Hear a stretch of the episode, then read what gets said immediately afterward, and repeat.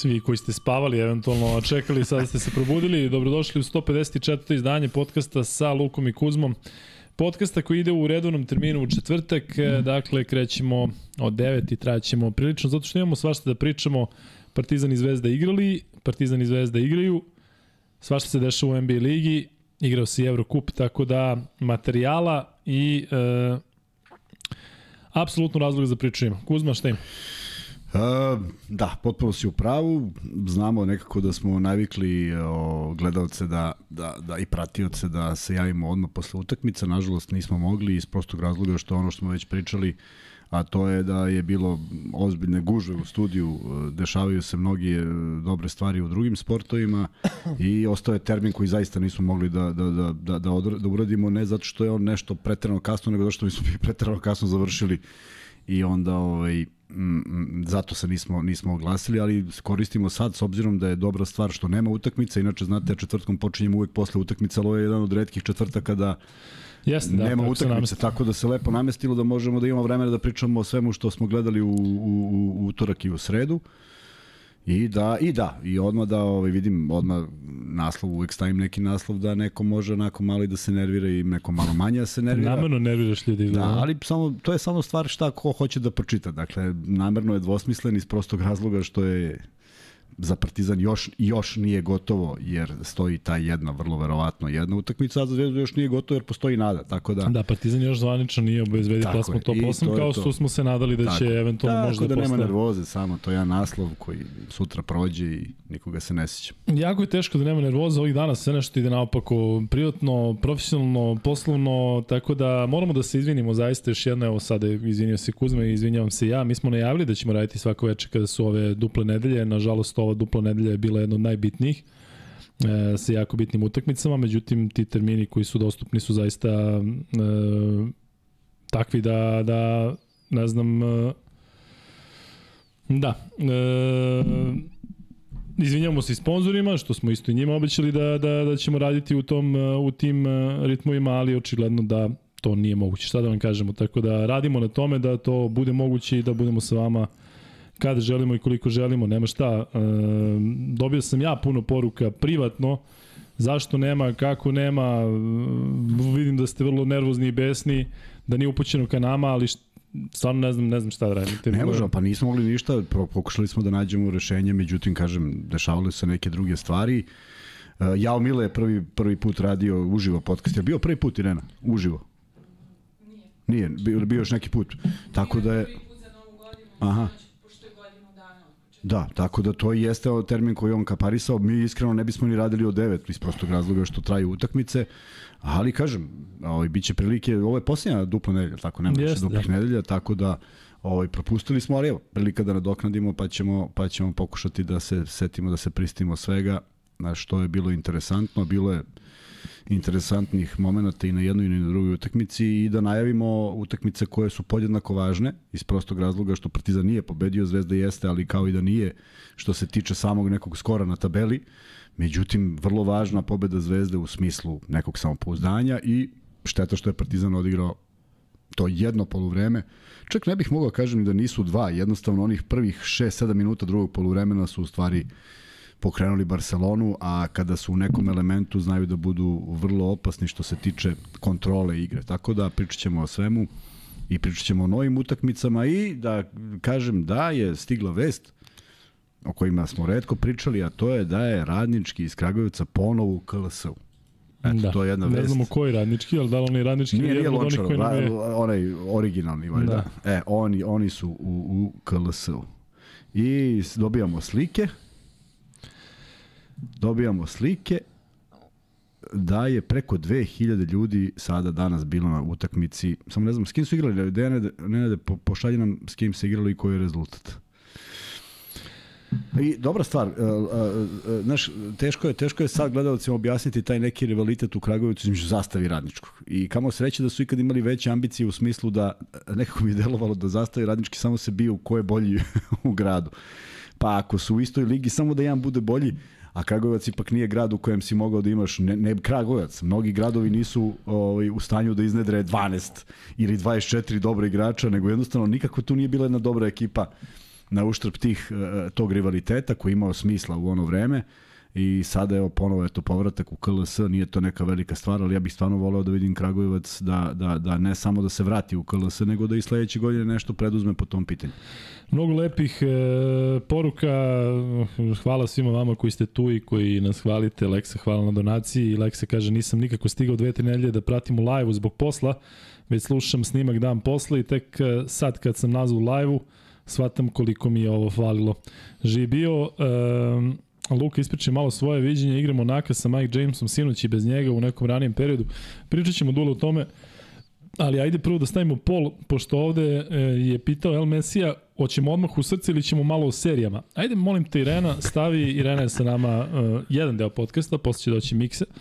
Uh, samo pitaj da li hoćete da pričamo, pa po da, pričamo odmah o košaci i pod B ćaskamo, s obzirom to da vidim da ljudi vole kada tako ćaskamo okolo, ali pre nego što, eto, sačkat ćemo malo i znate da je ono, kvazi pravilo kada dođemo do 500 lajka imamo prvi free bet, ali Kuzma ti si danas bio na jednoj komemoraciji, Jeste, pa možeš da. malo da pričaš da, to. Da, pričao sam o tome, preminuo je Mile Simendić, prvi trener, danas sam, danas sam tek, ako možeš da mi veruješ da neko ko, kome dosta dobro radi mozak, danas sam se vraćao u to vreme i shvatio jednu Pa možda i neverovatnu stvar. Mile je radio kao trener samo tu sezonu, 88 na 89. I faktički ja sam pogodio taj neki, koliko možda traje, 8 meseci te sezone. Znači on je izašao u tom momentu vrlo brzo, posle mesec, dva, kada sam ja došao. I onda sam shvatio, sećajući se tih dana, da sam ja u stvari poslednji klinac kojeg je on ubacio u, u, u svoju ekipu. Niko posle mene nije došao. I onda je on vrlo brzo, posle dva meseca, prestao da trenira, tako da sam bio u uh, sportskom centru Radivoje Korać.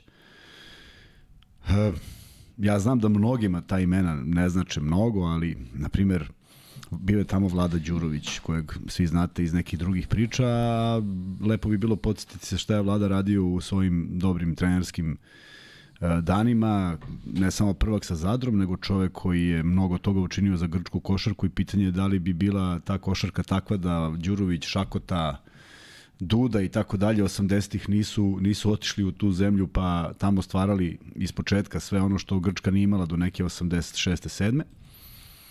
Onda Blaško Tarac, čovjek kojeg malo ljudi zna iz prostog razloga što je OKK Beograd tada bio vrlo bitan tim, zadnjih godina nije. Uh, drugi na listi, na listi strelaca, najbolji posle Koraća. Nije to nešto, neka mala stvar, vrlo verovatno je, je, je u svoje vreme pogađao i kažu da je pogađao iz svih pozicija. Aleksa Milošević, kojeg sam već spominjao, čovjek koji je mogao da da 30 u prvoj B ligi bez problema, njegov saigrač Vlade Jokanović, koji igra na mestu playmakera, Andrija Lazović iz iste te generacije, igrač koji je uh,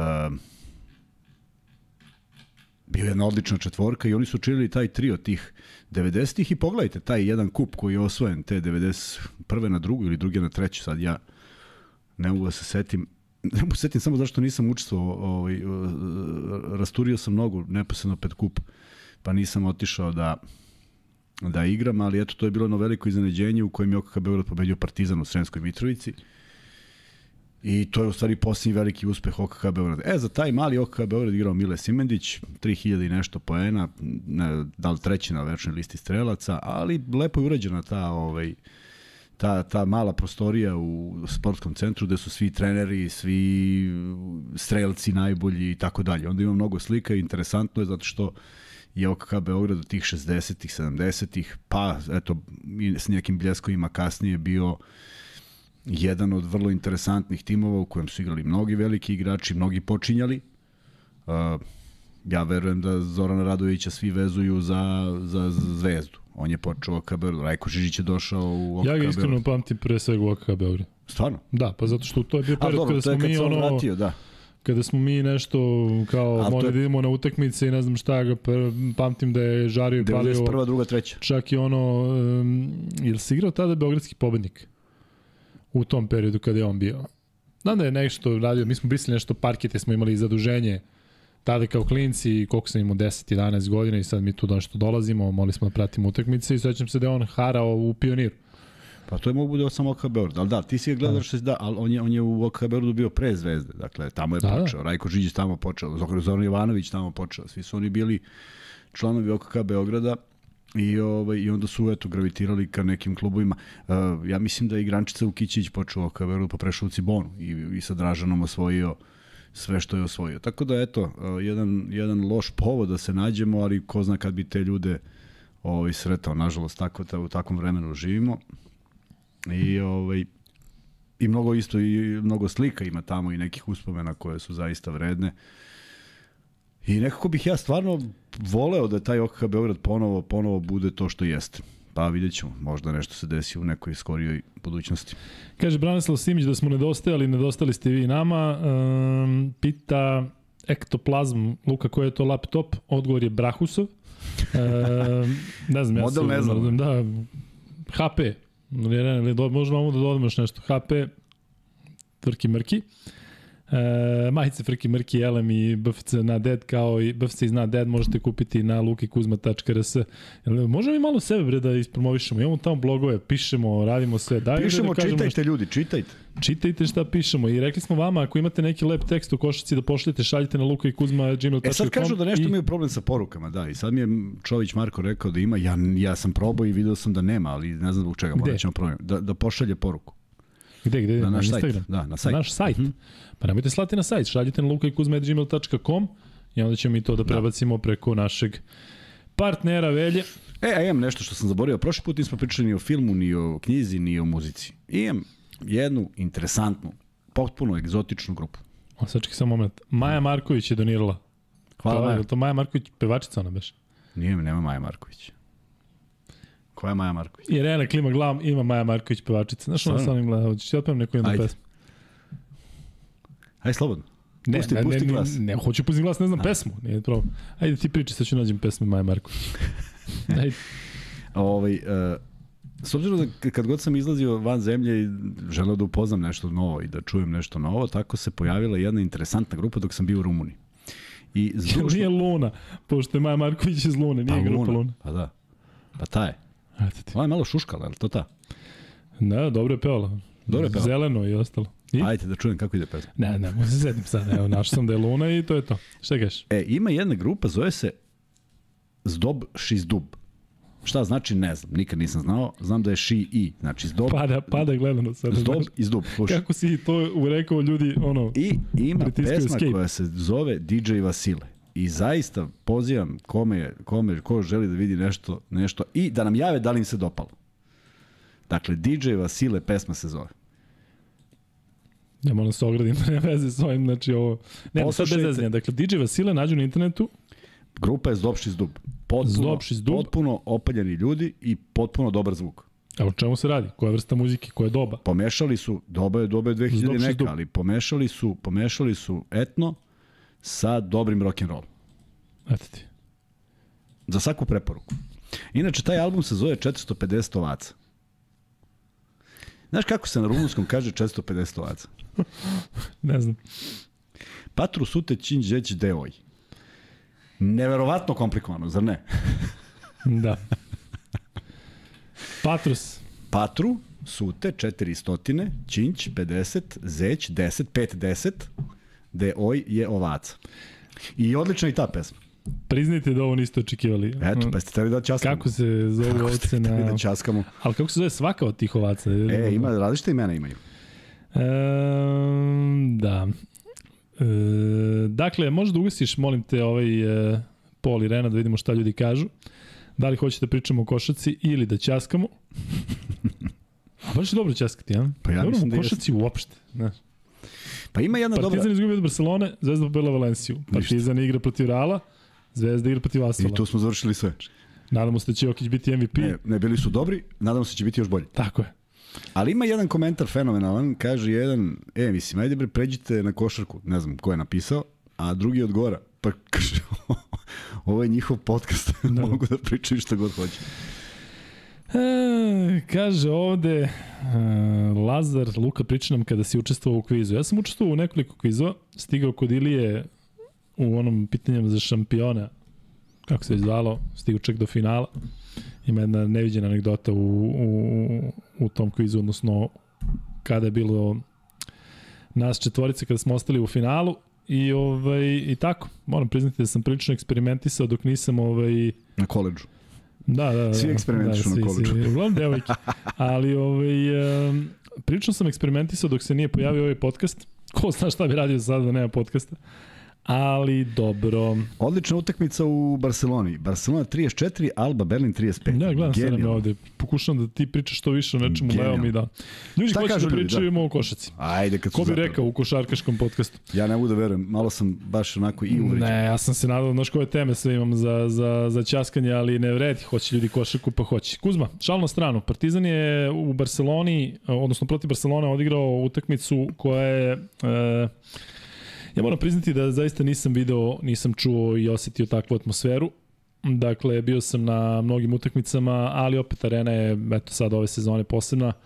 E, ono što što je bilo na početku i što je bilo tokom utakmice je zaista bilo neverovatno. Dakle, mm, tražila se karta više, ali tražilo se i sedište više. Ja ću sada naravno kao i obično da kažem neke stvari koje ne bi trebalo.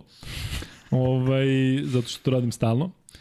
Ali volao bih sve novinare koji su bili na Barceloni da se svi zajedno okupimo kada Partizan bude dočekao Jukeo. Eto. Dakle, zaista se nadam da će Šta svi... dočeka? Kada Partizan bude igrao protiv Igokeje, Aha. Znači, Nisam svi čuo. novinari koji su sedeli na novinarskim mestima, e, zaista bih volao da dođete i da lepo ispratimo Partizan, zato što volimo Partizan i zašto bismo gledali protiv Barcelona, ne bi gledali protiv Goke. U svakom slučaju, ovaj, e, nije imalo gde da se sedne, osim ako ne dođete 3 sata ranije, dakle velika mm, uzdužno poštovanje svih novinara koji su bili, ali sećam se recimo da na Partizanu, e, Partizan kad igrao protiv MZT-a, neće mi neko zameriti ako sam ga izostavio, ali bili smo ja i gospođetina Rada Nikolić, koja je zaista prava gospođa uh, našeg košarkaškog novinarstva. I kažem, ja sam verovatno opet i subjektivan zato što me ona ispratila jednim uh, lepim tekstom kada sam išao u Ameriku, tada u kultnom sportu. Ali ovaj ljudi koji su bili na novinarskim pozicijama mahom nisu bili novinari. Tako da ovaj znam da je Partizan kao klub želeo sigurno svima da izađe u susret, što je jako lepo ali bojim se da ima neki koji to izlopotrebljavaju. Ja inače najviše volim da dođem na mečeve kada nema nema uh, puno publike, tako da kogod hoće da, da, da me vidi, može da me vidi u glavnom mečima KLS, ako ovaj, bude Partizan igrao KLS, ako ne bude kao i prošle sezone, ali ja najviše volim da dođem tamo gde se zna da će Partizan da ubije 50 razlike, gde će da igraju, možda neki koji ne igraju tu lepo da gledam košarku, ali što se tiče zaista atmosfere, ono je bilo, ono je bilo zaista neverovatno. Nažalost, e, ajde Kuzma idemo neki opšti utisak, nije e, nije bila pobeda Partizana. Um, ajde, e, opet ćemo da odemo malo okolo naokolo, ali koliko recimo takva atmosfera jedna i tako bitan meč i takav protivnik mogu možda više da utiču na, na domaći u smislu Ne, nekog pritiska? ne, mislim da što su ne. Barcelona, svi iz Barcelone su igrali u takvim atmosferama. Jesu. Bili su u Beogradu već. Jesu, ali evo sada i u Partizanu su igraju u tim atmosferama, toj atmosferi već celu sezonu, neki dve. I ne mislim, ne mislim da tu više sad postoji nešto, jednostavno ta njihova, njihova sinergija je takva da mislim da samo mogu da im pomognu. Ne vidim da se neko zbunio, uplašio, e, više vidim da je Barcelona odigrala jednu prilično dobru utakmicu, možda čak i bolje od očekivanog. Evo sad igra protiv Albe i muči se na domaćem terenu. E, Partizan nije odigrao lošu utakmicu, ali je izgubio samo zato što je naleteo na ekipu koja je ipak kontrolisala rezultat, naročito u tom otvaranju drugog polovremena koje je bilo loše. Međutim, e, kada, kada samo skupim sve što se dešavalo, mogu da zamislim, sam, mogu da kažem samo jednu stvar. A, izuzetno, izuzetno mali broj asistencija Partizana govori da su svi koševi koji su postizani, postizani iz solo akcija. Samo po sebi nije problem, ali u tim solo akcijama jako veliko umaranje. Dakle, svako od njih mora da nađe put do koša, jer tu nije išao protok lopte. Panter dugo već ne šutira neku loptu koju dobije u dobrom momentu, pa je samo vrati na koš, nego mora da se bori za poziciju. To iziskuje ozbiljnu energiju. S druge strane, videli smo Barcelona u kojoj je ipak to e, funkcionisalo. I eto, spomenuo sam Abrinesa, koliko ga nema, nema, nema i onda otvori drugo poluvreme i, i zaista napravi problem. Dakle, to su sve bili momenti kada, kada mora da se vodi računa o svakom detalju, a najviše mislim da je taj što je protok lopte kod Partizana ipak nešto što, što uh, ja lično volim kada ide lopta i kada ima asistencija. Ne mora da bude nužno da je to loše za rezultat, ali evo samo pokušavam da shvatim koliko je napora potrebno da Exum iz mnogo driblinga i mnogo kontakata dođe do koša. Koliko bi to bilo jednostavnije da ipak da se sve to radi, jer lopta je uvek brža od igrača. To, to te nauče kad počneš da igraš, ne ideš do njega da mu dodaš, nego mu baciš. Tako da je to možda izostalo na Partizanovoj utakmici, iako je to prvo polovreme bilo sasvim čak, ja sam pogodio kraj, rekao sam da će na kraju biti jedan za Partizan, na, na polovremenu je bilo jedan za Partizan, ali u drugom polovremenu zaista nekako kao da nije bilo dovoljno snage da, da se da se preokrene, jer a, Lesor je bio dosta izolovan, videli smo par momenata kad on pokušava da se uključi u igru tako što uzme loptu, porodi nešto neobično, pa je pogodio onaj koš, a to mu uopšte nije nije, nije ovaj, odlika, ali tu je veliki problem što on u tom trenutku na tom parketu igra protiv 3-4 različita tipova centara. To smo i najavili, da tako da će mu biti teško tako. da on menja svoju igru kako, kako tako se menja igra na njemu. A video si Vesel igra jedno, Šanl igra drugo, znaš, nije lako sad ti da ispratiš sve to i da stigneš sve to. Tako da, a, možda je nedostao još neko sa klupe, što je uvek problem i uvek je divno kada imaš više razigranih igrača, ali zaista ne mislim da je ovo bila na bilo koji način Partizanova loša utakmica, samo jednostavno je e, Barcelona kontrolisala igru, opet u velikom broju poena, treba ubaciti 80 poena Barceloni, zato što znamo koliko čvrsto igraju, koliko vole čvrsto da igraju, koliko Jasikevičius insistira na odbrani, tako da napadački to uopšte nije bilo loše, ali prosto opet neka rešenja koje je imao uh, Mirotić, opet neka rešenja sa distance za Brinesa i svaki taj neki poen koji su donosili igrači od kojih se ne očekuje mnogo toga je, je stalno držao tu razliku na nekom, na nekom istom nivou. Znam da su svi ove, ljuti na, na, na Anu Panter, da su da je bilo mnogo komentara, Pa ovde komentarišu i Sefija Šemeša iz Izrela. Jeste ovaj koji je sudio odmah iz Zvezdi, da. pa i tu je bilo neki. E ti kad završim ja nešto da. o, o, o Oboma. Ja... Uh, zaista, mislim, možemo, možemo potrošiti mnogo i šta pokušavam da kažem. Kada, kada je bio taj čuveni derbi koji smo ti i ja radili, i kada sam ja skrenuo pažnju da smatram i dalje tvrdim i ne može niko ni da me razuverava ni da pokušava da faul kampaca nije trebalo da se svira, da je to jedna benigna stvar na toj utakmici. Apsolutno svi komentari su bili da su da sam ja rekao da su sudije odgovorne za taj za, za, za poraz Zvezde mnogi od njih pišu sad isto za sudije. A kako sad sudije odlučile utakmicu? Ako tada nisu. Da li me razumeš šta hoću kažem? Ne možeš jednom da bude argument krive sudije, jednom nisu. Ja samo mislim da sudije strahovito mnogo greše. Čini mi se kao da greše da bi to bilo malo, znaš, sve to nekako izjednačeno. Zaista tako mislim. Neke, neke neverovatne odluke se sviraju, uh, neke očigledne stvari se ne vide i Meni jedina dobra stvar sa sinoćne utakmice Zvezda, Zvezda i ovaj i Valencija je što nije bilo mnogo gledanja snimka. Inače nisu bili baš dosadni i tačno svirali šta su trebali da sviraju da ne nerviraju nikoga. Ali to je neka realnost, očigledno. I ne znam, ide, ide neki komentar da se nešto Ana Pantera oglasila, ona nešto stvarno odgovorila ili je to samo neko napravio. Dobro. U svakom slučaju, uh, sudije su tu, kakve god da jesu, sudija koji ako kažu, i to je Darko Plavšić i najavio, kaže, evo, kaže, nervirao je juče navijače Partizana, verovatno je ostao u, u Beogradu da nervira igra, navijače Zvezde. Jednostavno, to očigledno izgleda tako i ne možemo mnogo toga da, da promenimo, možemo da ih komentarišemo, ali uh, mislim da je uz sve što su svirali, Partizan da bi dobio Barcelonu morao da odigra bolje. Znači na sve to što su bile neke odluke. Meni je najproblematičnija odluka uh, blokada Avramovića u onom momentu kada je Laprovitolo blokirao i zaista mislim da je to i izazvalo neko nezadovoljstvo i možda je to na neki način, evo kažem, promenilo tok utakmice, ali ko zna kako bi to izgledalo da nije sviran. Milan Knežević, donir iz Švedske, hvala Milane. Što se tiče sudija, ja stvarno mislim da je Ane Panter uz Jasminu Juras verovatno najbolji ženski sudija na svetu. Međutim, e, sećate se kada sam ja pričao o tome da ne bi trebalo da imamo ženski sudije u Euroligi i generalno na ovom nivou, Zato što, uh, i onda ste neki, evo, zanimljivo da isti ti koji su tada napadali, sada kritikuju Ana Panter. Um, Čuo sam dobro objašnjenje koje se nekako poklapa sa onim što sam ja pričao. Dakle, e, uglavnom sudije, Kuzma, tako, sudije koje, muške sudije, su prošli kroz neku vrstu ili treninga ili sve. Ja ne znam ni jednog sudiju, ne poznajem takav slučaj, da neko nije imao nikakav kontakt sa košarkom i onda, da je onda došao i rekao evo ja ću da budem sudija i onda prolazio kroz one sve testove i išao od početka. Dakle, uglavnom su ili trenirali, je tako? Tako je. Ili su sve. Dakle, iz tog ugla oni bolje poznaju kontakt. Trebalo bi da bolje osjećaju, da. Tako je. Dakle, ovaj sad moj drugar koji priča, sada vrlo nervozan zbog Ane Panter, kaže ne može ona da proceni kako je to kada dobiješ udarac u međunožje, zato što ne zna kako je to.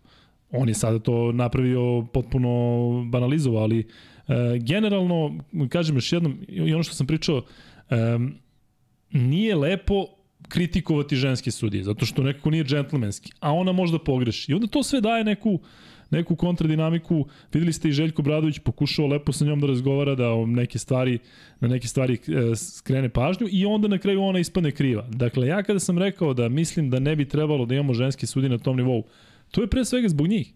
Kada sam rekao da Lesor ne treba da pravi onakve stvari kako je napravio nekoliko puta, to je pre svega zbog njega. Pitajte njega, ajde sada, vi svi koji ste rekli, je Luka, ne znam šta, ti kritikuješ Lesora, ajde da se okupimo svi mi učestvujući ja da platimo kaznu 10.000 evra. Ajde, pošto smo grobari veliki, ajde tako da vidimo da ovo. Ja kada sam rekao da on zaista treba da bude malo da se više kontroliše, da bude koncentrisaniji u završnici, mislio sam na takve stvari, zato što pre svega radi protiv sebe. I s jedne strane mislim da je dobro što će odmarati u, u ABA ligi nekoliko mečeva, zato što mu treba odmor. Vidite da se on ovaj, da je na ivici e, na izmaku snage, Ali ovaj, zaista je najbolja namera i nije sada da ja kažem mrzim ženske sudije ili nešto imam protiv Lesora, nego jednostavno sad vi svi koji hvalite kao pa ti si Luka ovo predvideo, ti si Baba Vanga, uopšte se ne radi o tome. Radi se o tome da je ne, nekako možda to moglo da se izbegne. Ali ovaj, što se tiče ovog drugog sudije, e, šef je Šemeša, e, njega sam dosta prenosio u Euroligi, u Eurokupu, a i u izraelskom prvenstvu. Generalno, jeste grešio, ne mislim da je nešto bilo zlonamerno, dakle mislim da je upao onako sam u svoj problem, da je hteo nešto da vadi, pa da se možda pokaže, generalno imao problem sa sobom da, da se koncentriše, ali generalno izraelske sudije znaju da, da, da budu problematične, dakle u tom njihovom prvenstvu uh, tu ima skandaloznih odluka, dakle to kada se okupe onako na centru, pa njih trojica ćaskaju, pa pričaju, pa ubijaju ritam utakmice potpuno i ne mislim ništa loše, ali većina njih ima isti imidž i istu kose kao Sefi Šemeš. Tako da u toj kombinaciji sudije um, jesu ovaj, onako skrenule pažnju na sebe, to nikada ne volimo, ali da je Barcelona odigrala dobro, odigrala i ne bi trebalo da, da povezujemo te dve stvari. Tako, tako je. To je. Mora se krene i od, i od toga šta nije valjalo, a ipak ako poredimo utakmicu prethodnu i ovu utakmicu protiv Reala, nije, nije bila ista energija, nije bilo istog učinka u krajnjem slučaju. I kažem, e, e, mali broj asistencija, pa onda još manji broj asistencija. To zaista govori da, da Partizan apsolutno ima kvalitetne pojedince, ali mnogo je naporno igrati iz utakmice u utakmicu, zahvaljujući samo svojim uh, sposobnostima. Neću, neću da upoređujem, ali evo, Kampaco koji ne može, koji ima određenu ovaj, problem sa visinom, kad uskoči u reket, on traži dobro rešenje. I koliko to izgleda nekako jednostavnije, koliko god da, da, da, da, da, da to bilo da deluje samo da je jednostavno dobro je kad nađe nekoga u Partizanu se to mnogo manje radi imam igrača koji su u tim momentima uh, kao što je Exum kad ide na koš, zaista nema potreba da nekom dodaje kad ima preko 2 metra i prosto jako ga je teško čuvati i rešava i levom i desnom, više desnom nego levom. Uh, ali, ali mnogo je problematično. Onda zamisli šta se desi. Uh, onda promaši to bacanje koje te drži u, životu. Sedmo, ali tako? Sedmo bacanje je promašio, sve do tada dao. Pa naravno kad se izmorio čovjek i kada sve radi sa velikim brojem driblinga i u velikoj energetskoj potrošnji. I onda kad fali u celoj toj priči, kad fali jedan, uh, a Naneli nije bio onaj Naneli, Lesor nije bio, bio je zatvoren, zaista je teško igrati protiv centarske ekipe Barcelone, uopšte nije lako. Pritom kad se napravi ta jedna greška, eto taj Abrines pa napravi jednu dvojku, jednu trojku za, za 30 sekundi, pa naravno da, da, da, da se uzme i time out i da se potroši i živci zašto se to desilo, jer verovatno je skrenuto pažnja milion puta. Izgubi se fokus kada si umoran, tako da, se, da, da je zaista odigrati protiv Barcelone i pobediti je potrebno uh, jedna dobra o, o, o, o, m, gotovo savršena utakmica. Pogledaj Zvezda Barcelona. Promašen je taj jedan zicer koji je odveo opet u neki poraz. Jedna, jedna lopta.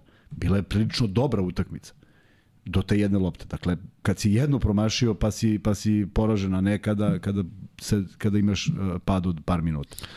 E, Snežana Marko donira, danas imamo devojke koje doniraju, ne znam šta se dešava, Pa danas je onaj dan, kako se... dan, dan, dan očeva, dan muškarac.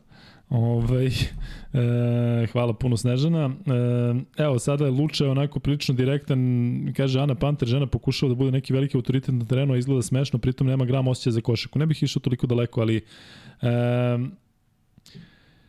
potrefilo se zaista da su neke loše odluke bilo u trećoj četvrtini na štetu Partizana pogledaj, kada je tako je. Partizan igrao loše. I naravno da onda to odjekne. Ali mi smo u sudijama pričali da jednostavno to možda mora sistemski da se menja. Moram priznati jednu stvar, da mi je prijelo, prenosio sam uh, meč Slovenačke lige, Polzela, Polzela, Šenćur. Šenčur. Kako se izgovara Šenćur. Šenćur? E, vi iz Slovenije nam recite kako se izgovara Šentjur. Da li je Šentjur ili kao što Kuzma kaže Šenćur. Ko Šojć. Ove, I tamo nema gledanja snimka. I mogu reći da je Milina. Šta ima? Naravno, pa da. Ima, dakle, da sudija nešto dosudi i da, ako nije dobro video, da dođe ovaj pa da mu kaže, e, nisi dobro Nemoj video, idemo video dalje. Nisi, pa da. I nema toliko drame, čak, znaš, sudije sada vrše pritisak na onoga, znaš, koji promeni odluka protiv njega, ali nema seckanja igre. A ti recimo, evo sad dajemo primer, dva potpuno drugačija, drugačija primjera gde sudije zaista čak nisu ni oni krivi toliko. U smislu, Litvanska košarka koja je jako dobro organizovana, ja volim njihovu ligu, dakle, jeste, volio bih da tako ime, imamo i KLS 10 timova, dobrih timova, jeste Žalgiris da se izdvaja, ali Letkabelis, Ritas, ima tu timova koji su, koji, Šole. koji, Šole, ovaj, pa ti se zezaš, ali stvarno. E, šta se dešava? Sudije gledaju snimak, ali gde gledaju snimak? Gledaju negde na ćošku i sada vi ih gledate kako oni šetaju preko celog terena do tog ćoška, odlaze do ćoška, pa tu moraju da naprave onako jedan polukrug, pa tu gledaju, pa se onda vraćaju skroz, to, to prođe To traje 5 minuta. Pritom, da. Litvanci imaju neograničen broj timeouta, ne, ne možeš da veruješ šta je to. Znači, timeout, trener, timeout, trener, timeout, trener, timeout, trener, TV timeout 30 sekundi kasnije, timeout, trener, potpuno suludo. A onda i dolazimo do Ane Panter, koja je stvarno, evo ja mislim da ona super i čak sam i slušao neke njene intervjue, međutim, ona u Nemačkoj, kao i sudije u Nemačkoj, generalno u Nemačkoj ligi, Robert Lothar Moser. Znaš šta oni rade? Oni, kada treba da gledaju snimak, oni odu, sednu za sto i obučeni su da sami sve ono što mi čujemo, ono kao kadar ispod koša, daj prvo prvi kadar, pa ne znam šta, Pa oni sami. Pa i da, da, ali ona sada uzme, sedne ovako, ko što ja sedim. Evo, ovo je Ane Panter kada je nešto nije jasno. I sad ona ovako malo. osjeća ovo. Pa ne, zamisli ti koliko Sad to... sam se setio na koga liči. na ne, jel? Ove, koliko to nema smisla da, da svaka liga ima neko svoje pravilo, da, da kažem, i sad oni su obični tamo da oni sa, ona sada samo vrati snimke. Ali Euroliga mora da utiče na neke stvari poput toga da sudije uvek dajte prvo onaj glavni snimak u full brzini, odnosno u normalnoj brzini. Zašto? Kada taj nikada ne pokaže ništa. Znaš da je kao uvek pravilo, kao idemo uh, normal speed, i to sve sa nekim akcentom, normal speed uh, main kamera. I sad oni gledaju, A, gledaju. znaš zašto? Normal speed, sme, da, sad, ja sam pokušao da rastumačim šta kažu. Normal speed make kamera i onda kad dođe do faula oni kažu stani. I onda tu kad stane i kad okrene bilo koju kameru, ona pokazuje isto to. Da li razumeš? Znači, Razumem, ali, ali je bespotrebno. To je bespotrebno sve, zato što to može ovom burazeru koji dobija 2-3 hiljade dinara, 20-30 evra, da mu kaže daj najbolji ugao, da vidimo onaj ugao ispod koša. A ne možda da to, zato neki, što pa to... možda ima neki protokol. Možda moraju tako da pričaju. Možda on ne sme da mu kaže da je najbolji ugao ispod koša, jer onda aludira da on traži ugao ispod koša, zato što onda možda navija za neku odluku. Ali, pa i sad ovo. Uh, utakmica Partizan Zvezda. Zvezda Partizan. Kada Nedović daje trojku iz okreta.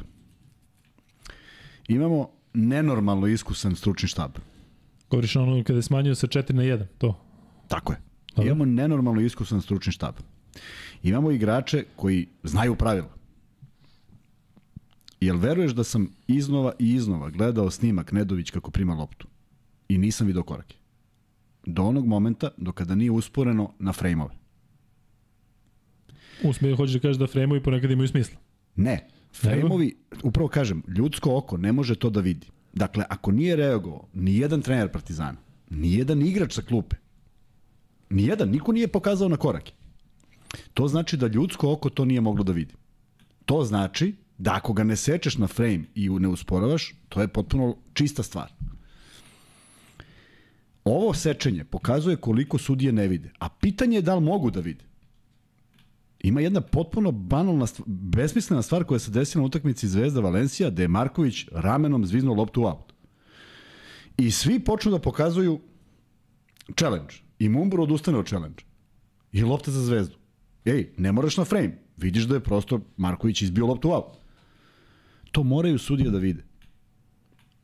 Da li me razumeš? E, e, e, vraćanje snimka može da pokaže koliko sudije u stvari ne vide. Hajde da vidimo šta rade tamo. Da.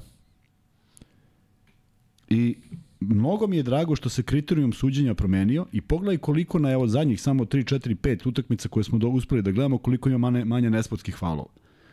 Zato što su uzeli i počeli da razmišljaju malo šta to znači za igru. I evo sad jedno pitanje. Odgovori mi ti. Ali bez ikakve ne, samo se desilo na utakmici Partizan Barcelona, ne, nemam navijačke strasti. Mene Kuzma redko kada pita, osim kada hoće neku kosku da voli. Nema da koska, je, nema koska, slušaj. Znači. Imaš moment kada su ispod koša Papa Petru i Mirotić. I leti lob pas prema Mirotiću. I Papa Petru ga obori. Šta je to? Ti misliš da treba bude namerno? Ma ne treba, to je košarkaški faul, ali u pravilima koje su postavili, to mora da bude nameran faul jer ne ide na loptu. Zato što su stavio je neko pravilo, mora da se ide na loptu. Pa evo gde si išao na loptu? Da. Legitiman faul, pa ne daš mu da se namesti, al tako? Da. To što je on pao, nije on pao što... Što pre da napravi faul na zemlji, da ne bi ovaj došao u situaciju. A pazi, a tebi tamo piše ako ide na loptu, pa ko, na koju loptu da ide? Da. Uh, Mirutić je pao jer, si, jer je takav kontakt bio, nije bio grub faul. Ali hoću da kažem, to bi bila definicija po ovoj logici namernog faula. Pa zamisli kad bi to uveli na nameran faul. Pa ko bi onda ikad napravio faul? Zato mislim da je dobra stvar što su počeli malo da sude uh, bez onih uh, uh, izbacili su prosto pojedine stvari da uopšte gledaju, da uopšte razmatraju. I to mi je drago, jer se smanjio broj namernih faulova. Ne postoji slučajan faul u košarci. I samo može da izazove još veću koliko si puta ove sezone video kad krene cela klupa da se, da se hvata za ruke. I sad zamisli da kažu više ne postoji nesportski faul kao takav, nesportski je kad ga udariš zna se šta je nesportski faul. I da vrate to u neke okvire kako je bilo. Jer ovo samo donosi nervozu. A reci mi, šta misliš o opciji da bude kao u NBA ligi, zato što ja verujem da Amerikanci su doveli na nivo gde Evropa neke stvari koje su dobre, treba da prati, a to je da postoji taj replay centar kao što postoji VAR, da sada postoje sudije koje to prati i da se ovi ništa ni ne pitaju, zato što bi jedno od objašnjenja je da onda ne bi bio pritisak na te sudije. Nemaš Super. koga onda da Tako tamo, je. kome ćeš da mašeš Tako tamo. Tako je, onda oni trče i neko im javlja. Ok, ali onda bar znamo da ne služe tome. Jer ovde imaš neke odluke koje se kose. Neke odluke koje kasne. I recimo tada bi se videla nagažena linija Mirotić. Tako je, ta, Tako. apsolutno. Apsolutno. Ako si ti hteo to da zaštitiš igru, kao što sam ja zaista mislio da će futbal da bude zaštićena igra, futbal isto doveden do besmisla. A, bio je jedan moment, pre, pa je sad ovo, bio je moment pre nego što su dali direktivu sudijama da ako nije siguran, pusti igru, da ne seče. Da. I u Engleskoj... sudi. Ne, ne, ne, glavni su, i glavni i, glavni, i pomoćni, da. da. I šta se dešava? E, tek je uveden VAR na, toj, na početku te sezone i kontra za neki tim, nema veze. I trči napadač i juri ga odbrambeni. I sudija se oglasi i svirne. I u tom momentu napadač nastaje da trči odbrambeni stane, jer je čuo da je offside. I ovaj ode da gleda snimak. A šta ćeš sada da pogledaš? Evo, majke, ti odeš i kažeš, daj da pogledam šta je, a on kaže, ono nije offside. Šta kaže? E, stani ovde, a ti stani ovde i sad trčite ponovo. Pa ne radiš ništa. Zato sam mislio da će VAR biti u golu i da će on određivati da li je lopta prešla liniju, a ne da li je e, čovjek bio ovoliko u offside E to isto ljudsko oko ne može da vidi, a dovedeni su pre to da ispada da sudije ne mogu da vide neke stvari što uopšte nije tačno i negde je sudijska greška se podrazumevala i ceo život smo proveli sa sudijskim greškama i uživali u futbolu. Ovo mi se čini da je malo otišlo predaleko, ako je nekom interesantno, ok. Meni nije, ne mogu da gledam one snimke, ne mogu da iščekujem. Zavisi, ti daješ gol u 96. minutu, delirijom na stadionu, 13 mrtvih, 4 infarkta, sve se desilo, pocepali majice, dresove, zapalili stadion i 7 minuta kasnije je kao, ej, uh, ipak bio je offside jer je ovaj bio 1 mm u offside. Važi. Um, Kaže, top Kuzma Luka, futbol se navikao na vari, polako to ide u dobrom smeru, ta gol tehnologija radi, isto dobar posao. Gol tehnologija je meni okej, okay. da. offside tehnologija mi nije jasna. Da, treba ovaj ostaviti još vremena da se ljudi naviknu. Dakle, ja generalno sada mislim da je Partizan ove sezone u Euroligi imao uglavnom ok suđenje. Ja Kada mislim. su ovakve greške, uh, to je onako prilično prilično bode oči, posebno kada je takva atmosfera. Mislim da Partizanovi navijači dobro poznaju košarku. Dakle, da postoje onaj klasičan pritisak sa tribina kada hoćeš sada, ne znam, da nešto postigneš, ali nekada zaista vidite kako publika odreaguje na prvu loptu, zato što zaista mislim da većina ljudi e, koji prate Partizan e, da, da, da poznaju košarku, da je jednostavno dobro, dobro školovana publika, vi imate u Nemačkoj, nemam ništa protiv. Dakle, tamo ljudi u prosek 50 godina tapšu ceo da, meč, imaš tri babe, koje ništa opet nemam protiv, da se razumemo, koji imaju ništa protiv 400 baba. kila, i udaraju bubanj baba. i nju ne interesuje šta je na terenu, dakle i to je super atmosfera, ja bih volao da igram i u takvoj atmosferi, da kad promašiš, nema veze, idemo dalje, sledeći put ćeš da uđeš, a ne ovde da ti pola, pola dvorane ovaj, e, padne u trans. Tako da, ovaj, s jedne strane treba imati razumevanja za sudije, a sa druge strane, kažem, mislim da ima prostora da se to popravi na svim nivoima, znate kako je na u Fibinim takmičenjima, pa smo ovde imali profesora Trunića koji je objašnjavao šta se sve radi da, da oni budu, da budu bolji. Tako da eto, nadamo se da će, da će, da će sve to e, ići, ići sve bolje bolje. I kada se već ovo, kada se već pričamo o ovom, da kažem da je Netflixov dokumentarac o treneru, odnosno sudiji Donahiju jako dobar i odgledajte ga ovaj, zato što eto, m, pričamo o sudijama non stopa da vidite kako je jedan od najboljih sudija uh, Kako je sebe poklekao. upropasti. Kako Znaš je kako pričamo, ono što je... Pa znam. Znači, ipak pratiš NBA ligu, a? Pratim ja a sve, praviš se da ne se pratiš. pravim. Da. Ali se uspešno pravim. Da, e, da se vratimo na meč između Partizana i Barcelone. Partizan je imao tu prilično slabiju treću četvrtinu gde je dao 13 pojena, primio 22. Um, To je, to je četvrtina koja je odredila, posle je bilo samo održavanje teško je bilo rezultata. vraćati se protiv Barcelone koja je razigrana. Jeste, i svi igrači koji su igra. igrali su već bili u nekom dobrom ritmu. Da, ponovo nisu igrali Vukčević i Andjušić, možemo da pređemo sada i na igrače. E, ali ima jedna stvar, mi se bližimo 20.000-tom uh, subscriberu. Da. A arena, zamisli kad 20.000 ljudi u areni tačno, koja je to cifra? Tek kada uđeš u arenu vidiš koliko ljudi Koliko? se pretplatilo na naš kanal, odnosno prilazimo tom ja broju. sam oduševljen, iskreno. Tako da I nisam očekivao čast ovako svima. brzo, da, i sva, stvarno, hvala Prosto svima. Svaki dan ti brojevi rastu i Kao da prosto- smo juče, kao da smo juče uh, slavili onaj stoti podcast, otvarali šampanjac, sećaš se ono kada smo prosili ovde pa je smrdelo kao Đoja se sagnjem da, da, da nije neki pacov ovaj, prošao da smo ga nagazili Ovaj, nije bio skup šampanjac, pa vjerojatno zato.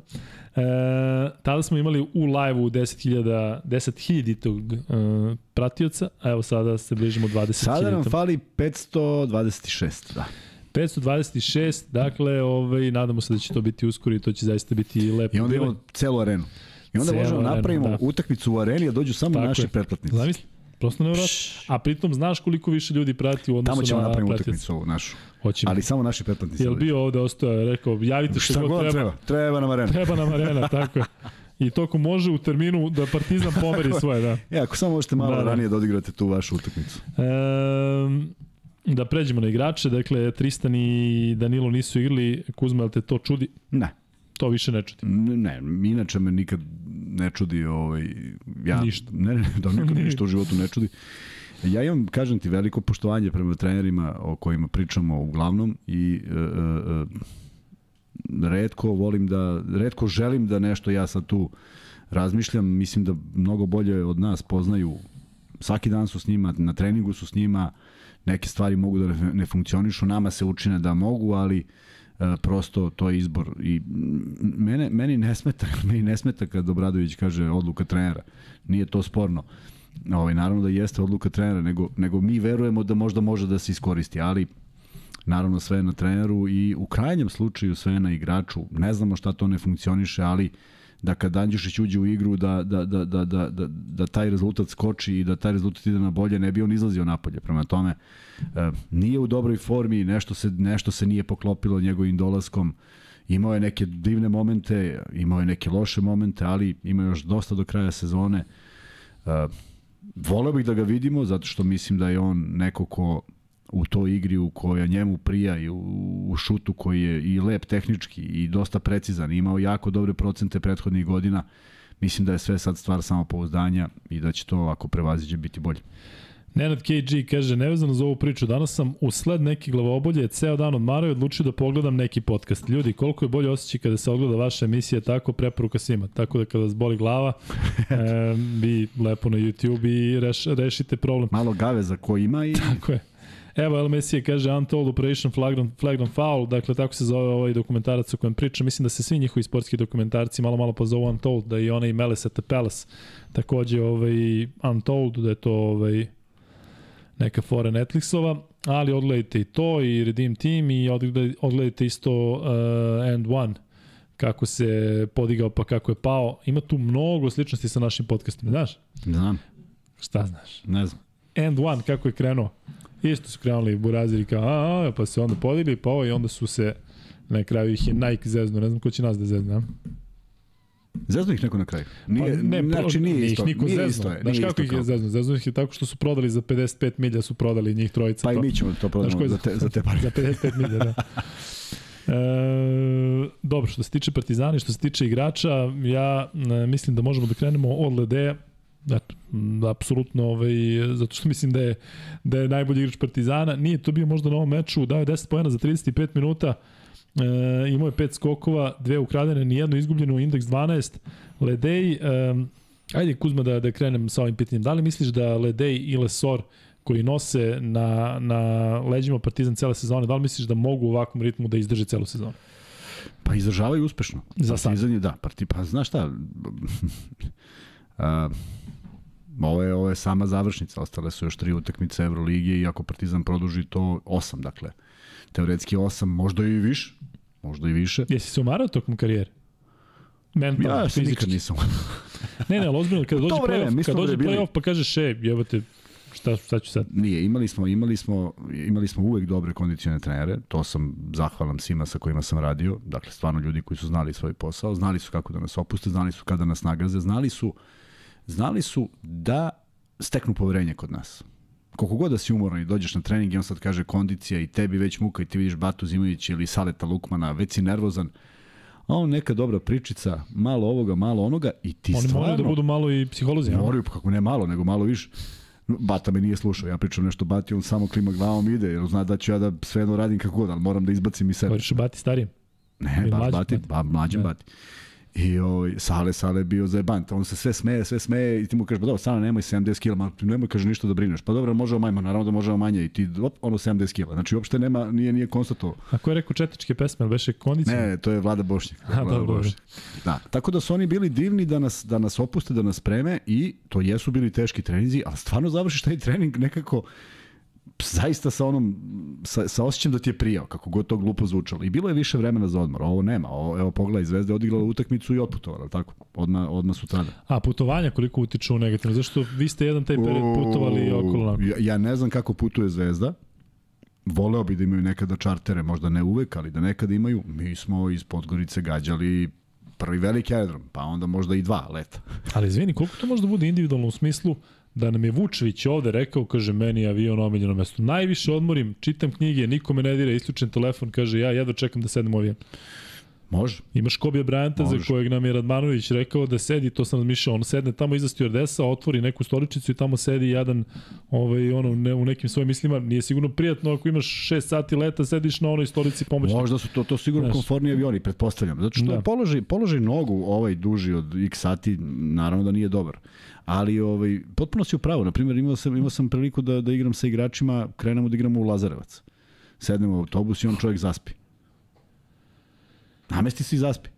Ja, ja ne mogu da verujem. Treba se zagreva za, za 15 minuta, ne putuje se do Lazarevca. On zaspi čovjek. Neko ne može u autobusu, boli da. ga sve živo. Neko nije sposoban da kad se vrati, a pritom imali smo ta putovanja u autobusu Miha Haj. Tako da, u stvari, za, za Crnu Goru se, ja nikada nisam išao avion. Samo u Zvezdi. E, sve vozio... ostalo, Beobanka, sve smo išli Koliko? 7 sati? Koliko da? treba? Uj, pa bio onaj lep put Zlatiborom, znaš. Oho. Ko onaj put kod Beočina, tako? Taj. Da si lomio krivine. To je taj. Taj. Um, da se vratimo na igrače, dakle Kuzma Ledej, pa da se dovežemo za, na Lesora, ljudi ovde kao loše odigrali Lesor, 5 poena, pročitali su ga šest skokova, ali jednostavno, pa valjda ljudski, valjda mora i on da odigra u nekim momentima ranije, e, slabije. Pričali smo o tome kako su ga čuvali zaista vrhunski centri, različitog tipa, tako da apsolutno Lesor sebi može malo da da da kažem oduška da ne mora uvek da bude bude na najbolji igrač Partizana. Ne mora, I ako je sad nekom iznenađenje pročite Lesora, pa ipak se radi o neverovatnim centrima. Skupljeni su u toj Barceloni, prosto ne znaš, ne, ne znaš koja je razlika kad neko izađe. Prema tome, mislim da je Lesor pružao neverovatne partije protiv možda ruku na srce dominantnijih centara, on je uspeo da se snađe. Ali ne može uvek. Prosto kad bi to tako išlo, pa bilo bi suviše lako. On je negde stao u nekom najboljem indeksu, ali tako, u Euroligi. Uh, jednostavno ne može svaka utakmica, a naročito taj problem kad imaš različite tipove igrača koji veseli, koji možda ne mora da uopšte ima kontakt. A Lesor je naviko na kontakt. Šanli koji te izvuče u odbrani pa, pa ti napravi problem. Kad igra protiv tebe deluje sve nešto ništa. Tobi je... koji se kreće kao da je prvi put na terenu. On čovjek nema, nema tako košarkaški kretnje. Tako je. Znaš, i sve to, sve to utiče, a ti sad treba gledaš protiv koga igraš i šta da primeniš. Pa nije baš lako. Neko, svi znaju slabe tačke, svaki igrač ima nekakvu slabu tačku i zna se šta treba da se radi. Prema tome, uh, to što je podbacio jednu utakmicu, potpuno je normalno. Možda, možda vidiš sad, a kad pričaš o ovim nekim, o nekim uh, individualnim afinitetima šta im više prija. Možda pauza u, u Jadranskoj ligi ne prija Lesoru. Možda njega taj ritam utakmica drži u nekom naboju. Nikad ne znaš. Tako da uh, vrlo bi bilo bitno da on u narednim utakmicama bude pravi, da iskoristi to što ima. Opet dolaze jako teški protivnici, Real dolazi tek to protiv Tavaresa da, treba tome. Da, treba igrati, ali to je što je, to je, to je, to je situacija u Partizanu cele sezone. Nije to bilo nekih centara pa su otišli, nego jednostavno Lesor je uvek bio glavni i a, naravno da kad dođe kraj sezone mo, može da se desi i pad forme, ne bi bilo zgodno, zato što je zaista bitan, bitan faktor na utakmici. Eto, ako, ako računamo da je samo on podbacio u utakmicu, eto ta razlika koja, se, koja je bila nedostižna, jer ipak je naviko na dvocifren broj poena. Um, danas ćemo malo da miksujemo, dakle, um, pričat ćemo o Partizanu, pa ćemo da pričamo o Zvezdi, o utakmici sa Valencijom, pa ćemo da se vratimo na Partizan i da najavimo Real, pa ćemo onda naravno da pričamo i o Zvezdi i utakmici koju igra sutra. Um, tako da vi koji pitate za Tavaresa i ostalog, samo se strpite još malo pa ćemo doći i do toga. Kuzma, najbolji igrač Partizana je bio Egzum. Dante je dao 24 pojena, imao 4 od 6 za 2, 3 od 5 za 3, sa penala 7 od 8. E, imao je jedan skok, jednu izgubljenu, indeks 25. Koliko u takvim situacijama ima taj e, poseban motiv kod igrača da igraju protiv bivšeg kluba? U, da, postoji, da dokažeš nešto. I on je dokazao na pravi način. Čak mi je bilo fascinantno da je radio neke stvari koje bi trebalo da Jasikivičius zna. ali očigledno, da. očigledno da je ovaj uspeo da ih nadmudri i odigrao jednu fenomenalnu utakmicu, ali kažem po cenu da je ipak kada te poene daje, on taj koji je sa loptom. I to njemu sigurno prija, ali ne znam da li prija drugim igračima da dva, tri napada za redom kada on zaista majestralne stvari izvodi, da li im to prija da nisu, da nisu ono što kažu dodirnuli loptu. I to je neki glavni, glavni, glavni ovaj, glavna moja primetba, ne zato što uh, nema nijedan drugi razlog osim što više volim kada se igra drugačije, A s druge strane, mislim da, da pojedini igrači ipak zavise od tog protoka lopta, ipak se bolje osjećaju i mislim da Panter bolje igra u takvim nekim, kada dobije neku loptu na strani, kada od Avramovića dobije neku loptu, kada Leda i prebaci neku loptu, nekako ta, ta lopta kao da, da, da, da sve sporije protiče i može da bude jedan od razloga. A opet Partizan nije bio toliko daleko i sa ovom igrom Partizan nije bio toliko daleko od Barcelone. Nije 100 poena bilo razlike, nego je bilo 9 ali, ali bih volao da vidim drugačije. Jer mislim da će biti njima veće rasterećenje da šutiraju, da imaju neke otvorene šuteve kojih je bilo jako malo, a da nisu izgrađeni lično. Jer sam broj asistencija pokazuje da tih šuteva nije bilo mnogo.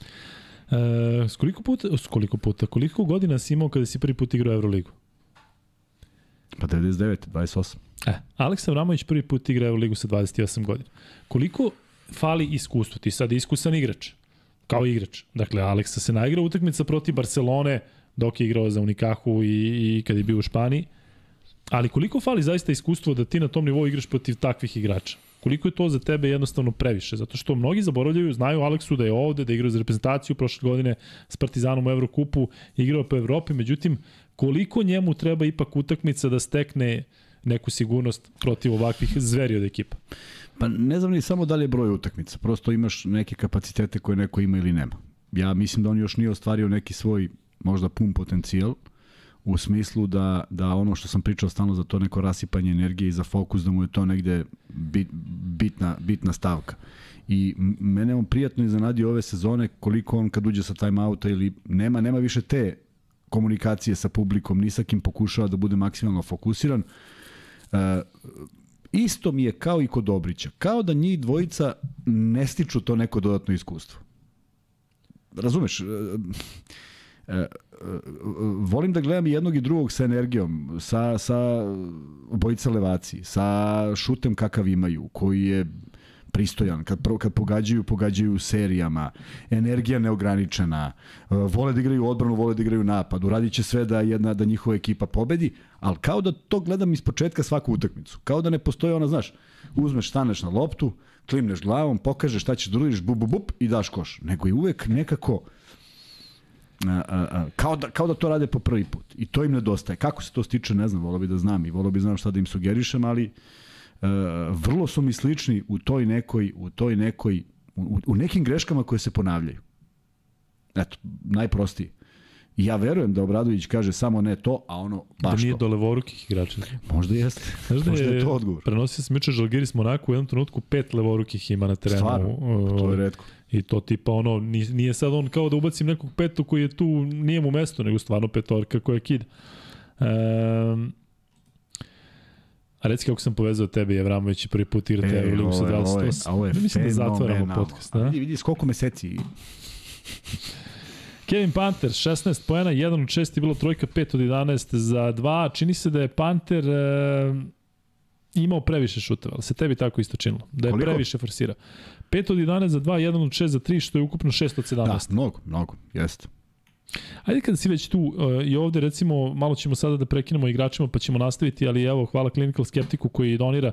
On kaže da li imate objašnjenje zašto je Partizan onako očen u kontranapadu? Ja mislim da je ovo sada jedna utakmica koja ne treba da bude bilo šta ili da, uzorak. Da, nije, nije. Jednostavno dešava se kada kada tako malo pokažeš na tako što bi trebalo da bude tako rutinski. Tako je, ne mislim da je Partizan loš u kontranapadu. Generalno, u toku tako, sezone. Da. da li su podbacili na utakmici? Kako ne, pa posebno sa, kad se zaleti onako egzom ili neko pojedinačno ono... Ma, nosili su igrača tako, zajedno sa sobom. Ali ovde opet imaš još jednu vrlo bitnu stvar. Vrlo pokretan Mirotić, vrlo pokretan Veseli, bekovi koji znaju šta da rade.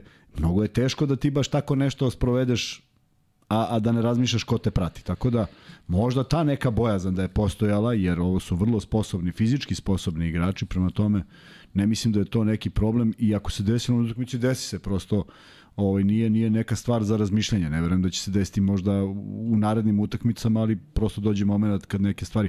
Gledali smo, gledali smo da li ono Panathinaikos, koja je utakmica bila Žalgiris? Marković kad seče loptu, pa samo da je položi, pogodi ga lopta u... Ne, desi se prosto, to nema veze sa, generalno sa kontranapadom, nego jednostavno uh, dekoncentracija.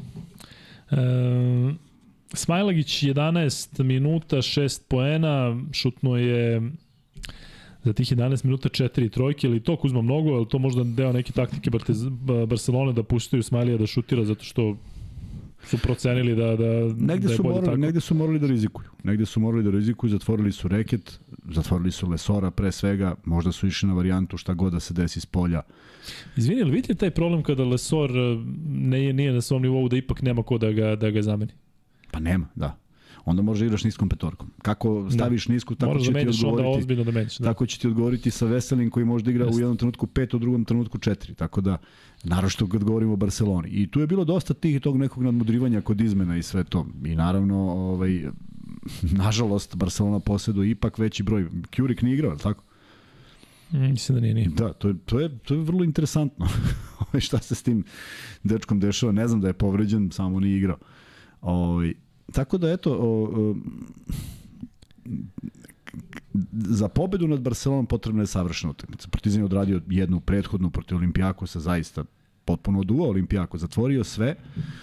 Olimpijakos nije prepoznao neke stvari. Mislim da nije prepoznao neke stvari, jer ipak je velika razlika kad je glavni trener tu i kad nije. Koliko god ovaj trener da poznaje, poznaje svoje igrače, sumnjam da i Barcokas dozvolio onako, onako šutiranje i do iznemoglosti onih 14 prvih trojki. Uh, ali dobra okolnost za Partizan i što je najvažnije izvukli su izvukli su pobedu i svega toga. Neću baš preterano da brinem za Olimpijakos i šta se tamo dešava, međutim mislim da se opet radi o jednoj od najazbiljnijih favorita od najzbiljnijih ekipa za Final Four i za, za ovogodišnju titulu, ali na toj utakmici prosto nisu postojali. E sad, odigrati dve utakmice u nizu, u dva dana, u, četiri dana, na tom nivou, protiv dva izuzetna protivnika, gde se oni sad pa bore ko će biti prvi, drugi i da budu što bolje pozicionirani, nije lako. Čim jedan šaf fali, mora neko da ga nadomesti. Čim fali Lesor, a nema drugog centra, onda nema ni ko da ga nadomesti, nego moraš da improvizuješ nešto. Improvizovalo se celo prvo vreme je bilo sasvim okej. Okay. Jedan razlike je vrlo dobar rezultat. Pa čak i ono kad su došli na tri, ali onda ti vrate trojku, taman si mislio da si na jednom posadu, pa ono opet dva. Tako da to su to su neke stvari koje je Barcelona uradila fenomenalno na utakmici, pogodila kad god je trebalo i stalno odbijala taj mogući napad. A onda su oni preuzeli onu taktiku, pa počeli da fauliraju, pa egzom ide na faul, pa i onda jako teško uđeš u ritam da ti sad možeš da vežeš trojka, trojka pa da smanjiš taj rezultat, nego si stalno na dva i to ako pogodiš. Da, ja moram priznati da je mene malo ova utakmica vratila na zemlju kao navijača Partizana. U smislu, dakle, ja stvarno verujem da Partizan može da bude prvak Evrope, ali verovatno to više navijački. Ali kada pobedite tako Efes, onako pobedite Efes, pa pobedite Olimpijakos i onda mislite da može sve. I onda i, i ovo jeste neki, ajde da kažem, šama realnosti i koliko treba da se spustimo svi na zemlju i da uživamo u ovom trenutku u, nadam se, Partizanovih top 8. Zato što kada sam kasnije razmišljao, dakle, Partizan potencijalno može da igra protiv Barcelona u top 8. Daj Bože da dođe u top 8, ovaj, dobra je pozicija, ali da ne ureknemo. Međutim, zamislite tu situaciju da vi jednu ovakvu ekipu morate dobijete tri puta. To delo je zaista jako, jako teško. Tako da ovaj, e, mislim da, da bi svi mogli samo malo da, da, da onako sa tim komentarima uzmi Željko desetu titulu, ako neko hoće, hoćemo mi koji navimo za Partizan, ali da se tako ne pravi neki pritisak i Um, eto, kada pomislite Real, Olimpijakos, Barcelona, možeš ih pobediš tri puta u osam dana. Znači, ajde ono, znaš, jedno možda se dobije, možda se dobije vratno i dva puta, ali onda tu kakvih još može da bude ovaj, momenta, da ne razmišljamo o tome, ali um, jako je teško. Jako je teško i ne treba da razmišljati o tome, ne smije da se optereti time. Ono što sam rekao u prošlom podcastu, učinio bih sve što je pokušao Partizan protiv Barcelone, da razrešim tu dilemu o, top 8. To je prva stvar. Samo da ne čeka posljednja utakmica. Partizan će imati šansu protiv Reala. Ne mislim da je pa, Real nepobediv. U ostalom izgubili su neke utakmice ove sezone. Problem je samo što je i za to potrebna savršena utakmica. Ima, ipak ima tamo igrača koji igraju mnogo ovakvih derbija, Uh, ima igrača koji su navikli na ovu atmosferu, ima igrača koji će uživati da odigraju, možda je nekome i od njih i posljednja sezona, već imaju po, po, po, po 100 godina. U nekom momentu moraju da se oproste, možda će to biti izazov i za njih da igraju pred ovakvom publikom i onda uh, ako Partizan uspe da dođe do pobede, mislim da, da, da sve ostale uh, kalkulacije padaju u vodu iz prostog razloga što stvarno treba da se dese neka, neke čudne stvari. Uh, Samo ne čekati jer Monako je već već lutrija Monako na njihovom terenu gde oni grabe da budu među četiri, da budu što bolje pozicionirani, možda i da vagaju koga hoće, koga neće. Samo ne mora baš da ostane ta posljednja utakmica da on odlučuje, jer, jer, jer ne volim posljednje utakmice koje odlučuju. U, u 90% slučajeva je nervoza na domaćem timu koji, koji nije iskoristio neke šanse, tako da Ako Partizan uradi to do Panatenikosa, onda će Panatenikos biti potpuno drugačiju utakmicu u kojoj će igrati u naletu i, i, i cepati.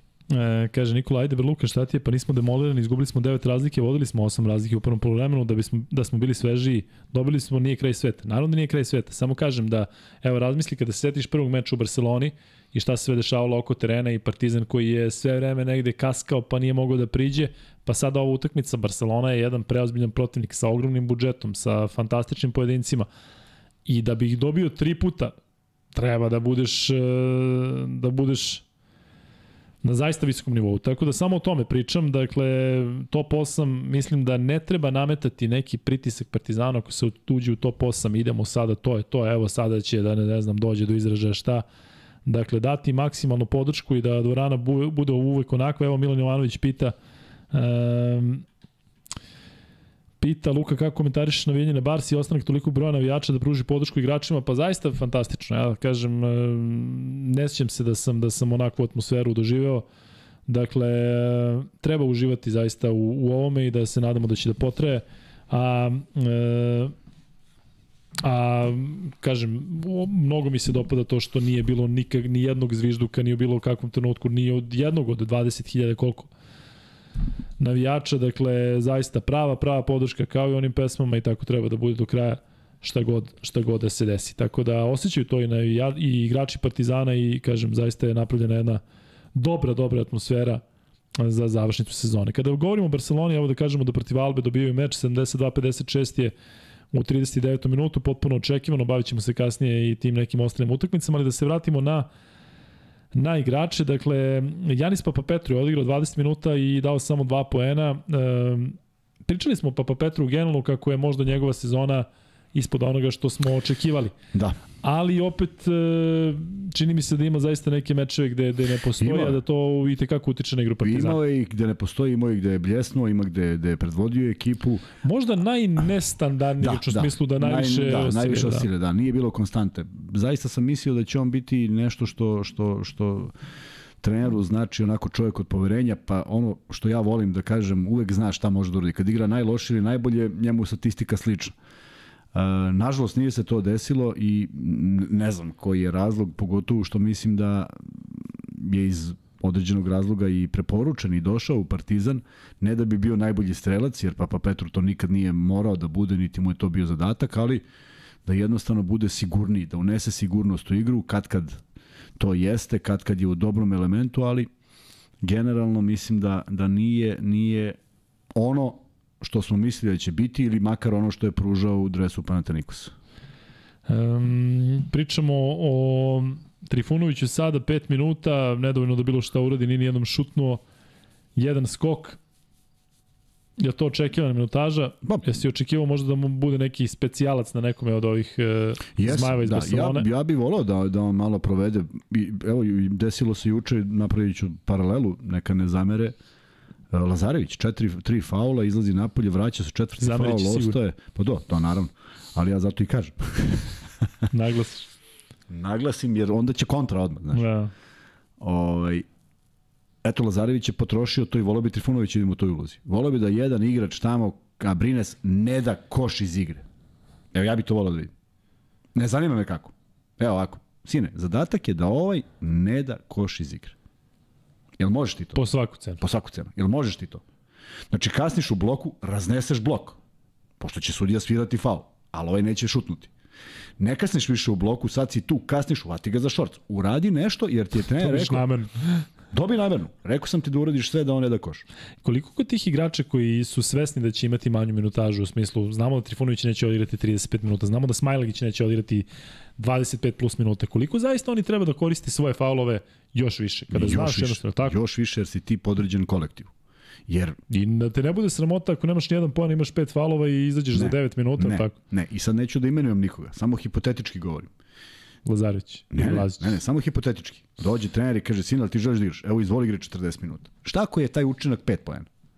Na 40 minuta. Jel stvarno neko misli da može da nosi? Stvarno svaki igrač može da nosi to što uradi Panter? Ne može. Pa da može, da. može bilo bi mnogo lakše. Prema tome imaš igrača koji treba da se podrede kolektivu, koji moraju da odigraju nešto. Da li su oni potencijali za nešto kasnije? O tom potom. Ali u ovom trenutku traži se to od tebe. Ti možeš tako da pomogneš. Pomaži na taj način i svi srećni. Um, stižemo do Nanelija. Naneli je odigrao manje nego što sam da, očekivao. Da, manje minuta je odigrao. Pre 14 svega. minuta, 5 5 poena, jedna trojka, jedna dvojka, šut iz igre ukupno 2 od 5. E, nema šta mnogo da se komentariše oko Naneli, ili tako Kuzma? To ne. je Ne, e, nije bio se... na svom nivou onom što je, što je, kako je sad vodio Partizan u prethodnih 3-4 utakmice. Desi se, ali evo, već prilike da to uradi protiv Reala, već prilika da uradi protiv Monaka, jer mislim da je on bitan faktor zato što kada je on u svom elementu, to su odlični procenti, to su rezonski šutevi, tu sve nekako funkcioniše i složit ćeš se, verujem sa mnom, dobija, ekipa dobija jednu sigurnost. Ti prosto vidiš da to ide kao mašina i znaš da šta se deša. E, to je nedostajalo na utakmici. Ali baš od svih igrača, da to bude malo, pa brva, da lopta dođe, da, da bude neko sam, da neko šutne, pa čak i ako promaši iz dobre pozicije. Nekako mi je delovalo da je sve bilo jako stegnuto i da je sve polazilo od, od isključivo individualnih akcija sa malo nekog straha u, u dodavanju. Slažem se da ovi momci kad rašire ruke, kad stanu u odbranu, zaista su sa sve Satoranskim koji je izuzetno sposoban, sa ovom trojicom na centrima, sa, prosto cela ekipa je izuzetno pokretna i, i sposobna. Možda ima negde strah, možda ima negde kočnica za neki dobar pas, ali mislim da vredi probati, mislim da vredi uključiti malo to u, u svoju igru, da nekom od svojih saigrača uz dobar protok lopte, a bilo je na prethodnim utakmicama Partizana i da neko ostane sam, da da, da, da lake pojene, da ne mora da bude muka za svaki poen kroz šumu igrača.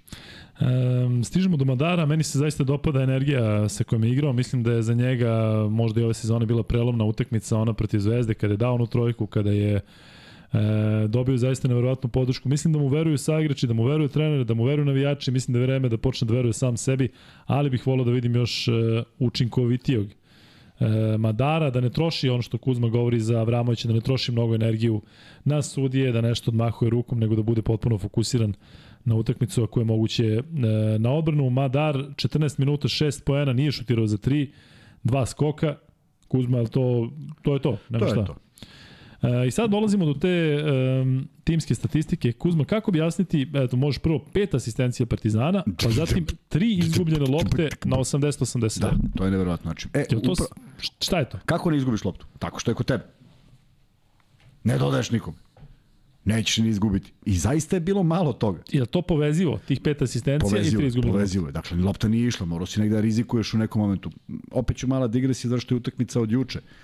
A svako ko je gledao, ja se nadam da ima ljudi koji gledaju jedan i drugi tim i uživaju u košarci ovo igraju, imaš moment kada je Zvezda dala koš pas, pas, pas, četiri, četiri pasa je bilo do zakucavanja.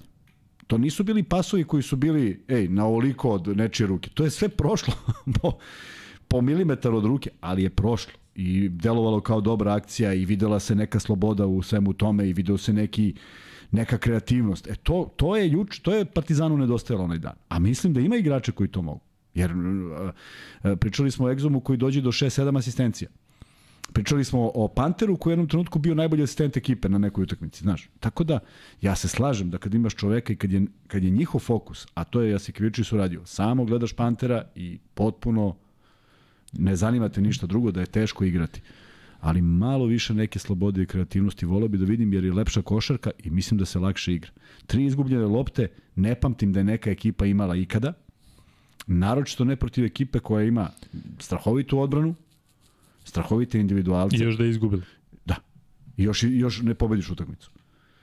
A ima još jedan, koliko sam ja, mislim da mi je kom je poslao, Pej, Ivan Pejić, Dobro, da kaže za statistiku, pa pogledaj, da nema, da nema negativnog ovoga plus minus količnika. Nijedan igrač. Nijedan igrač Partizana da nema... Genijalno, je li tako? Jeste. e, ne, nijedan e, igrač Partizana nema minus Pa da, indeks. minus da, indeks, Da, pa da. da biza, bizana statistika, Da, da, moram znači, ti ka- priznati. e, pa to ti ono kad kažu, šta kaže statistika? Pa šta kaže? Evo, pročitaš i kažeš ko je pobedio. Da, da. E, Kakav je odnos u skokovima? Ali samo ofanzivnim. Partizan ima ukupno 24 skoka, A od čega Barcelona- 9 u napadu, a Barca imalo 8 u napadu, a 34 ukupno. I tu si bolji da devet puta vratiš loptu u koš. Ako je nisi vratio, a bar sa svih osam, to je ogromna razlika. Pazi, Barca koji ima 14 izgubljenih i jednu ukradenu. Jednu ukradenu. A pogledaj sad e, koliko je šutnu, puta Partizan šutnu na koš. E, ukupno koliki je bio Da. šut? Pa ova bangava statistika Euroligi nema ukupno, ali sabraću 30 od 66. 24 od 47 za 2 i 619 za 3. 24 i 19 je 43. 24 od 47 za 2 i 619 za 3. Dakle, 47 i ukupno 19. 30 od 66. 66. A Barcelona? Ali hoćeš ovde da mi je da, da Pa ne, računam. pogledaj, pogledaj 18 razliku. od 31 za 2, 11 od 18 za 3, dakle 29 od 49. Da, nevjerojatno. Koliko više šuta. Koliko napada više? Da. E, dobro, prošli smo sve igrače Partizana. E, E, možeš, molim te, da staviš, pošto završamo uskoro sa odjevom ovog meča, da staviš, molim te, Irena Pol, e, da li biste želeli e, da vidite ponovo Veselog u Partizanu? Da, ne, zato što je zaista Jan Veseli dobio fantastičnu podršku, potpuno očekivano, dakle, bizarna situacija da eto, posle toliko godina u Evropi prvi put e, dolazi da igra protiv Partizana u Beogradu. E, bojim se da, da je već u godinama kada, kada će sve manje i manje imati e, minutažu, ali bih volao recimo da ga vidim u nekom trenutku e, karijere, e, pa čak nek bude i ona uloga e, Novice Veličkovića, dakle da ne možeš mnogo da pružiš na parketu zato što si jednostavno mator i ispovređivan, ali kada si na klupi da imaš, da imaš svoju težinu, ali ne može niko da očekuje da, da Veseli igra 30 minuta, iako je zaista i dalje na, na fantastičnom nivou, ali sad ću da proverim, ako se ne varam, Jan Veseli ima 33 godine, ne, Jan Veseli ima Da, sad će da napuni 33. E, Kuzma, koliko su te godine u, u, današnjem, u današnjem vremenu, dakle ono, sećam se Danilović je presto igra sa 29.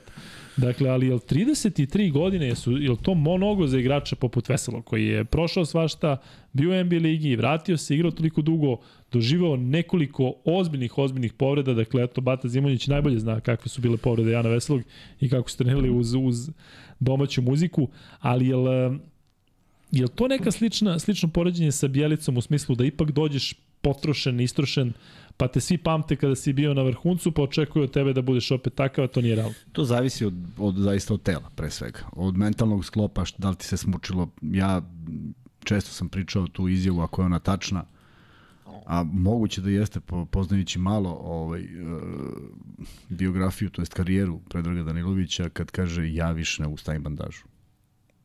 Ima ugovor na stolu ja više ne mogu se bandažiram. Znači, nije uopšte stvar. Mogu je kao i velika većina, kaže, važi, potpisao sam, pa me boli noga, boli me tetiva, boli me stomak, nedokazivo nešto, prosto nije. Jednostavno nije mogao više to da radi. I tu dosta zavisi od, od samog čoveka. Vesel ima takvo telo u sve te povrede dovoljno dobro očuvan, nisu to godine kad moraš da kažeš doviđenja, ali za ove napore kojima su izluženi, a, Volao bi da kažem da je na istom nivou kao pre par godina, nije, ali odrađuje dobar posao jer je u, u, sad je u sistemu takvom da može da se sakrije ako čak nešto i ne ide, ima ko da ga pokrije. Minutaža možda mu varira od 15 do 20 minuta, ne verujem da igra više od toga i onda malo produžava rok trajanja, što je dobro zato što se onda nalazi u ekipi u kojoj nisu sve oči uprte u njega i ne zavisi da bude i najbolji skakač i najbolji košgeter i sve, nego ima ozbiljno dobar backup. On je ovde faktički backup, ima s kim da igra, tako da Davis. Stari dobri Davis. Počasni član Barcelona. Da, večni, večni, da. to je večni. Neviđen je bio Davis da. u ovoj utakmici. Potpuno neviđen. E, treba da dođemo do 500 lajka da bismo imali prvi free bet o Partizanu, tako da udarite sad dok još pričamo o crno-belima. Inače, Kuzma, za tebe poruka da Zdobs iz Dub je moldavska grupa. Pa da. Bili su treći na Euroviziji, pa, legende. E, malo kasnim sa uključenjem, lagano pele, Pa Biće da su moldavska grupa, nego su oni ovaj, nastupali za Rumuniju. I molim momka Moldaviju. iz... Uh, za Rumuniju, a? A pevaju na rumunsku. Eto ti. Uh, molim momka koji je Kuzmi preporučio tri grupe, momak iz Podgorice, veliki pozdrav za Podgoricu, uh, da pošalje na Instagram ili na lukajkuzma.gmail.com zato što je to otišlo, otišlo previše previše sada pa ne mogu da nađemo, tada je Kuzma pričao o skokovima Lesora, pa nije baš bilo... I nek nam jave ko je gledao DJ Vasila umeđu vremenu. I to, jel? Da. E, da. I da li mu se dopada? Pol, da li on se dopada? Dobro, što se tiče Partizana, dakle, taj meč protiv Barcelone je bio zaista u fantastičnoj atmosferi i Barcelona je bila bolja, otprilike za tih nekih 9 poena. Jel treba možda Kuzma da, brinu, da, da brine navijači Partizana, što ipak je došlo do ozbiljnih oscilacija u igri u smislu da nije to ni približno ta utakmica koja je recimo bila protiv Barcelone tamo gde je jednostavno Barcelona držala neku razliku od desetak, pa Partizan pokušavao, nego ovde Partizan zaista u jednom trenutku imao desetak pojena razlike ili već koliko bilo osam i onda Barcelona u kratkom periodu u toj trećoj četvrtini uspela da preokne. Nema šta da brinu ili da ne brinu. Pokušali su sve, uradili sve, izrotirali sve što je raspoloživo, sve što je moguće. Kada trener Obradović kaže da nema šta da zameri svojim momcima, to je najbolje. Upravo to, tako? upravo to, ali ja često to volim da kažem. Ti imaš one momente kada si izgubio od bolje. Dakle, igrao si dobro. I ja mislim da je Partizan generalno dobro igrao. To što ja smatram da može više asistencija, jer se to meni dopada, to mačku rep, svakom se nešto dopada. Ali utakmica je bila pod kontrolom samo onaj moment kad je ispuštena, to je početak drugog polovremena koji je bio nažalost nepovratan, jer su ovi shvatili da su stekli kapitalnu vrednost, kapitalnu prednost. I neverovatno kad god je bilo to nešto da se smanje, oni su dali koš. I to ne neki lak koš, ne neko ušao je pod koš. Seti se, seti se Mirotićevog koša koji, koji vraća loptu u, u, u obruč. Da. Ne znam ko je bio ispod njega, jednom rukom je vrati i ona uđe. Mislim, to su, to je umeće, to je Nemaš tu da se prigovori. Šta, ko, kome šta da kažeš? Kao nije dobro zagradio. Šta nije dobro zagradio? Dakle, svi elementi odbrane su urađeni dobro, promašeno je i on je jednom rukom primi i vrati u nekom kontaktu, u nekom ludilu, svaka čast, mislim, nema šta da se kaže, prema tome, zaista mislim da Obradović to kad kaže, mislim da nema šta da kaže igračima, zaista i verujem da je tako, svako od njih mora da shvati šta može da popravi, šta, gde je podbacio, ima neko ko jeste, ko jeste odigrao neke stvari lošije, on to mora prvo sam da račisti, ne da mu neko kaže i da bude bolji sledeću utakmicu. Sledeća utakmica već sutra, nema tu sad nekog ono, ono što je dobro, što je ipak prošlo malo više dana pa su eto imali za, za taj neki, ajde da kažemo, oporavak mentalni, da se spreme, da se spreme protiv jedne ekipe koja je podjednako dobra, čak možda bih Doćemo i... da do toga. Da. E, Kuzma, kad god hoću pričamo o Realu, ne, kaže, ne dam ti, ne može, nema, nema šanse. Real ostavimo, ja, Real ostavimo ja za 1 i 15. A ja bekam Carlos. e, posljednje pitanje u ovom sektoru za Partizan. E, Koliko je taj meč protiv Cedevite, s obzirom na to da je bilo manje od 48 sati za pripremu, a pritom je bila jako teška utakmica i neizvesna, koliko zaista je to ozbiljan umor da se prebaciš i da imaš samo jedan jedini ceo dan da, da igraš protiv Barcelona? Naravno. Naravno. Uh, u smislu da je protivnik bio lakši, da je Partizan igrao protiv nekoga sa dna tabele, da li bi to, to, to moglo da napravi neku razliku? Ne ta utakmica je utakmica koja mora ozbiljno da se shvati. Obradović neće ući i reći ajde igrajte bilo šta. Opet postoje zahtevi koji mogu da budu ovakvi ili onakvi, utakmica se otvori. Uh, ovo je bio najteži mogući protivnik koji vadi svoju sezonu. I zato igra kao lud, zato što su u jednom pobedili Partizanu takođe jednoj ludačkoj završnici, evo za malo da, da se tako nešto ponovi. Uh, jeste problem kada se uđe u seriju tih utakmica, a tamo pomisliš u glavi negde uh, ovo je malo lakša, a možda i pristupiš tako utakmici, uh, ovo je malo lakša, pa se sve to krene naopako. Uh, protiv koga je Partizan igrao? Protiv Splita. I to je bila ludačka utakmica. Yes, nalili trojku. Tako da, to su neke stvari koje se apsolutno dešavaju. Nije Partizanova ekipa imuna na to. U prošlosti su dešavali nevjerojatne stvari. Mislim da jedini put kad se tako nešto nije dešavalo, to je bilo kad je Dražan Petrović igrao. Pošto on nije dozvoljavao on sa svojim mentalnim sklopom nije dozvoljavao, ta Cibona je stvarno mlela, pa nije bilo nekih iznenađenja, ali E, možda još neko ko je to uradio je bila Jugoplastika e, sa, sa neverovatnim timom, pa su mogli pobede koja god su hteli, ali prosto dešava se. Kup utakmica se izgubi, neki protivnik potpuno nevažan pa se izgubi. Znaš, nije, nije, nije niko... Naročito kad se igra ova, kad se igra ova takmičenja da su ovakve utakmice. I onda pomisliš, e dobro, sad kao u subotu je to, a ono u subotu nekom utakmica života jer danas igra protiv Partizana i ko zna kada. Tako da sve to ide u rok službe, preživeli su jedno, preživeli su Olimpijakos odličnom igrom, preživeli su Cedevitu što je najvažnije i Barcelona je bila preveliki zaloga i zato što mora još jedna dovoljno dobra utakmica. Nije bila dovoljno dobra, bila je dobra. Mislim da i navijači da su to ispratili vrlo, vrlo korektno u smislu ima još tri utakmice da se overi to a, što svi priželjkuju, ali, ali nema, nema zamerke zaista ne vidim koga bi mogli da uprom prstom da nešto nije. Podbacio jer igrao protiv Rasor, jer igrao protiv tri centra, pa izvini majku mu, pa i ne podbacio, mislim. Da. Tako da ne bih čak ni podvodio to da je on podbacio, jednostavno zaustavljanje bili su bolji i naći rešenje u sledećoj utakmici. E, Irena, možeš ovaj pol da ugasiš da vidimo koliko će biti oni koji žele da vide Veselog u Partizanu ponovo. Pita Luča kapitan da li radimo sutra podcast. Radimo i termin je 23.30, to ćemo ovaj, reći na kraju. Dakle, momci koji rade pre nas su rekli da će završiti do 11, što znači da možemo da počnemo već u 11.30, što se tačno i poklapa sa tim što će Kuzma otprilike u to neko vreme da dođe i sa Zvezde. 64% e, bi želo da vide Veselog u Partizanu.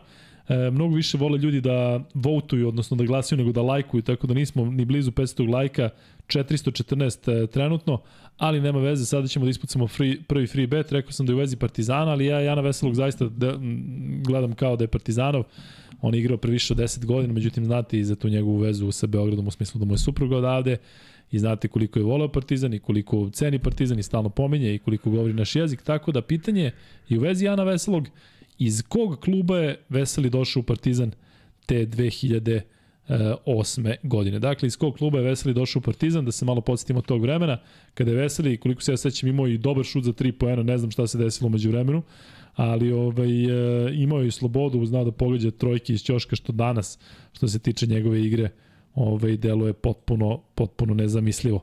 Dakle, e, Geoplin Slovan je tačan odgovor, Savo je odgovorio, dakle Savo ti, e, ne znam da li si ranije dobijao free bet, ali naravno informacija za sve da... E, free betova više nema. da. Da šaljete na lukaikuzma.gmail.com svoj maxbet ID i to je dakle, uh, uf, kako smo odjednom skočili sa lajkovima, kako sam rekao da ljudi ne volu da lajkuju, ovaj, lajkovi kreću u nebes. To su moji botovi iz Kine. Sad sam im poslao poruku. Pa vidim da tu nešto petljaš. Kako sam poslao poruku? Da, da. E, Kuzma, posljednje pitanje je vezano za Barcelonu. Da li ih vidiš da mogu do kraja, stalno pričamo o njima, da ne. kada dođe play-off, da čak i sa ovakvom igrom, sa usporom forme, ne. sa ovakvim rosterom. Ima nešto, čini mi se da ima, ima nešto što, tajna veza, ima nešto što ne valja Kada dođe play-off. Ja smatram da je taj Mirotić majstor. I prosto, ni u jednom Final Fouru ga nisam gledao u nekom svom elementu. Ne može bude samo do njega, ne može, ne može kao sad mu se ne igra ili nije u elementu, ili je na klupi, ili je isečan, ili se nešto desi. Ne, ne znam o čemu se radi. Ovaj, mislim da je, da je veliki pritisak i na igračima i na Jasikevičiusu. Ovo bi bilo, ako uopšte odu na Final Four, ovo bi bilo treće ovaj, pojavljivanje za redom, tako? Minimum. Mislim njegov, on je, on je tri puta da, da. u nizu. Pa hajde da vidimo. I ja mislim da, da tamo je sve nekako otvoreno i nikad ne možeš da znaš da budeš načisto, ali mislim da mi ove godine najbolji utisak do sada, vidjet ćemo možda ga pokvari, imaju, ima, ima Olimpijakos. Pa bi mi onda drugi tu bio Real, Ali ajde da pričamo o tome kad dođe do Final Fora, pošto možda se desi neko iznenađenje, ne dešava se često. Mislim da je baš Obradović bio jedini koji je pravio ta iznenađenja kao peti Fener kad demolira Panathinaikos kao četvrti i ne znam da li se još neko ušunjavao kroz playoff. Da, da se pamtiš neko veliko iznenađenje u Euroligi? U smislu da neka ekipa koju ne, ne očekuješ sad ne. nešto... Ne, osmi i prvi ne, nikad se nije desilo. Ne, ali već dugo nema tako peti, nekog... Četvrti, peti Fener, samo kad je bio sa Željkom, je demolirao 3-0 Panathinaikos. I Efes je ono izbacio Armani kada je jest, imao da. Jest. E, rekao sam da treba da budemo realni i u skladu sa tim ja kažem da je Partizan prvi favorit za osvajanje Lige, pa onda ovaj, Real. Svi ostali. Meni je da. E, Da, prelazimo na meč koji je Zvezda na Kuzminu veliko zadovoljstvo. Prelazimo na meč koji je Zvezda odigla protiv Valencije. Jesi zadovoljan Kuzma? Ja iskreno nisam zadovoljan utakmicu. Ako ćemo baš iskreno. E, Kuzma, Zvezda pobeđuje Valenciju, e, uvijek volim da te pitam o atmosferi, zato što se to nekako ove sezone menjalo u skladu sa tim kako igra Zvezda, ono kada je bio neki neviđen hajp pa se tražilo pet karata više Jest. svako. I, kako ti bilo sad? I da mi kažeš da je tad bilo tri put bolje nije bilo nije, tri put bolje. Da. Ovo je bilo fenomenalno. Poslednje dve utakmice, prvo što je odigrano u nekom dobrom, u dobroj energiji, mislim da je to sve zahvaljujući. Moram da te prekinem. Reci mi koliko Novak Đoković utiče na atmosferu u dvorani i koliko je recimo to tebi bilo kao igraču da kada vidiš nekog. Zato što si meni pričao da kada dolaze Paspalj i ostali da gledaju momke u kolicima da je to za njih da, i, vo, i vode loptu i gledaju levo. Tako je, da vidi. Ali Nova kada uđe u dvoranu zaista se dobije jedna posebna atmosfera, to su recimo i partizanovi navijači osetili s tim što verovatno ga igrači nisu videli ili bio u onom boksu. Ali generalno on pritom zna da donese prilično sreću. Pa znaš šta, meni je bilo fascinantno da je na pojedinim akcijama bio uz, uz out liniju skakao i navio. Genijalno prosto, znaš, najbolji na svetu u jednom sportu stoji da. stoji i bodri ovaj da i upravo si unese nešto ali ali uh, u onom momentu kada je kada je pozdravljen kada je pozdravljen sve je to naravno deo dobre predstave i bilo je zaista ja mislim da su uživali igrači Barcelone Jer su, da, oni videli, jer su oni videli broje 1, ne znam oni koliko su se prošli put su se pa, da, slikali da, sa pa, njim i... Ne znam koliko često mogu da vide broje 1 u, u tenisu, tako da je njima još bilo interesantnije, ali prođe, prođe taj moment kad on, kad on pozdravi navijače i to je to. Međutim, lepo je da ga imaš u publici i da znaš da te bodri. Ja mislim, meni, meni je lepo što sam ja bio u toj dvorani kad je on tamo. Bili smo još na nekim mestima potpuno nevezano, ali bilo mi lepo što je on tamo. Si ga upoznao neki? Jednog dana, kad, pa jesam baš tada kad sam bio. Ja ti rekao ovu Kuzma kakva je bila ona trojka? Kaže, sećam se, kaže, ko danas kako si igrao, kaže. Ja e... kažem, izvini, oče, ne pratim tvoje mečeve, ne zameri. da. Ali Luka prenosi, tako da... Ovaj, on... Da, zna sve o nama, da. E, ja pazio koji sam ja Baksuz. Dakle, meni ne treba više daju da prenosim Novaka Đokovića. Dva put si ga prenosio, dva put Dva put sam prenosio, dva put izgubio znam. od njegovih šest poraza u karijeri. A stvarno, jednom je bilo kada je mnogo godina unazad, mislim da je bio Indian Wells i bio neki dubl i ajde da tu kažeš zezanje, ali protiv Medvedeva prekinut niz od 30 pobjeda, pa onda prenosim uh, Srbija Italija uh, u košaci, tako da uh, poruka za sport klub, ako želite da pobedi naš čovjek ili naš tim, stavite i mene lepo na Monako ili tako negde na Žalgiris, pa će biti, ovaj, pa će biti bolje. Hvala puno uh, Milanu Kneževiću za novu donaciju. Milan se baš otvara večeras, hvala veliko. Um, Čekaj, gde smo stali? Uh, počeli smo sa Novakom i sa Valencijom. A, da, uh, sa Valencijom, da. Pa kada si video Kuzma da neće igrati Nedović, ta, pretpostavljam da ti informacija došla neposredno pre jest, utakmice, jest. tako? Uh, Mada vidio sam Holanda, već mi bilo sumnje. Da, da. U, doćemo uh, do Holanda. O njemu danas ćemo pričati više nego ikad. Prvo što sam pomislio, pomislio sam da je on taj zbog kojeg je odložena utakmica. Ona prethodna. Uh, misleći da je možda neka povreda, ali ispostoje se stvarno da ovaj, je bolestan i da zato nije bio u sastavu. I naravno da nisam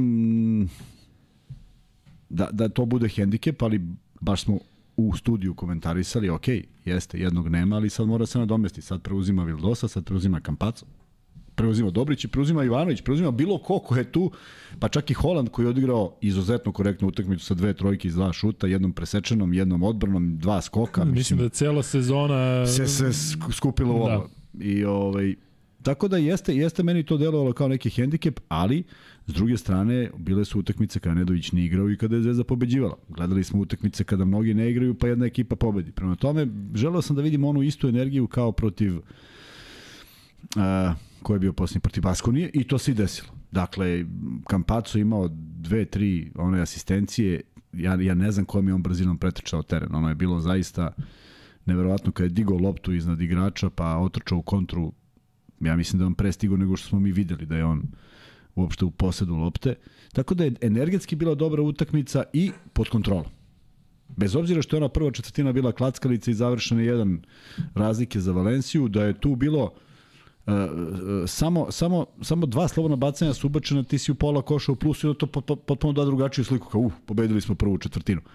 Tako bi razmišljao svaki igrač u tom trenutku. Ali, ovaj, ali nije, nije se gubila glava. Nije se gubila glava. Uh, gubile su se loptu u prvoj četvrtini koje su kasnije prestale da se gube na taj način. Vildosa je bio opet neko ko je to možda uh, tu u tom segmentu bio najlošiji, izvukao se sa onim dobrim trojkama, da bi onda proradio Petrušev, da bi se onda Kampaco ponovo ubacio u neku novu brzinu, da bi Mitrović imao neku minijaturu od 4-5 pojena vezano i da bi Bentil skinuo neke lopte koje nikad nismo videli. Ako se video skok u napadu preko čoveka, ja, ja mislim da ono bilo od, od opšte panike, znaš, pa ko veli dajš, pa šta bude.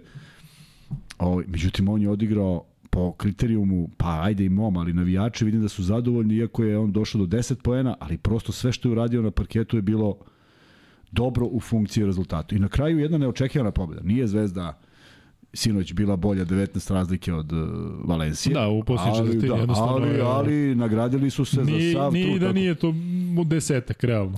To kažem, o, ovo da. 19 nije realno, Tako. ali je lepo kad pobediš 19 Jest. jer si potpuno zaslužio. Zatvorio si sve, svi su odradili svoj deo posla. Petrušev pokazao da drugi put protiv Valencije igra dobro, aj sad još neka utakmica van Valencije da to bude na tom energetskom nivou, jer prosto ja ne vidim limit koji on može da ima kada igra kada igra sa toliko energije, sa toliko snage, kada svaki put krene na zakucanje, pa ko, ko to da zaustavi? Tako da bilo je mnogo dobrih stvari u igri Zvezde i e, drago mi je da su izjave prosto takve i moraju da budu treba uživati u ovim pobedama. Ja da igram sada, ja bih uživao. Koji god da sam igrač, 12. ili prvi, ja bih uživao. I hteo bi sledeću da pobedim. I hteo bi onu tamo sledeću i, i sve što mogu da pobedim. Nije isto pa... da li će Zvezda na stranu top 8, nije isto da li će Zvezda završiti sa 17 pobeda pa, ili 16 pa, tako, ili 14. Ili 14. Pa, da, se slažeš, imam isti broj pobedi i porazi. Tako. Već lepše. Pa, šta, a šta smo pričali? 17 nije dovoljno, ali 17 dostići je ozbiljna da. muka. I sad, I sad ono što ja ne želim da pričam tokom sezone, ali postoji moment kada se osvrneš i na to. Gde su te utakmice? Gde je ta jedna? Gde je nekom ko, ko je ispao jedna? Gde je Efesu sad ta jedna Ko je za tebe koja... ta jedna, Kuzma? Kada bi morao da biraš između Žalgirisa, Albe, Bajerna, sve. Meni je ona Alba za mene, za mene je, za mene je Panathinaikos jer je dobijena utakmica. Ako nije Žalgiris 9 razlike na 5 minuta do kraja, onda ovo 16 u jednoj ekipi gde a, postoji bojazan na toj utakmici da će navijači napraviti nerede ako Panathinaikos izgubi i ti preokreneš utakmicu ni na šta. Ja ne znam, ja, ja, ne mogu da, ja ne mogu da se setim šta se desilo, a da mi bude jasno. Tako da to će ostati neke misterije i aj sad, znaš, šta bi bilo kad bi bilo, zamisli Zvezdinu jednu pobedu, samo više sada. Koja je to euforija i koliko to daje jednu Ovako, momci, borite se do kraja, pokušajte da uđete u 17-17, ja mislim da je to fantastičan uspeh. Da li je uspeh opet ovo e, Kuzma kaže nije nije važno. Nema ljudi nije važno ili važno. Svaka ekipa ide sa istim ambicijama. Nekome se posreći, nekome se ne posreći. Ali ajmo samo da napravimo anketu. Jel ima neko, ako Zvezda dođe do 17, ko je na 1-6, a ja mislim da je Zvezda startovala sa 1-6, verovao da će Zvezda doći do 17. Pa to je mnogo pobeda u malu utakmicu. Ti si već upisao 17, da? Pa, kažem, ako dođe do 17, ne. nisam daleko od toga, ne mislim da su to lake utakmice. A stvarno, onih 1-6, mislim da su svi videli zvezdu Šta u posljednje četiri tokom cele sezone. Daj kao 10 da stignu i to je to. Da. 1-6 je veliki hendikep. Da se vratimo na ovu bekovsku liniju, je li to taj kvalitet zvezde u smislu da ima tri zaista igrača ekstra klase na bekovskoj poziciji? Dakle, imali smo period kada je Vildosa bio povređen, pa su tu Kampacu i Nedović. Pa imaš sada Nedović kada ne igra, pa su tu Kampacu i Vildosa. Kampacu kada je bio kažnjen, kada je bio suspendovan, kažnjen, e, pa, je, pa se moglo to da se nadoknadi. Jel, e, zaista nije falio Nedović. Dakle, nije falio Nedović zato što imaš zaista nekoga ko će to da preuzme. A nije neka improvizacija sada da tražiš Ivanović da igra 30 minuta, pa šta uradi uredi. Ja uživam u njegovim potezima kad on igra onako kako ja mislim da treba da igra. Za Nedu govoriš, Za Nedović, tako je. Međutim, ako bi trebalo da stavim, da uložim nešto, na čoveka koji će danas, sutra, prek sutra, nako sutra, 14. 28. 62. imati istu energiju, stavljam se na kampaca. Zato što me ne zanima da li je on dao 20 poena, 7, da li je šutno 12-2, 12-7, 15-4, potpuno mi je sve jedno. Mene zanima da on izgleda onako kako izgleda. A izgledao je da je pokretao celu ekipu. E to je ono što bi bilo divno da, da, da kad te ne ide i kad nisi u formi šuterskoj, da upravo uradiš to. Dakle, Kampaco je bio taj, Vildosa je pogodio manje više sve što je šutnuo u jučerašnjoj utakmici. Petrušev se na to prikačio, Mitrović se na to prikačio na tu energiju, odbrano su odigrali izuzetno korektno, Mitrović je dva puta onog Roberta, kako se zove, Ricarda, Ramireza, kako se zove? River. E, njega Ricardo, je zaustavio. Pokazni, pa, kao Ricardo blizu, Ramirez. Blizu, Njega je zaustavio u sam u nekoliko navrata. Kampaco je zaustavio par puta u 1 na 1, pokazuje da mu ne treba pomoć, pa se naljutio na Petruševa što je došao da zarotira, pa su primili trojku. Dakle, imao si odličnu energiju u odbrani, poskidali su sve lopte, zatvorili reket, imali mnogo lepih asistencija, lopta je dobro išla, Neke su bile zaista digle publiku, publiku na nogu na noge zbog čega se valjda i na, na, na jednu nogu. Bili, na jednu nogu. Bili ovi, ovi moji, bili ovi moji. da. stajali na jednoj. E, ali to sam hteo. Znam da sam nečim hteo da otvorim e, emisiju sada. Zato potpuna digresija. Slušajte, ljudi, ovaj, za ovo stvarno treba imati duha i zato želim da, da me poslušate. E, Jedan od momaka u košarkaša u kolicima, Nikola Rabrenović, nažalost najskorije član Singidunum Crvene zvezde, pre nekoliko godina je imao stravičnu nesreću tako što se zakucao u bajsom u punoj brzini u kamion. Nije važno ko je kriv, možete zamislite ko je kriv, mislim. U svakom slučaju ostaje u kolicima. I priključio se Singidunumu, počeo trenira košuku, a pritom inače bavi se gorska služba spašavanja, raznorazne neke akcije. On sad vozi bajs, samo ga vozi rukama. Znaš onaj što ležiš pa... Da, da. I sve on te aktivnosti radi. I pohvalio se juče na Instagramu, prekjuče, da je poslao jednu fantastičnu fotografiju iz svoje radionice, pošto je varioc, vari svašta nešto, poslao je fantastičnu sliku od prilike naslova kako mi radimo. I ta slika je pobedila. Među milion nekih koje su poslali, njega su izabrali. Je, znaš koji mu je nadimak na Znam, Instagramu kojim želim da zapratite? Ajde. Johnny nekretnina. Dakle, smisliti tako nešto na svoj račun u tom nekom momentu kada se život menja i nazvati sebe Johnny nekretnina je pokazati kakav, kakav duh ima taj dečko. Rekao si mi danas, zaboravio si da si mi pa, pričao. Ja te pitam da ne bude da smo pričali. Kako sad ti... Pa, ja uvijek znam nisi sve. Nisi gluvio, pa ja sam gluvio u žigosanima u reketu. Nema što iskustvo. Pa vidiš, moram te naučiti i tim stvarima. Dakle, ja kažem, ne znaš, ti kažeš, ne znam, prvi put Znaš kako se ja glumeo? Ne bi verovao. Kod pa, Bate Miladinović. Ko zna ko je Bate Miladinović? Kako, kako, kako ste glumio? Bio Bate živi tad? Miladinović i Žik. Bio, bio živ. Um, Elem, pogledajte sliku koja je pobedila kod Johnny-a nekretnine. Zapratite Johnny nekretninu, a zapratite i Luku i Kuzmu. Na Usput, Instagramu, usput. Da, ba- bližimo se pet e, hiljaditom pratiocu, Da, fali nam ali 900. se bližimo, bližimo se jako polako. Da, kada dođemo do 700 lajka imat ćemo o, ovaj... E, imat ćemo free bet za zvezdu. Inače, vi svi koji hoćete vidite Irenu, Irena, jesi još tu? Irena, javi se.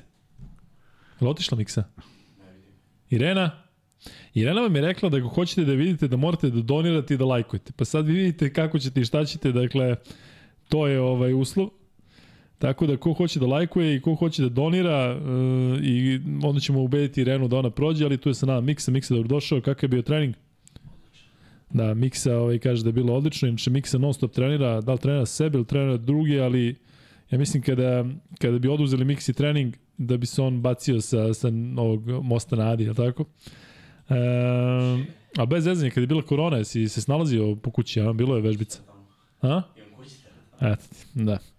Ne može ništa Miksi, ali seća se da je te korona te nešto bilo, baš si nešto ismršao, tako? Je li tako? Bilo je jedno 10 kila gore dole, a? Dole. Da. Ovaj, e, 4032 pratioca. Samo nam još 968, to je ta cifra ovaj, magična. E, Kuzma, da se vratimo na Valenciju i Zvezdu pre nego što pređemo na igrače. E, Valencija, koliko ja pamtim, e, non stop gubi od Zvezde. A to je otprilike te odnos koji Zvezda ima sa Albom. Zvezda, Zvezdi Alba, ono, slaba tačka, ali Zvezda uglavnom pobeđuje, pobeđuje Valenciju. Dakle, ja, evo, ove sezone 0-2, odnosno 2-0, uh, godinama unazad Zvezda protiv Valencije igra dobro i Da. da. to nešto ima tu, tu nekog smisla. Zato što Valencija stvarno igra na sličan način uh, dugo, ima igrače koji su tu dugo poput recimo Dubljevića, a recimo da li, znaš ono kad kažeš Alba, svi se hvataju za Da, da, glavu. da, znaš. nikad- nikad Je pobeđen. to neka... Ne znam, ne znam, čak nisu ni iste ekipe. Jesu Tako. u jednom periodu bili slične ekipa, ali e, unazad nekoliko godina ne, drugi trener. Ajde kad je Radonjić bio pa u dva navrata, pa, pa, pa ima možda i neki taj osjećaj kako da odigra.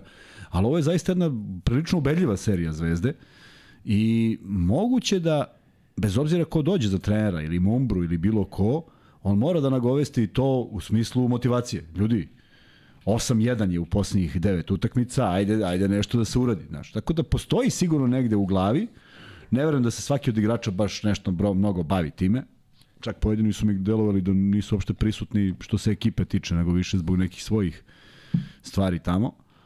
Ovaj, tako da je vrlo čudno da postoji takva serija, jer mislim da Zvezda ni sa kim nema takvu seriju. A pritom Valencija nije neka ekipa koja je tu sad Evo, baš... javljaju ukupno 8-1 kod kuće 5-0. Pa da, 8-1, da, ukupno 8-1. Da kako, šta, šta, koji je taj neparan broj? A? Kad su igrali to da je, da je samo jednom odigrano? Ne znam Pa valjda, valjda kad je bila COVID, ona, ne, valjda kad je bila E, bra, moguće, moguće. jeste. Pa da. 5-0 kod kuće. 5-0 kod kuće. I to, Ali sigurno ni jedan igrač, ovaj Harper iz Valencije, razmišlja u evo ti kao, proti, koji je sad došao kao, ovde se teško dobija i se. Ne. Ne. Kod nekih igrača nema nikakvu težinu. nema, tako? nema, vrlo verovatno. Nego kaže, znajte, ovo je ekipa da. koja vodi 8-0 protiv vas. Pa onda ti kao, ajde sad, naš, makar malo da te stimuliše. Što, što da ne? Jesi imao tako ekipe kada si igrao koje su bile iz nekog razloga tvrd oreha, ne znam, ne možeš da objasniš. Nismo se, ni, jest, ima. Taj Lovćen si mi stalno pričao. Ima, ima, imaš ekipe, ima. ima. Beobanka je uvek bila tako. Sa Beobankom je uvek bila muka. Mislim, ljudi koji znaju da igraju, ljudi koji su igrali po ozbiljnim klubovima, koji su skupili tamo, Kako beše B banka funkcionisala? Nije dugo. nije ni dosta je funkcionisalo. Više od 10 godina. Pa manje. Mislim da su Znači, počeli, dosta. pa do, ne, ne mogu setim. Znam da su već igrali 94. onu ligu 32, verovatno i 93. pre toga, da, jesu 93. Završili smo mi 99. U 2001. se, ja mislim, ona ugasila. Ali zamisli ti kad u jednom trenutku imaš tamo Koprivica koji igra u Partizanu i osvojio kup šampiona. O, Stragi. A, pokojni a, Šarić. A, Popović, Benčić. Sve su to igrači koji su školovani, sve su to igrači koji su prošli ozbiljne trenere. I kad se oni skupe, to je bila ozbiljna muka pobediti. Tako da je bilo tvrdih ekipa, ali ovo je zaista atipično zato što se radi na nivou Evrolige. Ja ne znam da neko ima, vole bi da znam da li neko ima baš osam, osam razlike u odnosu na bilo kog drugog protivnika. Neko mi deluje da je, da je baš, baš veliki, dugačak niz. U svakom slučaju, lepo što je Zvezda nastavila tu tradiciju i sa tim, sa tim nastupom treba da ide i sledeće sezone. Zaista treba, a ne, sledeći neće. Sledeći, sledeći se ne sastaju. Sa tim nastupom treba da sledeće sezone, samo ne daj Bože da, da, Ne, da, Valencija, Valencija neće sledeće Da. godine sigurno. Kaže Luka, kolike su šanse da Baskoni i Žalgiris pobede u sve tri do kraja, pa da nam trebaju dve pobjede. Bavit ćemo se kada završimo ovaj deo um, dakle Euroligi, kada odivimo to 30. kolo, onda ćemo da, odnosno 31. kolo, onda ćemo se baviti malo i šta sve ekipe te zanimljive čeka do kraja. E, Kuzma Valencija je igrala, e, da kažem, svoju igru, ničim nešto nisu iznenadili, ali čini mi se da ti timovi protiv Valencija, kao što su Valencija, nemaju kvalitet da cele sezone igraju na nekom nivou. Svećaš da su jedno vreme pobeđivali i na strani, u Turskoj napravili show, pa e, dakle igrali su stvarno dobro, ali čini mi se da nemaju ipak kapacitet da cele sezone igraju, igraju na nivou da dođu do top 8. Dakle, meni zaista Valencija u jednom trenutku nije bila ovaj, neka opasnost, čak i kada su imali pozitivan skor i kada su bili šest ili već koji na tabeli, nisam verovao da oni mogu do top 8. Da li se slaže sam? Za koga? Za Valenciju. Da, da, nisu bili ubedljivi. A jel, imamo neko objašnjenje zašto? Nemamo. Da li ti deluje da je Zvezda taj tip ekipe? U smislu, da, da sad razmišljam kako gleda neko ko je tamo šesti na tabeli, da kaže, aha, Zvezda se sada digla 3-4, pa neće oni. U smislu da već godinama unazad uh, Zvezda nije ozbiljan faktor da pripreti za top 8 i da evo koliko već 7 ili 8 sezona u Euroligi, računići onu u jednu Eurokupu, je ipak uglavnom u donjem delu tabela. Šta je to što što menjaju se timovi, menjaju se treneri, menja se sve? Pa gledaj ovako, ja mislim da prva stvar koja se desila da je uh, ove godine i Partizan i Zvezda su doveli neka najzvučnija imena koja su dolazila. Dakle, otuda i ovo da, da može da se konkuriše. Zvezda nije imala takve timove. Imala je dobre timove, ali ni imala, ni imala Kampaca. Ja mislim da je Kampacu jedan od najboljih stranaca koji se pojavio u Zvezdi. Vjerojatno i najbolji. Ja zaista mislim, znači meni se dopada Vildosa. Ja ne mogu čak ni sa kim da ga uporedim od stranaca. Upravo to, upravo to. Svi ovi ostali stranci su vrlo diskutabilni. Ja sam se uvek čudom čudio kad je Fildin potpisao kao strelac. Nemam problem, može prvo nizak je za, za šutera da bude stalno sam. Drugo, imao je prosek od 7 poena. 7 poena je matematički.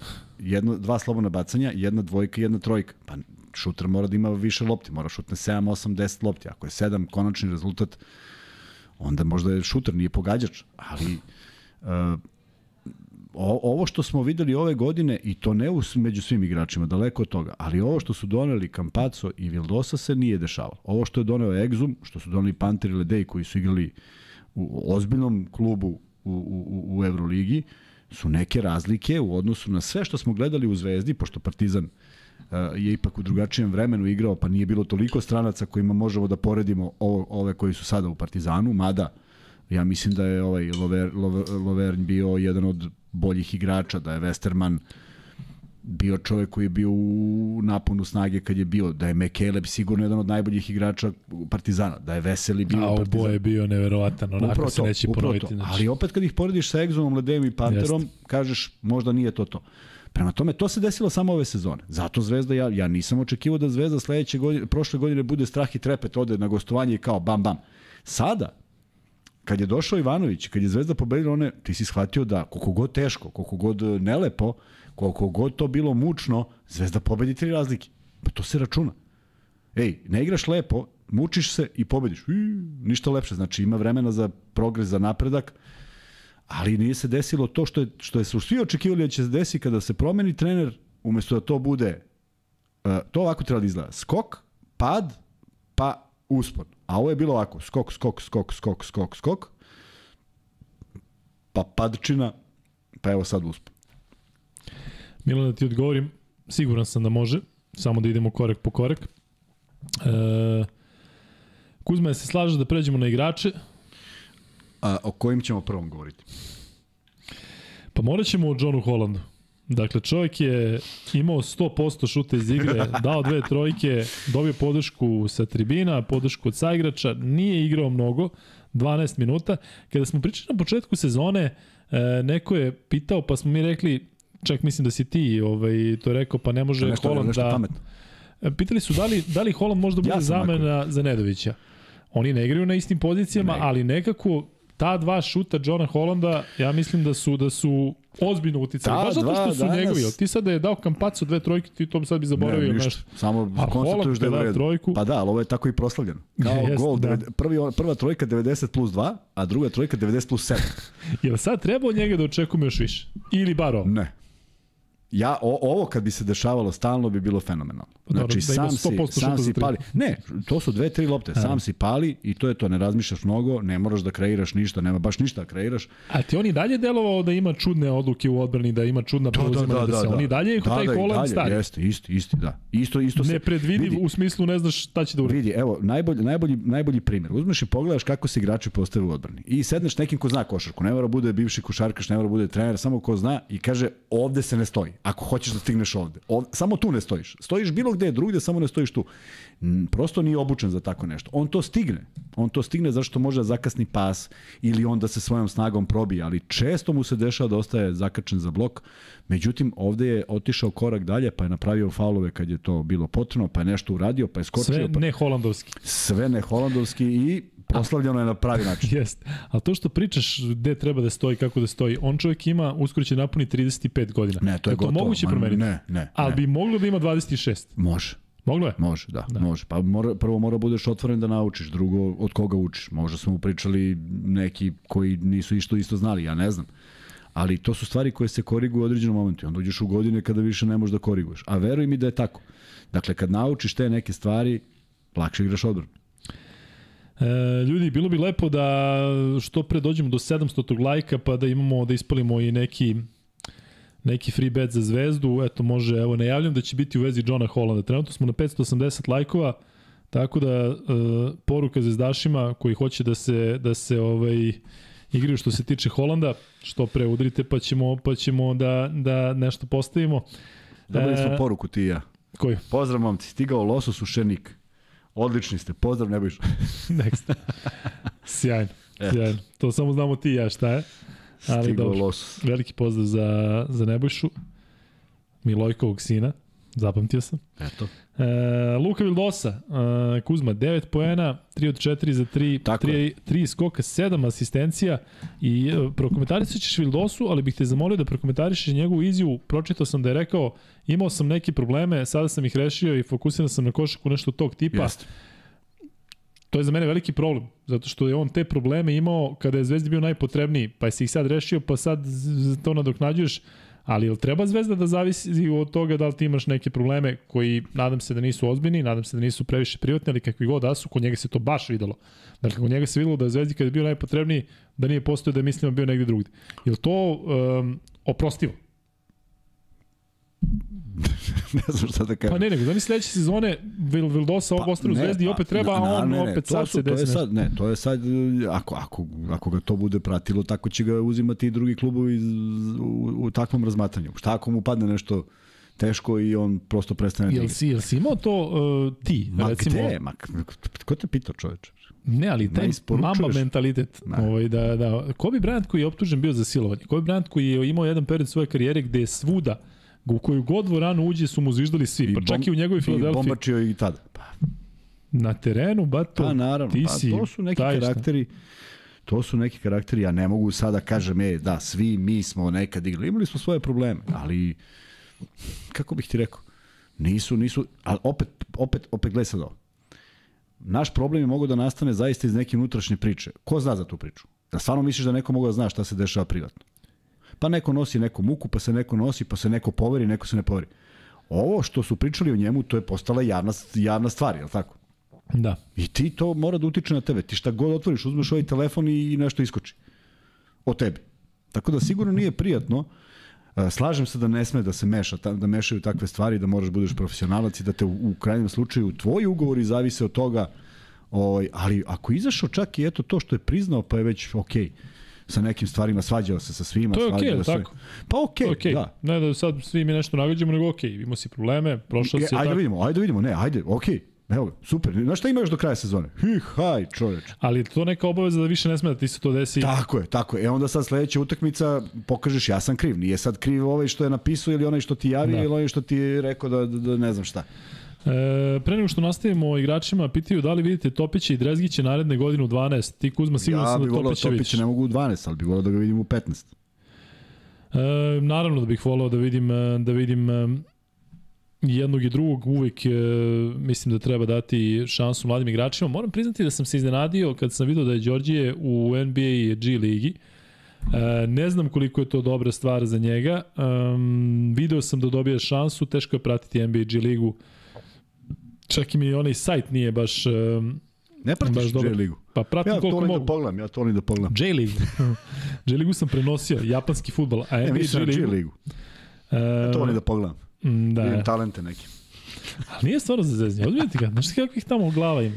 Imaš bili ozbiljni igrači koji su Vidi. nekada bili ozbiljni NBA. Evo, Kenneth Farid je tamo. Vidi, ja sam imao priliku da gledam. imaš All A Starove. Kenneth Farid je tamo. Ja sam imao priliku da gledam, sad ću kažem koga sam gledao. Gde? gledao Sam sam. reci ko je? Colorado ovaj tvoj. Ne, ne, ne, gledao sam Nikolu Jovanovića. Ja sam prijatelj sa Nikolim Ocem i, ma, i mislim da sam prvi znao da je potpisao NBA ugovor.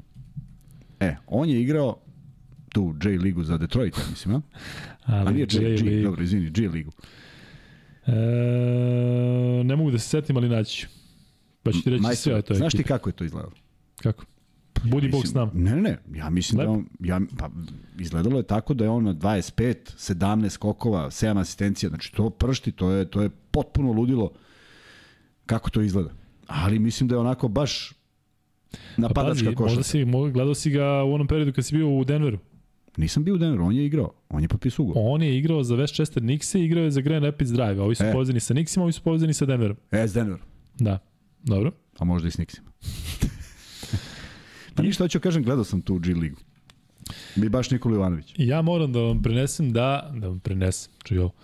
Uh, ali znam šta kada sam bio u Americi, uh, grad gde sam ja igrao, college gde sam ja igrao, uh, grad je Mobil, oni su imali ekipu koja se zvala Mobile Revelers. I jako se ne varam, mislim da su čak osvojili, mi smo imali uvek karte, one court side seat.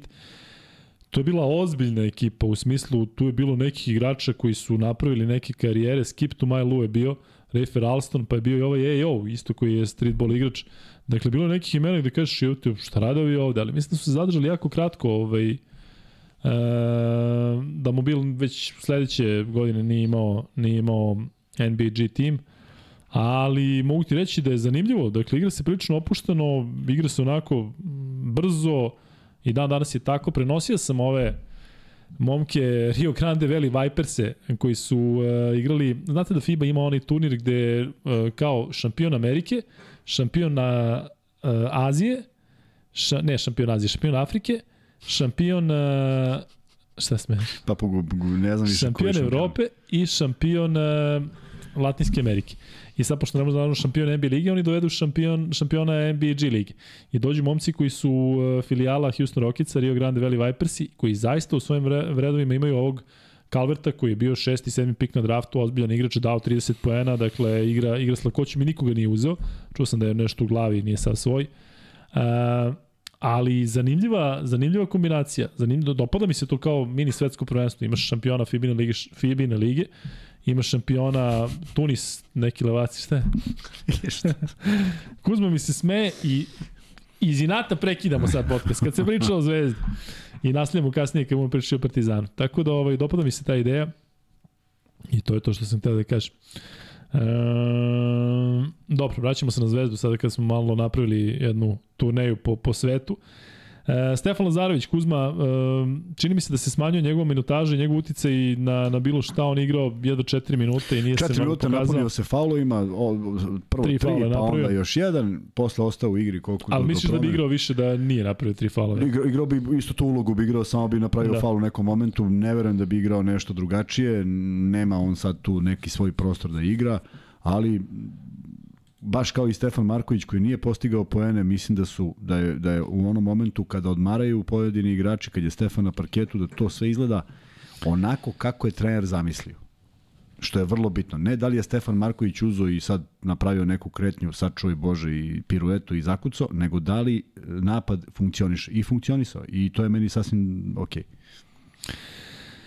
Evo nekoliko komentara. Prvo kaže Aci Ivanović, suviše nas malo ima za toliko podela. Bravo, Aco. Nema dovoljno karaktera da napišem sve što bih hteo na tu temu. Luka i Kuzma radite dobar posao. Kuzma ne obaziri se na komentare pojedinih. Ne obaziri se Kuzma i ovaj... Ne obaziri se sine, ste gledali taj film? E, evo, Rici se vraća. Pazi sad koja će ovo digresija da bude, ovo što, što mi je sad u glavi. Rici kaže, to znači da Luka komentariše utakmicu i lupa, to je zbog privatnih razloga i to je okej. Okay. Mislim na ovo Vildosi u smislu da sad, znaš, koliko možeš da budeš fokusiran i, i, i, i koncentrisan na svoj posao. I znaš ko mi je pao na pamet? Ko? Aj pogodi. Ne mogu. Nema šanse, evo za, za tebe free bet. Nikola Demonja. Čekam. Bili smo u ulici kod Nikole i... Uh, I Demonj. Tako je. I lepo smo se provali, je li tako? Još jednom da je da e, izreklamiramo, dakle, u ulici, na Topličnom vencu, sreda, je li tako? Oko pola devet, traje do 11, u 11 se zatvara, možete sutra da ustanete.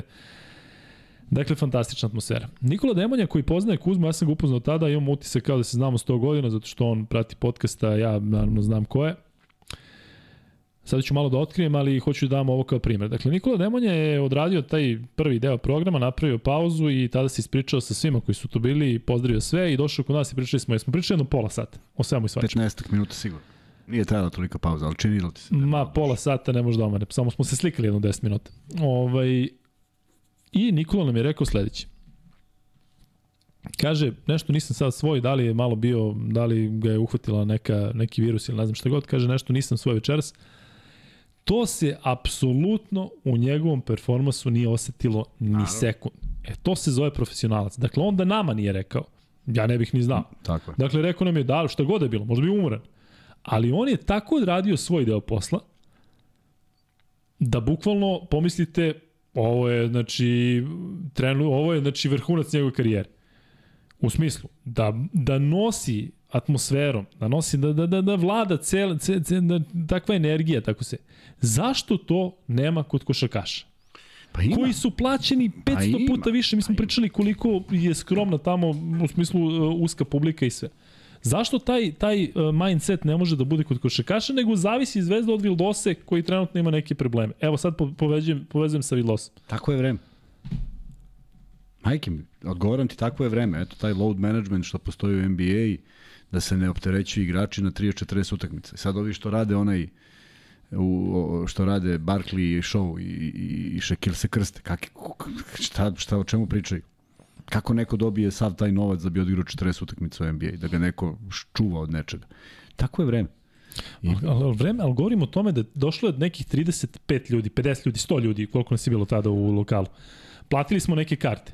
Je, sve stoji. I on je odradio I on kao da, nas da je 10.000. Tako, je. tako je. Pa za nemaš takvu obavezu preko, prema 8.000 ljudi i milion koji a, gleda, to je do čoveka, to. ovo je demonja, a možda neko drugi ne radi to. Možda neko drugi otalja, možda neko kaže ja zaslužujem da me gleda 300 ljudi, a ovde ima samo 100, neću ništa da radim. Što, nisi sreo takve? Nisi sreo malodušne u sportu, nisi sreo nama ne možeš pobedimo nikoga. Pa, kad bi ti nabrojao koji, ko su bili ti ljudi, ne bi verovao. Jer su oni slovili za pobednike. A ovamo, ej, dok ne krene, ej, ne vredi, ne može, ma ovo nema više, ma ovo nema veze sa životom. Ej, bre, sad ti kao treba nešto ga smiriš, a on, on, on u svakom ovaj, smislu treba bude taj koji tebe vodi, a ne ti njega. Tako da svašta je bilo, ali se manje pričalo o tome jer je manje, manje bilo pristupno po medijima.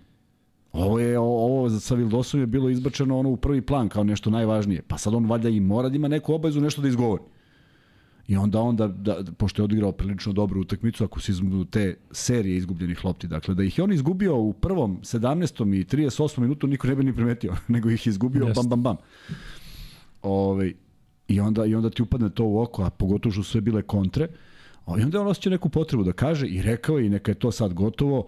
Meni, ako mene pitaš da li je da li ja mogu da se, da se poistovetim s tim, ne mogu, jer upravo ovo što si rekao, ja sam morao da uradim svojih 100%. Koliko god da je to u tom trenutku. Voleo sam sa igrača koji daju 100% i kad je van forme, ti vidiš da on tamo pada na nos, ne ide ga, ne ide ga, ali ne folira. A ovo je malo drugačije vreme, da mi moramo da razumemo otprilike to što on kaže, uprava mora da ima razumevanja jer je uložen veliki novac u njega i sad svi negde zavise od toga kakvog je on raspoloženja. Ne valja, ali je tako. Kad vidiš to što je Demonja radio, zaista onda nekako imaš manje razumevanja za ove koji imaju kakav god problem pa nešto. Ja ću sad opet da kažem nešto što onako malo, malo crnje, ali meni je otac preminuo dok sam radio uh, dok sam radio prenos filipinske košake na sport klubu 6, Filipinci. I ostavio sam ga u bolničkoj postelji i posljednje što mi je rekao, rekao idi radi. Posle me je dozivao, rekla mi je sestra da me je dozivao, pa za, za uvek sebi neću prostiti što se možda nisam našao njemu, uh, pored njega u tom trenutku. Ali da li mislite da sam prekinuo prenos u toj trećoj četvrtini ili sam odradio do kraja? Zaista ne hvalim sebe i kažem da, da ovo, nego samo mislim da košarkaši koji su toliko plaćeni da ti imaš dodatnu obavezu da to uradiš. Dakle, dodatnu obavezu. Ja da sam izašao tada iz kabine, mislite da mi neko sa sport kluba rekao, e, brate, što nisi ostavio predno, nego bi rekli, brate, hvala Bogu da ćeš da odeš.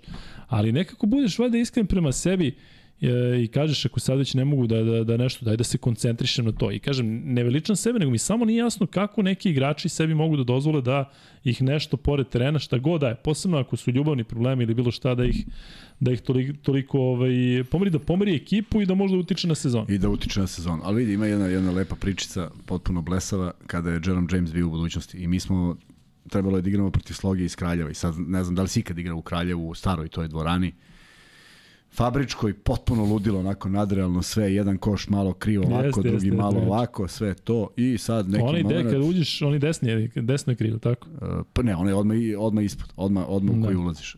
Ulaziš iza koša. Da. I, ovaj, I naravno, pošto je neki zimski period, tamo se ne greje, svi puše. Znači u dvorani puno dima, znaš i dolazi poluvreme, Jerome James ne može se sastavi, ne znam je li došao ili pošao i sad Boša, znaš, šta radite, šta je ovo i stvarno potpuno u pravu čovjek, mislim, ne igramo ništa. I okreni se, kaže, James, o čemu se radi? A on kaže, coach, ne mogu da igram, kaže, grebe me, grebe me grlo. Onda smo mi zamolili ljubaznu publiku u Kraljevu da ugase cigare Jamesa, i da. James. I onda su i ovi što ne puše su krenuli da, da, da, da, da, da. Da, to je bilo na, to je bilo na Cetinju. Mm. To je, ali drugom prilikom. Da, ono kad je pokao ovo, jel? Ne, ne, kad, je, kad je Boša s raspala s navijačima, ti znaš tu priču. Da, ba znam kako da ne znam. Ne znam stvarno. Sa Cetinja bukvalno imaš jedno deset dobrih ima, priča. Ima. Ove, ali bit će prilika da ćaskamo i o tome. Da se vratimo i na zvezdu. Red je. E, Facundo Campazzo Kuzma 15 poena, e, 1 od 5 za 3, 3 od 5 za 2. E, Campazzo imao 7 asistencije kao i, i Vildosa, dakle oni su od zvezdanih 20 imali 14. E, da li je to taj Campazzo, ponovo te pitam, e, koji je na svom nivou? I samo se nadoveži, da li misliš da bi Zvezda sa Kampacom da je bio tu od početka da, da je bio... Da, da, da, da, da. Nema šta, mislim, nema šta da pričamo kako bi to izgledalo. A, čak ne od samog početka, nego samo od onog od registracije, trenutka od trenutka kada je došao i sve to mnogo drugačije. A,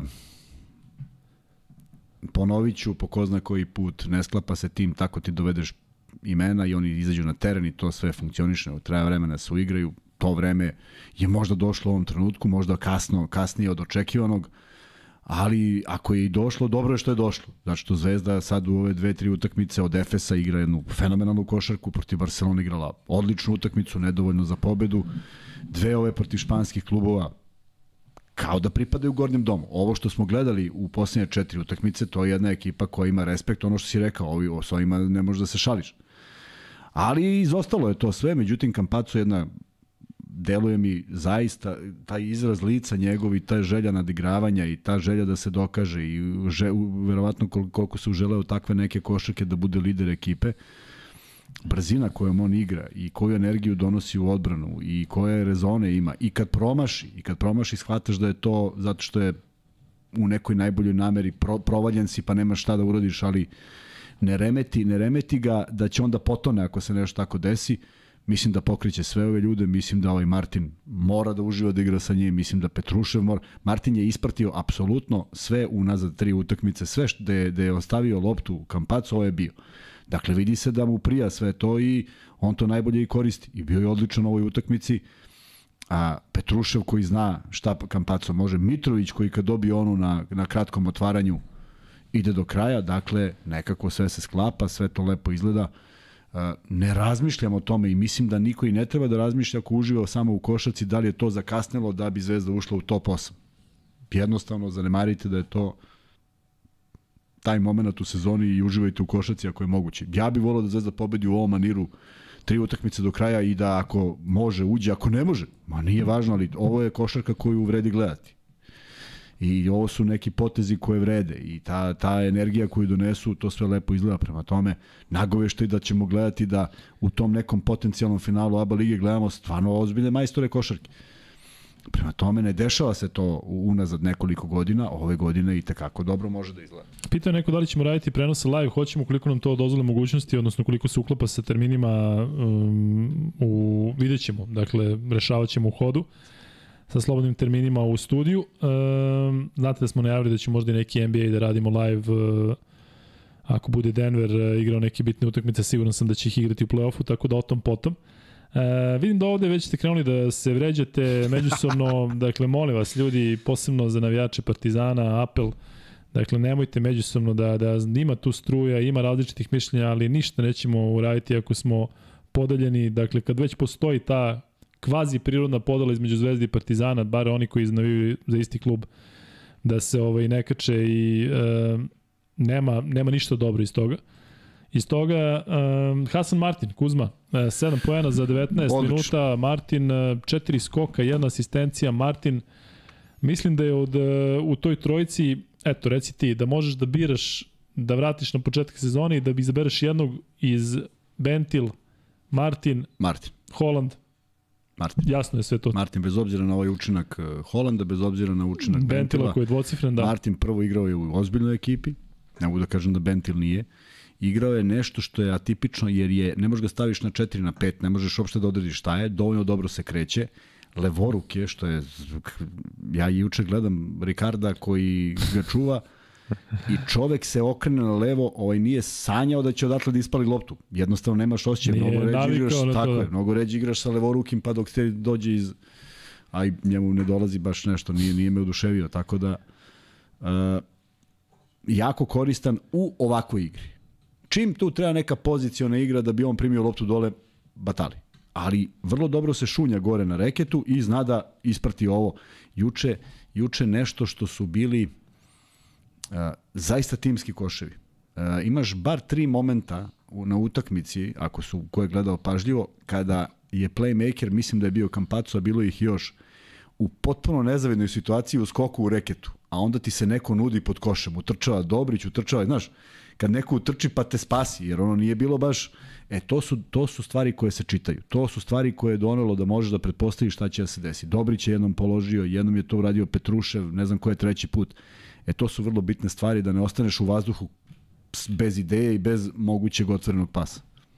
Um, dolazimo do Luke Mitrovića. Mitrović je odigrao 21 minut i imao 6 poena bez promaše za 2, 2 od 4 sa penala. Dakle, to je jedna Mitrovićevska partija, yes, tako? Dakle, yes. sve radi po PS-u. Ja bih rekao da je on uh, uz dužno poštovanje svih ostalih, bar prema mom mišljenju, najpouzdaniji igrač Crvene zvezde. Dakle, neko od koga znaš da nećeš vidjeti nerezonski šut, da nećeš vidjeti ništa, ništa što ispada iz onoga što je dogovoreno, što ispada iz sistema, tako da nema šta mnogo da komentarišem Mitrović, je li tako? Ne, Kuzma, ne, on, ne.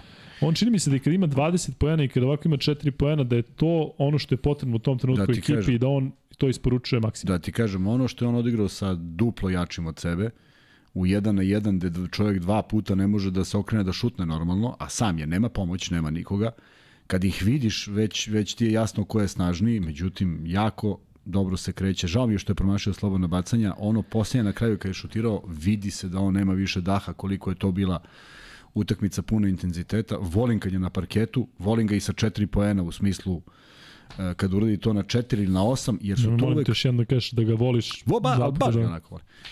Ovaj, da li je to 6 od 4, 2 od 4, 4 od 6, ali to su uvek slični brojevi. Nikad nije 3 od 18. Nikad, nikad se ne desi taj broj lopti. Drugo, uh, jako dobro rešao onaj ono kratko otvaranje. To se ovde piše. Ako da, ide do kraja, neki. bam, ako ne ide do kraja, to je dobar pas. Ako dođe do toga da je neko udvojio, on eto zna da pronađe te koji utrčavaju, koji ga dobro isprate, što je vrlo bitan, bitna stvar za tim, da se prepoznaje. Mislim da bi on bio jedan od najboljih košarkaša Evrope na svojoj poziciji, da ima bolje šut i da može da se ispika otvori u pop i da pogodi za tri. Da, da, da. Onda ima trojku. Nema onda šta nema. nema tako. šta, nema šta nema, Da. pa da. Ali evo, vidiš i tehnika šuta taka, neko mi, neko mi deluje da kada Ma izvodi je bacanje, da ga, da ga menjao. trzne čudno, posle. ma, kako on ga trzne celim Jest. telom. Čudno je, čudno je kako se ta tehnika menjala. Nije on Jeste, ovako šutirao jeste. kao klinac. Tako da, to negde, negde ne dati, ne dati baš sve, ali zamisli da ima šut za tri. Mm, A opet vraćamo se među goste koje smo imali, pa znaš kako je Čanak puni pali. Pa Milenko Topić kako puni pali. To su, to Milović su bili, kako je dao trojke. Mile, Mile leti ko, ko patriot. Pjum. E, e, Latović imao strašnu trojku. Bila Bolatić koji je stavio onako, a vidiš mu biceps ovako kada Da, pa nategne mora da ga pokaže. Da. Štep. da, da. Bilo je bilo E. mnogo igrača koji su šutirali za taj pick and pop, to, to je tad ustanovljeno kao jedna od najjačih, zato što je širio reket, zato što si imao dominantna petica dole, ozbiljno, ozbiljno lagani poslovi su bili u, u manje fizičkoj košarci. Kaže Laufer, moj sin kad igra basket stalno viče da je Mitrović. Pa da, on se neko nameće ono kao neko To, ko radi jasno, sve kako treba. radi, tako je. Ma, te, teško je da ti Mitrović, da imaš nešto da kažeš protiv Luke Mitrovića, to hoću da kažem. Znaš, imaš igrače kojima zameraš ovo, ono, bilo šta, fokus, zalaganje, šta god. Međutim, Mitrović ja mislim, primer za, za sve. Majstor, da. Um, mogli bi ponovo da ga dovedemo, a? Hoću. Nismo imali jednog gosta dva puta do sada, nismo? Nismo. Osim Miće i ovih naših, tako. E, dobro. Sledeći igrač o kojem ćemo pričati je, Mhm. nedostajalo ti je, prizni, Ognjen Dobrić, Kuzma, znam da hoćeš da pričaš o Dobriću. 2 od 7 je trojka i to je jedino što može da se nešto, bajde da kažem, zameri Dobriću. Da. Ali 5 Ali od sve 7 za 2, ostalo, 16 jeste. poena, dakle, Dobrić kakav je potreban zvezdi, takav je viđen juče. Da li misliš da Dobrić može da bude ovakav kada je recimo Nedović na terenu? Zato što je ovde on ipak imao neke njegove šuteve, imao malo veću slobodu u igri, opet imao neke njegove frljoke gde misliš šta je ovo, on ubaci, ubaci nešto. Vidi, ne bi, ali sad pazi ovo, ne bi, ali seti se onih nekoliko utakmica da je Nedović asistirao koliko su to bili precizni i dobre asistencije. Sad zamisli Dobrića koji mirno čeka i sačeka svoj, svoj, svoj dobar šut. Pogodio je kad je trebalo, što je vrlo važno, iako je ponovo otvorio utakmicu sa 0-3. Uh, meni je bitno da, da, da nastavi da nastavi da šutira. Ne može sad onda razmišlja kad ostane sam ponovo svi 4 sekunde do kraja, on sad šta će nešto bolje da smisliš. Tako da je e, vrlo bitno da preskoči tu, tu, tu neko nedostatak samopouzdanja ili loše otvaranje utakmice i što je on i uradio i zaista da u onim momentima kada je još postojala pretnja da se Valencija približi, ali e, nisu dozvolili igrači Zvezde prosto. E, Odličan je bio i defanzivno i svakako i Ne, nemam, nemam. Ja redko njemu mogu nešto prigovorim, osim da se nervira, još uvek se nervira za neke stvari kao da je da su nepopravljive. Utakmica se toliko brzo promeni da u, u savremenoj košarci da nema razloga da to preživljava na taj način. Samo se bez veze nervira. I gubi e, fokus. Piti ljudi da li dolazim sutra na Real. Nažalost ne dolazim zato što prenosim e, Bayern Monaco, tako da nema šanse da, da stignem. Posle ćemo naravno raditi podcast o 23.30 još jednom da naglasim. Dakle, Pitaju kad sutra... ja dolazim, ne pitam. Ne, ne, za tebe znaju da si ti ovaj, ono. E, dakle, sutra e, ćemo imati podcast kada Kuzma A završi kad su uopšte zvezdu. utakmice? Pa tebi je knap, eto kad su. Meni u 9, a? Mm, Da. Doću ja u 23.30 pa ću da pričam. To će brzo, Da. tamo Asfer igraju s 9 igrača, to će Ne, brzo. bez zezanja, nema, ovaj, nema guži. Ja verujem i znam taj, taj put od sport kluba do ovde, otvori se to negde oko 11 noću. Dakle, Asfel i Zvezda igraju u 21 čas, a Partizan dočekuje Real u 20.30. Ovi iz Evrolige izgleda da na stvarno zezaju, pa onda ovako bitne utakmice i za jedne i za druge stave u isto vreme. Ali dobro, šta da se radi? Da se nadamo da, da, da će to biti. Okay. Moja ova utakmica koju prenosim između Bayern i Monaka je od 19 časova, ali e, ja fizički možda mogao da stignem na drugu ili četvrtinu ili recimo na polovreme, ali znajući ove mečeve koje ja prenosim, Bayern Monako igrate produžetak, ili ako vam dakle dionice igrate da će, 82 da, će, da će meč da traje više od 2 sata. To je provereno, dakle ne može da omane. E, e sad, što se tiče igrača, Kuzma, dolazimo do vrlo zanimljive statistike Ajde. Stefana Markovića. Ajde. E, ako očekujete da, ćete, Ku- da će Kuzma da kaže bilo šta afirmativno ili negativno, neće sigurno, 20 minuta, 0 poena, 0 od 0 za 2, 0 od 0 za 3, 0 0 sa penala, dva skoka, dve ukradene. Dobro. I indeks, šta kaže tamo? Ne indeks, nego Indeks ili plus minus? Indeks minus 1, Dobro. a plus 11 zvezda sa njim na terenu. Odlično. Pa šta fali? Šta ćeš lepše? Šta šta da fali? Pa samo dva, tri igrača su imala više od njega taj plus minus. E, plus 18 Kampaco, plus 15 Luka Mitrović i plus 13 Filip Petruša. Pa da. Posle imam jedno pitanje za tebe. Uh, apropo onoga što smo pričali, koga bi zadržao u Zvezdi, pa ovo, pa ću ja da se nadožem za Partizan, biće zanimljivo, uh, hoćemo da čujemo i vaše mišljenje. Nema šta da se držimo na Stefanu Markoviću bez zezanja, dakle, Nemo, Marković je tu. Ovaj, da je trebalo da šutne tri trojke, on bi šutnuo. On bi šutnuo, tako, tako je, Dakle, tako. Nije, nije on izbegavao šut, pa da kažeš sad kad se A on nije sakrivao. bio u poziciji, tako. E, Nikola Ivanović je odigrao 9 minuta i dao 3 poena, imao je e, E, dobra Jednu rola, dobra rola jeste. posle pauze. Dobra rola, sigurnost, bez izgubljenih lopti, sa onim jednim slobodnim bacanjem, sa jednim košem. baš je nezgodan moment kad se povredio, kad je O, odsustvo u smislu Da, da, da. da se ta dešava stvar što dolazi Vildosa, Nedović se oporavlja, pa onda dolazi Svašta menja se, desilo, trener. jest.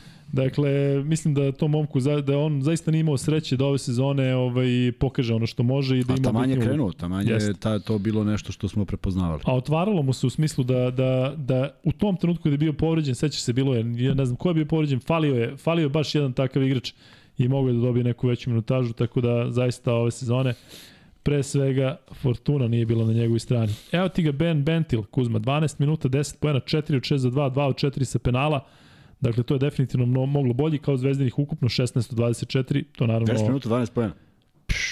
12 minuta 10 pojena, pre će biti da je to. Opet, opet, pš. Nije šutno za 3. Ja volim kad Bentil ne šutira za 3. Nije bilo pozicije, nije bilo pozicije, ali ono Ma i dvojku kad ima pozicije, samo da je nešto on, ili kad ude, u, u drugi obruč kad udari, ide iz ili, ili iza table ili ide Koliko iza kadra. Bentil je imao dva skoka. Jedan u napadu ili dva u napadu. Oba u napadu. Oba u napadu, pa to, Da. to je genijalno. Ono kad mu padne lopta u ruke pa zabeleži sedam, to Kad sam ja bio klinac, kad smo bili u Tadiću, i onda kad daš dva poena, pa ti Tadija kaže, znaš koga je dao? Oba. E, e, I dolazimo do Filipa Petruševa, Kuzma, Filip je ležimo, ležimo Valencija. 20 poena, 7 skokova. Da, nešto Ja zaista slično. mislim da taj momak kada bi mogao da bude konstantni, da bi mogao da bude kandidat za MVP. Pa, e, okej, ali on, on je sad u, ne samo što je u godinama, nema on malo godina, ali nema ni mnogo godina za neko iskustvo. Ovo je prva sezona u Euroligi. Ne možeš da očekuješ da to baš bude samo uzlazna putanja, ali već mora da stiče neko iskustvo i da igra na ovom, sa ovom energijom. Ej, on kad skoči, znaš koliko on skoči? To se najbolje vidi kada si u dvorani. Samo promenili mesto dakle prenosite. Ste vi sad nešto s druge strane? Ste vi Ne, cele, cele sezone smo s druge strane. cijela sezona? Da. Prošle godine je bilo na ovoj strani, je tako? godine, I kod sad klupe. Zvezde, sada da, sad je kod klupe bolje? gostiju. Mislim da je bilo ono tamo, kod klupe Zvezde bilo bolje. Bolja Lepše energija. smo sedeli. Jeste bili malo, malo više podignuti, aha, malo tako? više, da. da. Ali svejedno, i onda, i onda kako gledaš iz tog dela, faktički si malo iznad terena, ono kad se odbije lopta, to, to čovjek metar iznad koša bez veze, nema, nema šta da pokušaš neko da skoči. Pokazuje, pokazuje Mumbru ispod koša kao, št, ja ne znam šta, šta znači to. Oh, ma majke mi, znaš kako izgleda. Tako da on to mora da koristi stalno, ne selektivno. I vrlo interesantno da se dva puta dešava protiv Valencije. Njegov učinak u prvoj i drugoj je neverovatan. Ajde sad, evo sad ide utakmica protiv Asvela. Nije to sad utakmica, ja igramo s ovim Asvelom, znaš, oni su posljednji na tabeli, bla, bla, truć. E, kad smo kod Asvela, jesi pročito neki podatak da ih je tužilo neko... Vidi da sam zbog onog, e, kao nisu isplaćivali igrače, nešto, ne, Dekolov su, Da, i nešto uzeti bodovi. jest. Dve pobjede su im oduzete u francuskom prvenstvu. Da li sada treba da reaguje Euroliga? Zbog toga što se dešavalo u domaćoj ligi. Reagovala i su za slučaj Topić. Da li treba da reaguje Euroliga za malverzaciju s novcem? Pa su reagovali u slučaju toga. Jesu, i rekli su da ne, da ih to ne zanima, ali reagovali su. Da ništa nije bilo ili već nešto. Da. Da li treba da re- reaguje Euroliga? Da li stvarno kad bi se nešto pojavilo da bi se nešto desilo i tamo? Toni u parkiru neko kaže, e, više nisi deo Euroligi. Da, ali čudno je u smislu, taj Asvel što više vreme prolazi, čini mi se da sve manje zaslužuju da budu u Euroligi. Dakle, Ja sa tom mislim. prodajem kluba i čime god, mislim da je njima FIBA, Liga šampiona prava mera, Eurocup eventualno. E, hvala puno na donaciji Cynical Skeptiku koji kaže da li su SK i Euroliga razgovarali povodom problema sa zvukom tokom prenosa Partizan Barsa. Jedino što je bilo gore od sudija bilo je audio, bilo je audio produkcija. Stvarno se nešto dešavalo. da. Nešto se dešavalo, ali kažem, e, verovatno ima veze i sa svim tim e, specifičnim uslovima. E, nije sigurno ništa da sport klub radi to, vam garantujem, zato što znam Ma kako jok. sport klub funkcioniše, dakle, e, te neke tehničke stvari jednostavno Ljudi, su... to se stalno namešta. Da, i to Ljudi, se to dešava i se kod nas. Evo vidite ovde u, u studiju, nekada se ne čuje zvuk, ne, dakle, što bi, što E, ali, neko ali, rekao, a, a dešava ovo se. stoji, ovo stoji pa stoji. Da. Tamo se svaku utakmicu sve iznova kači Jeste. i priključuje. Zamisli koliko ljudi prođe i možda zakačio neke kabel i gotovo, neko, nema da. zvuka. Tako da, Verujte, Možda je ovaj, došao da, neki zvezdaš i gazio kao Gazio da se, to... seko sekirom. Da, da. Ove, uh, fali nam još 19 lajkova do 700 lajka koji će O, biti u vezi Johna čoveč. Holanda. A mi smo ispucali Kuzma sve igrače Crvene zvezde, dakle za Petruševa ili imaš Ajmo, ispo, nešto? ajmo iz početka.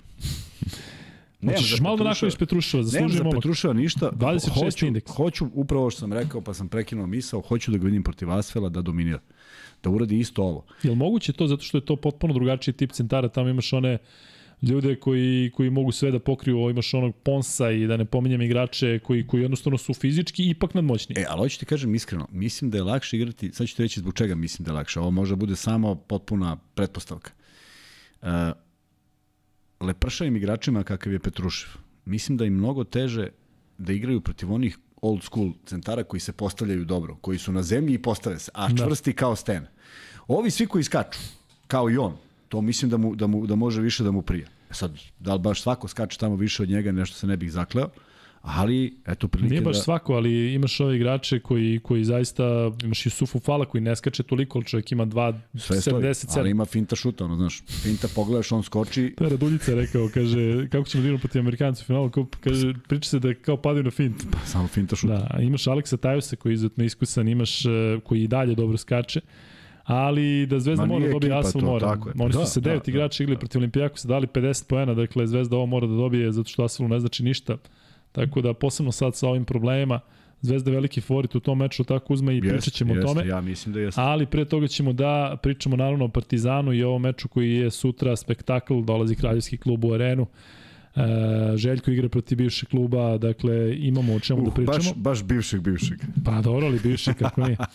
E, da misli koliko je od kada je bio u Realu, koliko je mečeva, bilo? je li bilo jedno 100 mečeva protiv Reala sa njegovim eh, Panatenikusom i sa, sa Fenerbahčeom, Dakle, sigurno ja mislim da je ne vodio može jedno- sto, mnogo je sto. Možda sa nekim finalnim ovim nekim playoff serijama, serijama da. možda, da. E, jesno mnogo sto. E, ali bilo je, bilo je, ne, bilo je, mi sad se vratimo za ovu posljednju dekadu kako se igraju utakmice, ali ona Liga šampiona je bila mnogo drugačija. Jeste. Kup šampiona. Kup šampiona. Da, mnogo se lakše išlo i mnogo, mnogo je to, to je išlo postepeno, pa sve više timova, pa je bilo onih grupa, pa si u grupi igrao četiri, pa si ukrštao, pa opet, znači osam, šest igrao, pa si opet igrao šest, pa si ulazi u play-off. Došli smo do 700. lajka, što znači da pitamo u vezi Johna Hollanda. Pitanje je, znate da je John Holland poreklom portorikanac, ali je rođen u Americi. Rođen je u Njurku. U kom kraju u uh, Njurku je rođen uh, John Holland? Kom broju? Da, zato što znate da ja volim da se zezam sa tim delovima grada i delovima generalno, tako da u kom poznatom kraju uh, Njurka je rođen uh, John Holland.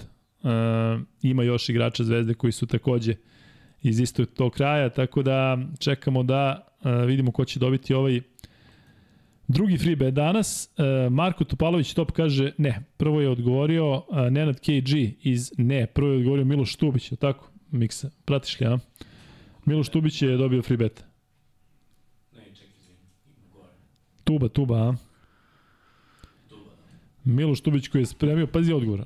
Novembar 6. 1988. Bronx, New York. Vidi se da je ovaj kopirano, ali Tuba šta ja ti Sliku, kažem. i sliku posla. Zaslužio si ovaj... Uh, Setio free se čovjek, setio se. Da, da. Ne, nego je odgovorio sve, pa tipa šta god da pitam u vezi njega, tu će biti odgovor. E, tu šalješ na lukejkuzma.gmail.com Kada dođemo do 1000 lajka, Kuzma će da ispuca jedan neko šarkaški free bet. Ili može? Može, I mogli bi ljudima da preporučimo i knjige i filmove i ove. može, Ti si ekspert za knjige, ja ću ovo drugo, nemoj da brineš ništa. može. E, e sad, Kuzma, imam ja pitanje za tebe i imam za naše gledalce. Za grobare, ja ću da odgovaram uh, moje što se tiče Partizana, a Kuzma što se tiče Zvezde. Dakle, pitan sam te jednom kojih šest igrača bi zadržao za sledeću sezonu. Pa i sada, dopunjujem, pa onda moram da idem do WC-a tamo dok ti odgovaraš za Zvezdu. Dakle, pitanje za Zvezdaše je isto kao i za Partizanovci. Dakle, kojih pet igrača bi zadržali ove sezone, pišite nam, plus kojih pet igrača biste doveli da imate bukvalno ono Ne, otvoren, budžeti pa se. kako ćeš to čoveče? Ne, ali ne, možda, ne mislim da dovedeš Luku Dončića. Dakle, kojih pet igrača Pa gde iz sad da Euroligi? ideš? Sad oni da pišu, a ti da ideš. Možda onda WC, šta radimo ultra Pa i da ovo pišu, voda. ko će čitat? Ja ću evo da kažem, evo da vidiš kako to izgleda. Dakle, pa ne nek pišu između sebe ovde i ja ću posle da pročitam, nije problem. Dakle, pet igrača koji bih ja zadržao iz Partizana za sledeću sezonu. A pazite sad moje kombinacije. Zadržao bih pet stranaca, a doveo bih pet domaćih igrača. To je dakle moja računica. Maštamo, igramo se, zezamo se, dakle pet igrača koje zadržavam za sledeću sezonu iz Partizana. Exum, Ledej, Lesor, Panter, Naneli. Dakle, to je moja petorka, a dovodim, ne znam ko će da nam igra playa, ali nema veze. Nema veze što je u NBA ligi, ali Bogdanović, Veseli, njih gledamo kao naše, Milutinov, Lučić i ne znam da li Vanja ili Jaramaz, pa ajde nek ne budu ni Vanja ni Jaramaz, nego neka bude ja bih ljudi kunom se vratio Lovernja. Kakav da je, dakle njega gledam kao da je naš i on gleda Partizan kao svoj. Dakle, to je mojih 5 plus 5. Kuzma, sada ti ovaj, imaš taj težak zadatak da kažeš koga zadržava si zvezde ove sezone, pet igrača i kojih pet bi doveo, ti već imaš pola odgovora, znamo da bi doveo Kalinić i Davidovca, priznaj. A, Davidovcu bi vratio sigurno, da. Koga bi zadržao od peti, od kojih pet ili šest si rekao? Pet, pet. Pet. Pet. Zadržao bi Kampaca. Zadržao bi Dobrića. Mitrovića, to je tri. Petrušev, četiri.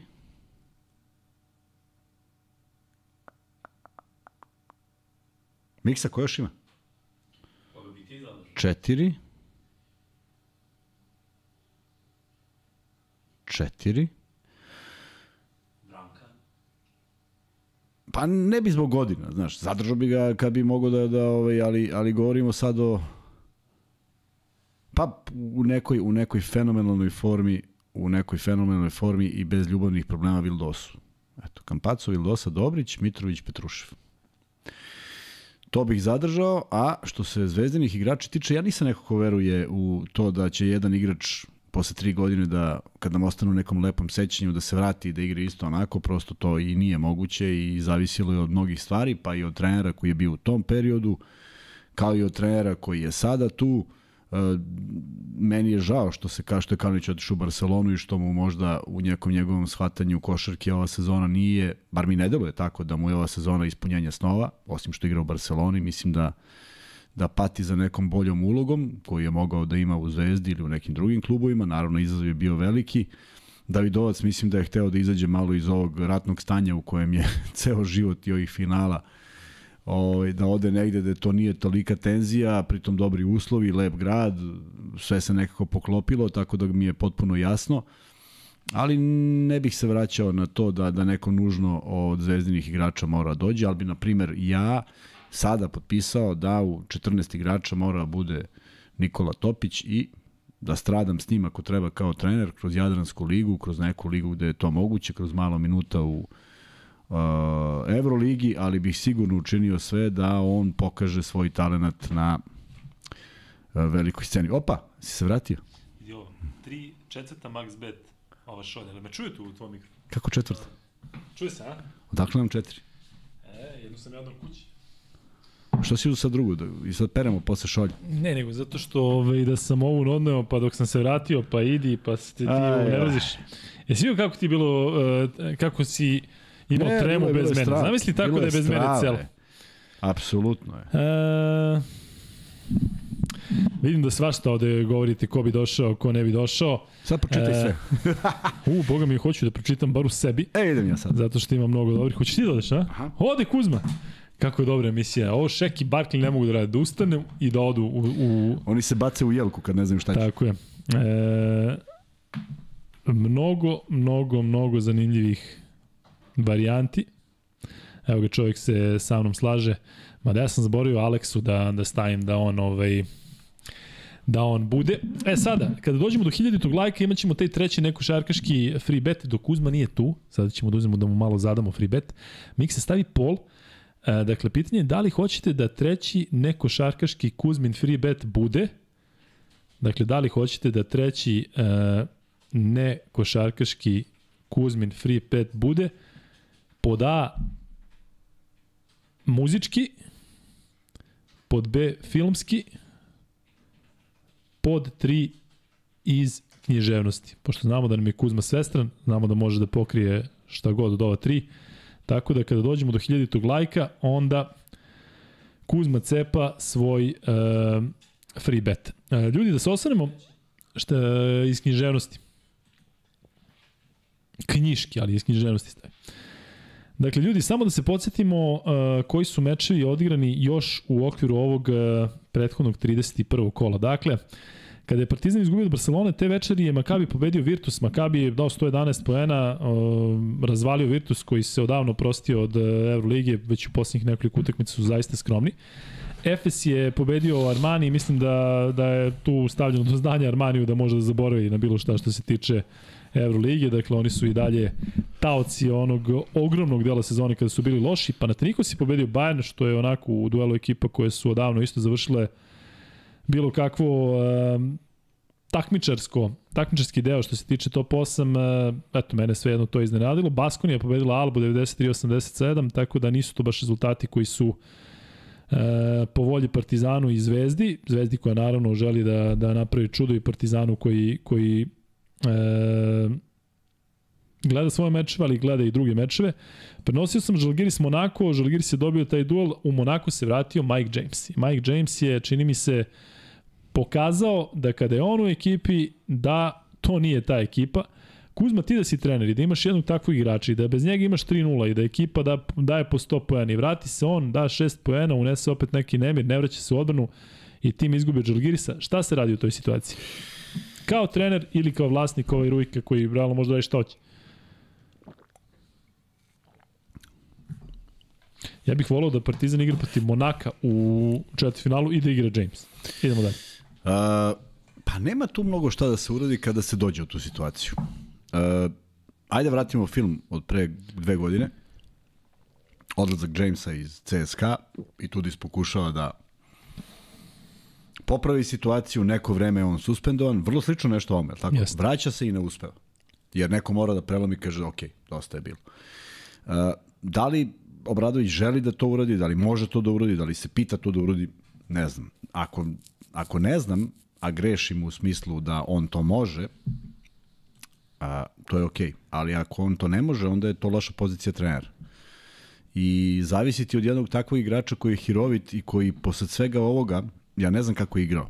Je li igrao drugačije ili igrao isto? Igrao je svoje, opet njegovi ti šutevi, pa onda deluje kao da je nezainteresovan, pa onda traži faul, padne, pa se ne vraća u odbranu, pa ovi rešavaju, dakle ima minus 2, a ovde plus 2, znači 4 poena bukvalno od njega u 20 sekundi. To je to ono što si pričao njegova druga sezona, neko zasićenje, neka, neka, neki neizdrž očigledno, jer on pravi takve iste probleme već to ne može bude slučaj, ne možeš, znaš, ne možeš sa, sa više trenera i na više mesta. Tako da, Da, ali stvarno je svuda tako. Kada pamtim i oni sa Tao Keramikom igrao svoje vremeno, današnjim basketom igrao je i Final Four, pa onda u Panateniku su jedna odlična sezona, pa onda opet padaju u Armaniju, dakle, on najbolji strelac Lige, njemu zviždi publika, on odlazi, odlazi samo da, u slačionicu.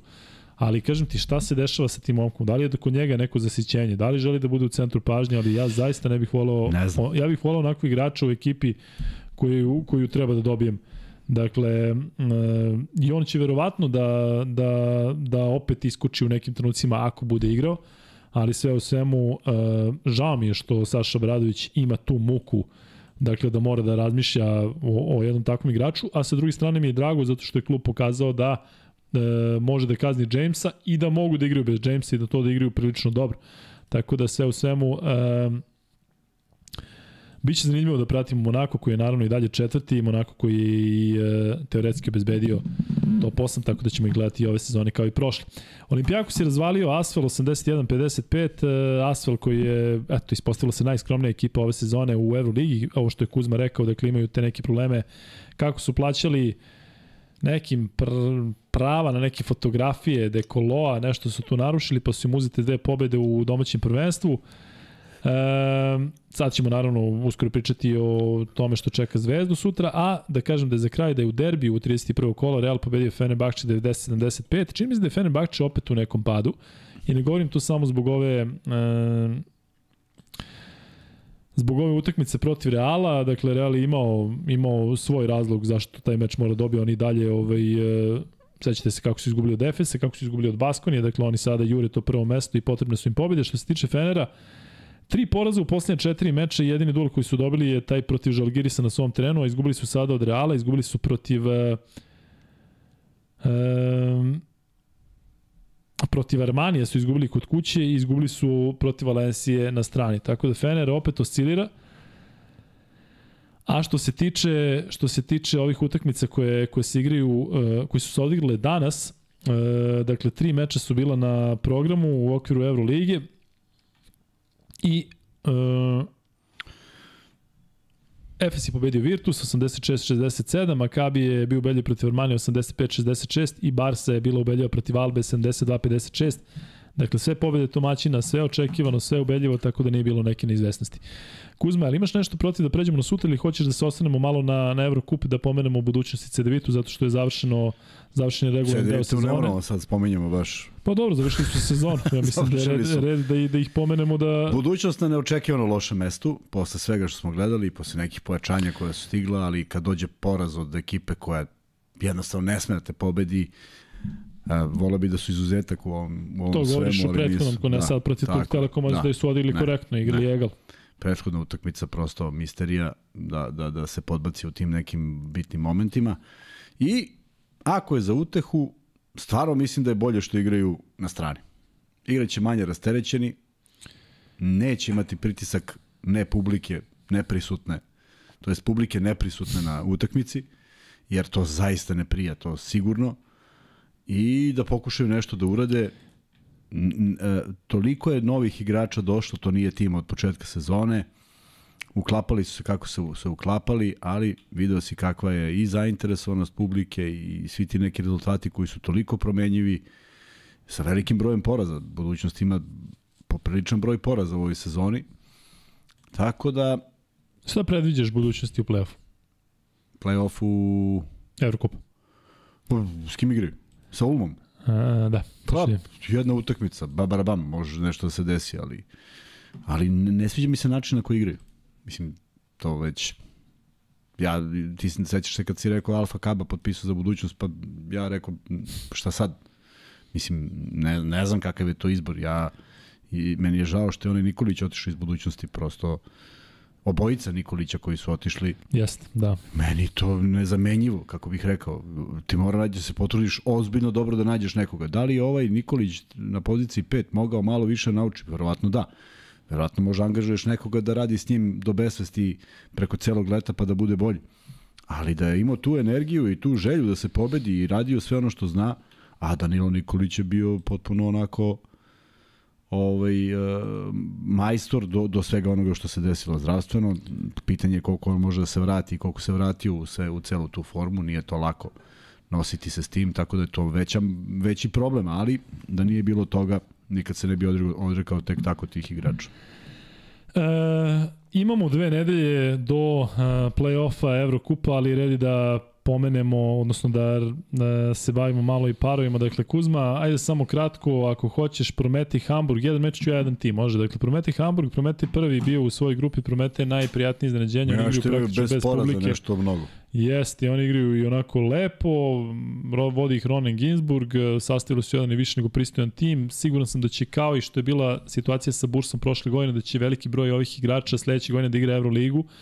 Um, protiv Hamburga će biti m, apsolutni favorit, ali što kažeš, jedna utakmica može svašta da se desi. O, sa Hamburgom teško, ali može se desiti. Pa i sad, Letkabelis, Paris. Ne znam koliko si pratio Paris ove sezone, ali oni sa trenom Vilom Viverom igraju naj, e, najslabiju odbranu na svetu. Dakle, oni ljudi idu da, da daju koš više, pa makar 120 primili poena. I e, mislim da će ovde, e, moje mišljenje da će e, faktor trenera biti jako značan, kao i forma, Letkabelis igra bolje, igra pred svojom publikom. Čanak, gledamo malo to i onako... Zaslužili su, odigrali su završnicu jako Jest. dobro, od lošeg starta i nekih tamo 3-5, 3-6, 3-7, nešto što je tako loše izgledalo, došli su do ovaj, dobre pozicije, zaslužili su, mislim da je tamo publika dobra, da je atmosfera dobra, ono što nam je Čanak pričao ovde jeste da stvarno svi tamo žive za košarku, da, da, da, da je to jedna rasterećena priča, mislim da mogu da doguraju na bazi te rasterećenosti, ovo je protivnik po meri, da li će u onom tamo sledećem kolu, u stvari treba doći do sledećeg kola, s obzirom da je bilo puno iznenađenja i prošle godine, ajde da vidimo, voleo bi da prođe, voleo bi da napravi neki rezultat, voleo bi da ode što dalje, baš zbog njega, pa da vidimo da li će uspeti. Juventud London, to je zapao meč meni. Juventud protiv Londona, baš me zanima šta bi Euroliga volila ko da dobije taj meč. Hmm. Da li Juventud koji je nekad bio šampion Euroligi ili London koga guraju tako pomalo i na silu, ali mislim da je tu izvesno da će tim iz Badalone e, proći dalje. Opet, e, evo, kratko Kuzma, Ulm budućnost, dakle jedna utakmica, budućnost igra na strani. Jedna e, utakmica, sve ili ništa, ajde neki fokus, ajde nešto da se zabeleži e, kakva takva uteha u ovoj jednoj sezoni koja nije bila blistava. E, tek posle toga stiže play-off koji je takođe će biti komplikovan i ovo bi bila prava prilika da oni malo naprave neku igru koja bi mogla da konkuriše, kon, da konkuriše i u play-offu u Jadranske ligi. Znaš šta je tu interesantno? Što Fedor Žugić igra za Ulm protiv svoje budućnosti, tako da će meni biti interesantno da ispratimo taj duel. I sad dolazimo do čini mi se najinteresantnijeg para ovako generalno gledajući Gran Canaria Bursa, Gran Canaria koja je bila prva u svojoj grupi, Bursa koja je prošle godine igrala finale, a završila je kao osmo u svojoj grupi, protiv Bereša su odigrali jako dobro, do duše Breša nije e, neka ekipa protiv e, koje treba da se plašite, ali za mene će to biti najinteresantniji duel i ne bi me iznenadilo da bude zanimljivo i da na kraju Bursa možda i zabeleži triumf, da i na taj način praktično izvuku sezonu. Tebi ovakav format Evrokupa daje mogućnost Mogu da, da ti u 40 minuta izvučeš sve. Tako je. Dakle, loš nastup tokom cele godine. Ako Bursa pobedi, biće da su planski dva puta za dve godine radili to da budu, da startuju namerno sa osmog, pa su tempirali da. Ovi, sve je moguće u toj jednoj utakmici, doduše Gran Canaria je ipak pokazala i veliku ozbiljnost Jest. i dobar, ovaj, i dobar je sastav i igraju ozbiljno i žele u krajnjem slučaju da ovu sezonu obeleže na taj način. Mislim da su glavni favoriti ne mora ništa da znači, deluje mi na osnovu ovoga svega što smo gledali. Sa druge strane je Promete i Burg, je li tako? Ko je bio ispod, ispod Gran Canaria? Ko je bio drugi? Aha. Ne, pojem, sad treba da je. Dok vidim to ima prođe... Ne, ne, pa ovi drugi su isto bili dobri. e, Turk Telekom. Pa eto, eto, da, eto, to su, to su, to su možda i nisu slučajno na tim mestima, ali ovo ukrštanje mora da donese neko iznenađenje. Posto po, po verovatnoći kako smo gledali i prošle godine, bilo je puno iznenađenja, mislim da će makar jedno biti i sada, a onda ko zna kako će izgledati taj kostor i ko, ko, ko će na kraju doći do, do Pa znaš šta, za mnoge klubove jednog dobrog rezultata to su sve klubovi kojima je to neki maksimum takmičenja. Dakle, ima tu čast izuzetaka koji bi mogli možda da sa tradicijom kakvu Juventud ima ili Gran Canaria koja je već igrala Euroligu, ali malo je tu još klubova koji su na tom nivou. I dalje nisi pristalica ovakvog formata, tako? Nisam. Nisam, zato što baš zašto si rekao, cela se sezona sve yes. 40 minuta, pa šta smo radili onda, ajde igramo 40 minuta. A može se desiti pa... da te nedelje imaš jednog, jedan ima virus, dvojica povođenih i sve ti padne u vodu što si gradio. cela sezona.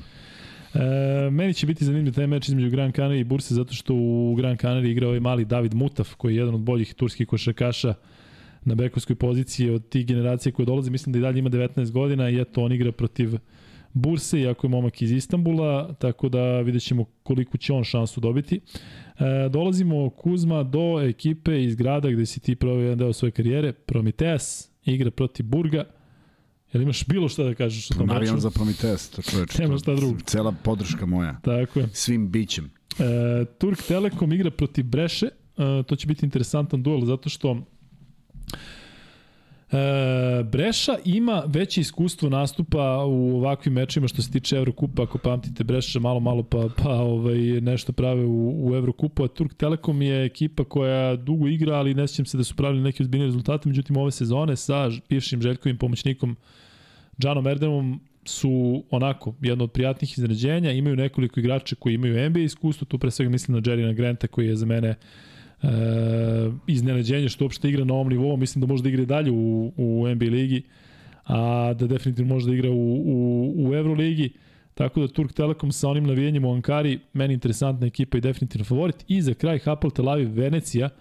Dakle, Venecija mislim da ima šansu, iako je Hapoel zaista odigrao fantastičnu sezonu sa ovom posljednjom pobedom od skoro 40 pojena razlike u fantastičnoj atmosferi i to će biti milina za, plać, za praćenje, ali Hapoel Tel Aviv je debitant u Evrokupu, Venecija igra toliko dugo u Evrokupu, ne znam u kakvom je stanju spisu i da li će igrati, jedno vreme je pauzirao zbog povrede, ja obožavam onog njihovog e, Michela Vota, ima tu i brojnih igrača koji imaju evroligaško iskustvo, imaju trenera kao Neven Spahiju, Kuzma Spahina Venecija ili uh, Deni Frankov, uh, Hapoli iz Tel Aviva i sa tvojim Jordanom McRaeom. Jordan McRae, Jordan, da, da, Ipak će, da, sve, sve stavljam na njih. Sve, a? I ovo, ovo sve što skupljamo sve, na Paypalu i sve. Sve, sve, ma neki ide život. Ja mislim da će Venecija to da napravi iznenađenje. Colinov brat, Jordan McRae.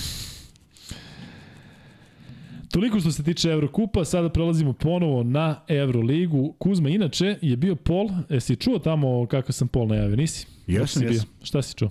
A, kad sam ja bio tamo, nisi. Da. Pol je sledeći, ima skoro 500 glasova. Da li hoćete da treći neko šarkaški Kuzmin free bet bude?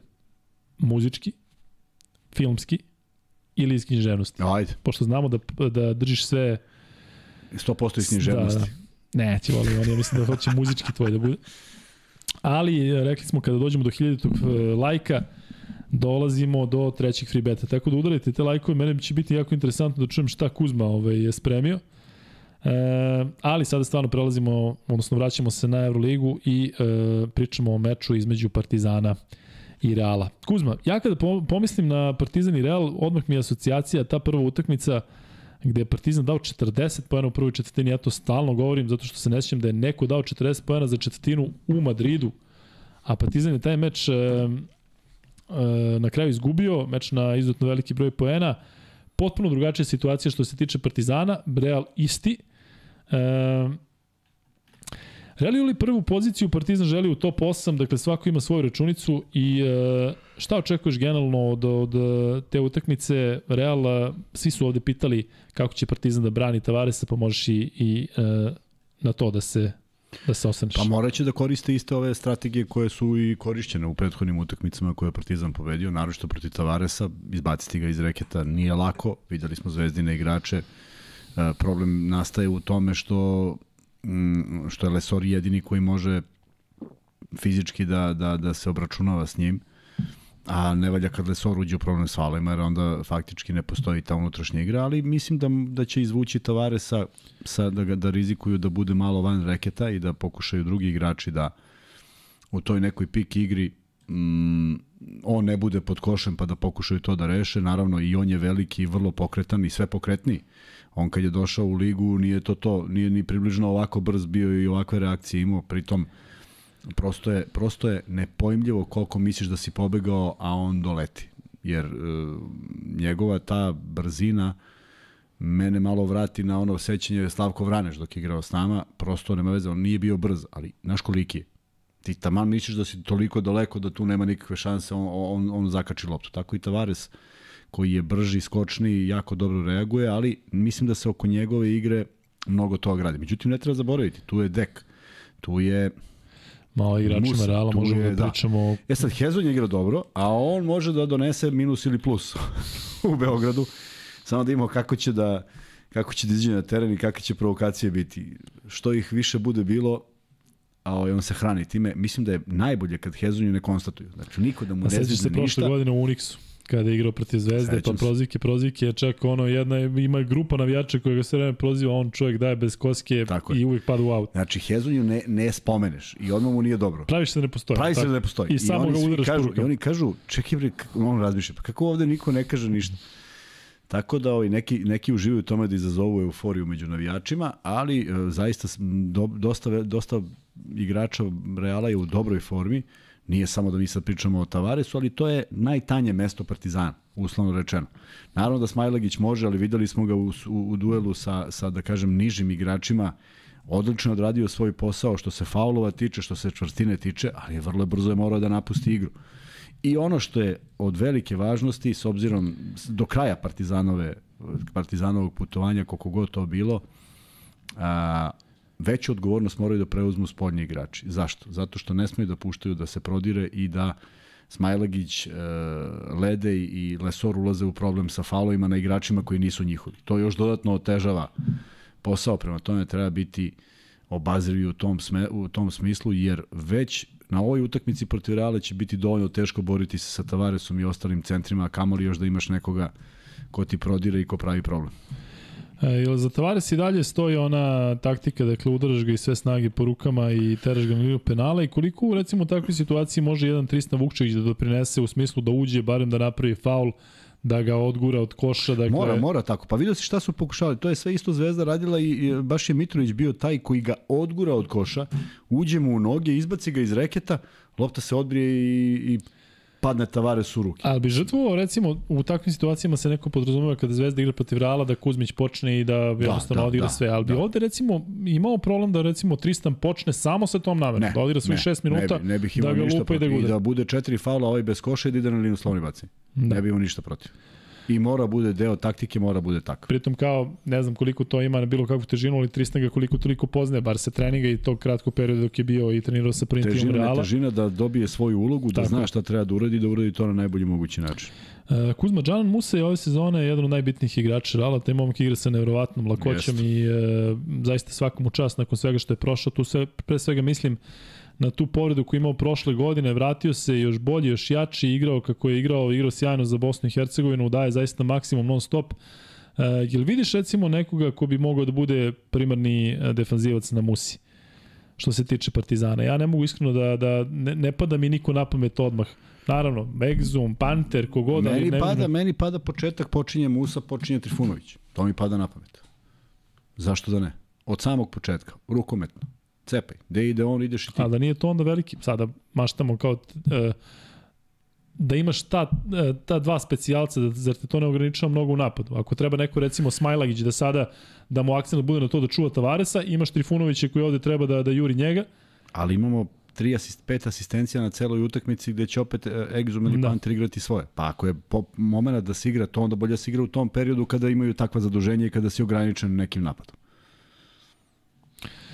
Da, što se tiče uh, Reala, ja moram da priznam da je meni tamo uh, defanzivno, pa jedan od najboljih defanzivaca na bekovskoj poziciji mi je Adam Hanga. Dakle, ja tog momka kada prenosim, vi ne znate odakle on, odakle sve, ovaj, kakve se mogućnosti ima. Ajde što je borben, nego toliko pametno igra. Toliko mi deluje da uvijek odradi dobar scouting na igračima koje čuva, da stalno zna gde će ko da krene i kako će da krene, tako da mislim da će sutra biti veliki problem za Partizanove bekove da se otara se Hange, a vidim ga na Panteru, tako da će biti interesantno da pratimo taj duel uh, Panter-Hanga. Da, vrlo je moguće da će biti na njemu. Da, i e, generalno e, on je sasvim pristojan napadač, ima odličan odraz, u stanju je da izuzetno zakuca, međutim, kažem, Šut mu je diskutabilan, Jeste, treba ga rizikovati, zna da pogodi, ali treba ga rizikovati bolje nego da ide na, da, na prodor, to sigurno. Eto, kada već e, odrađujemo taj polu-scouting e, madridskog Reala, dakle, igrač koji takođe je onako poseban i opet kažem, ne znam ko bi mogao njega da čuva, ali Dej mi je onako prva opcija, pa da li pa, pa Petro, ali to je taj Jabusele, dakle, momak koji ima zaista dobar šut, koji onako deluje kao da ima 10 kg viška, toliko je pokretan, e, moram priznati da je on meni jedan od omiljenih igrača u, u, u Euroligi, posebno sada kad sam ga pronosio poslednji put, Dakle, kako je nacentrirao sa svoje polovine i pogodio sa svog penala, dakle, tačno vidiš momak koji jednostavno ima osjećaj za tako nešto. Kuzma, imaš nešto da kažeš o Jebusele? Ne, Ne voliš ga, dobar, ne, ne, ne, šta ga volim, ne volim. Dobar je, ovaj, e, jak je, e, ta čvrstina u reketu može da navodi Partizanu s obzirom da svako od njih može da odigra čak i deka kad se spusti koji nekada deluje da prilično banalno vodi loptu onako ne u nekim lepim pokretima ali to to završava jako dobro jako su visoka ekipa na svim pozicijama mogu da da pariraju imaju jednog od najiskusnijih playmakera i uopšte ta spoljna linija su sve iskusni igrači koji znaju Nevjerovatno, kako da pazi, se... kad pogledaš Pa da. Kozer, ali Kozer na stranu, nego Rudi Fernandez i Ćači Rodriguez koji će odigrati svoje, Da. koji su toliko stvari prošli, Zajedno imaju dakle, 100 godina. Zajedno imaju 70 plus. Da. E, tako da biće zaista privilegija da ih vidimo, zato što ne znam koliko će još sezona igrati. Da, možda je ovo posljednja, da. Da. a mi to govorimo već tri godine, tako Jest. da možda je posljednja neka od naredne tri. Partizan treba da pazi na te igrače iz senke kod Reala. Recimo, Teja Balde meni ono što je manje više brine su Barcelona s tim što Balde igra manje, ali jedan onako klasičan šuter koji može da veže nekoliko trojki, koji ima baš e, čist šut. Imaš to Kornelija koji ide po kornerima i koji ima visok izbačaj, pritom je visok. Tako da zaista 12 opasnih igrača, Poirier koji Jest. je backup centar, koji je sam po Uš. sebi toliko pokretan, toliko ovaj, I opet dobar, dolaziš, opet, koristan. opet dolaziš na ono, oni Lesor. On Da. ako bude više igra, on će želeti da nadigrava Lesora, a neće želeti da ispadne majmun. Dakle, Misliš zbog francuske veze ili zbog francuske veze. Sad, znaš, to je nadmetanje Jeste. reprezentativaca, nije to sad šta, da će da puštaju jedan drugom. Da. Bez obzira na one neke uh, poruke, podrške jedan drugom, ovaj, to kad dođe utakmica, to padne u vodu i ja mislim da, da će on imati veći moči, motiv prema samom Lesoru nego Tavares. Tavares će gledati da igra svoju igru, ali ovde postoji taj neki lični, sportski rivalitet koji je potpuno normalan. Dolazimo do Gabriela Deka, koji je jedan od najnezgodnijih igrača. Kako si Kuzma branio te atipične igrače koji jednostavno nema nema košarkaške poteze, koji nema košarkaške šuteve, a sve najtež, pogađa. Pritom najteže, on, čovjek da. delo da se ne odvaja od zemlje. I ono što moram da kažem, meni nije jasna frizura Gabriela Deka, dakle ono je ono je neka fora u, u Argentini, dakle da ono, ali ono nije lepo. Ja ne znam kako možda nosiš ono kad nije lepo. Na stranu to, ovaj, e, Gabriel Dek je neko ko čini mi se ima neki problem u smislu da ja čini mi se da njega nikada nisam video nasmijanog ali kao igrač je jako opasan i jako nezgodan i opet Jest. kažem ko će te sve ljude da čuva sutra, nije mi jasno, Partizan će morati da igra vrhunsku odbranu 1-1 i vrhunsku timsku odbranu. Tako je, upravo to. I što se Deka tiče, znaš kada on krene u nešto, a ti pomisliš kakva glupa kretnja, da. nema šanse, a on završi. Dakle, vrlo atipičan u nekim rezonima, međutim, jednostavno to stvarno to, kad ti sabereš sve te poene i sve to što je uradio na terenu, bude, bude vrlo interesantno. Vidjet ćemo kako će Partizan podeliti uloge, pošto govorimo o jednoj izuzetno široko ispoljnoj liniji, računam tu i, i Deka, on može da igra i 3 i 4, ali kad ti pogledaš da su ti na terenu i, i Musa i Hezonja i Jabusele i, i Dek, znaš, stvarno treba da ih rasporediš po terenu pa da znaš ko je gde. A, zato je potrebna jedna izuzetna utakmica, zatvoriti sve, rizikovati neke stvari, svaki od tih igrača ima neku stvar koju može, koja može da se rizikuje pa ići i na to. I pokušati da se parira u fizičkoj snazi, Mm, volao bi da vidim Partizan samo sa malo više asistencija, to znači da može dođe do nekih lakih poena, ovako u 1 na 1 kad pogledaš ovo što si rekao kako izgledaju igrači uh, Reala, zaista će biti muka u toj igri nadmudrivanja 1 na 1. Mislim da će timska igra ipak biti nešto kudi kamo lakše. E, Partizan ove sezone igra tako napadački, igra na, na, na koš više, međutim to protiv Reala mislim da može da bude pogubna taktika kako oni igraju i u kom ritmu igraju. Uh, E, kakvu odbranu očekuješ sutra od Partizana? Ali bi ti, ja sam siguran da bi ti uvek bacio akcent na odbranu, ali e, Partizanu čini mi se da odgovara da, da onako non stop seče rita meča, da je jednostavno setska protivnika, ali Real kad uđe u one serije njihove 12-0, 16-0 za 2-3 minuta, to teško je popravljati. Mora, mora da seče ta tranzicijona igra. Nema lakih poena, e, kad to kažem, ne mislim da, da, da, da po svaku cenu moraju, ali moraju da znaju šta je rizik, šta mogu da Ovde ima jedna jedina, ne mogu kažem jedna jedina, ima još neki stvari, ali jedna dobra stvar je što ipak Ćaćo Rodriguez i Ljulj i, i uh, Fernandez nisu više u onoj brzini da mogu da jure Partizanu u leđa. Dakle, ako Partizan izdrži neki pritisak bržih ekipa i dobro odbrani, ovde bi trebalo da bude za nijansu lakše. Ali je poenta što se i, i Hezonja i Musa jako dobro kreću i čekaju taj neki pas iz tranzicije i onda bez razmišljenja šutiraju. Njih dvojica, naročito na Musu obratiti pažnju, tu treba bude defanzivac, rekao sam, mislim da bi Trifunović mogao, mogao da počne. Uh, zavisi će dosta da vidimo ko, ko na Rodriguezu, Da li ovaj Mislim da on neće igrati puno iskreno u poslednje vreme, on nema neku veliku minutažu, on uđe tamo koliko treba, ako je potrebno okay, na kraju. Okej, okay, ali govorimo da da su to igrači koji na svoje iskustvo mogu da igraju odbranu. Ne, ne trude se čak mnogo, ali prosto ono što govorim, znaju kako da se kreću i kako da te nadmudre. Ja ne mislim ni da će Ljulj i, i, i Fernandez biti bitniji, ali to, je, to su igrači koji mogu da promene tok utakmice svaki od njih e, za sebe. Jabusele Ledej definitivno jedan od duela, Hezonja Papa Nikolau verovatno jedan od duela. Dakle, tu mora da budu na visini zadatka, pogotovo što je i Hezonja ušao u neku ludačku formu, ti znaš kad njega krene, ali kažem, hranit će se atmosferom iz arene, pa Ne, Hezonja i Papa Nikolau, odnosno Papa Petru, verovatno mišljeno Papa Petru, pa, Papa pa, Nikolau, pa, ako, ja ako da ga popiše Papa večeras, večeras ja ako popiše da za Partizan. I mi, kad, mi kad se čujemo, ja ga zovem tako. E, Kuzma, koliko je recimo značajno e, Papa Petru to što je sa Hezonjom igrao u Panatenikusu i što ga poznaje. Koliko to odmah I ti to može, podrazumeva može, da, da, da, ti njega staviš odmah na, na Hezonju? I to može da ima svoje, zato što sigurno mnogo puta odigrali jedan i jedan zna šta radi.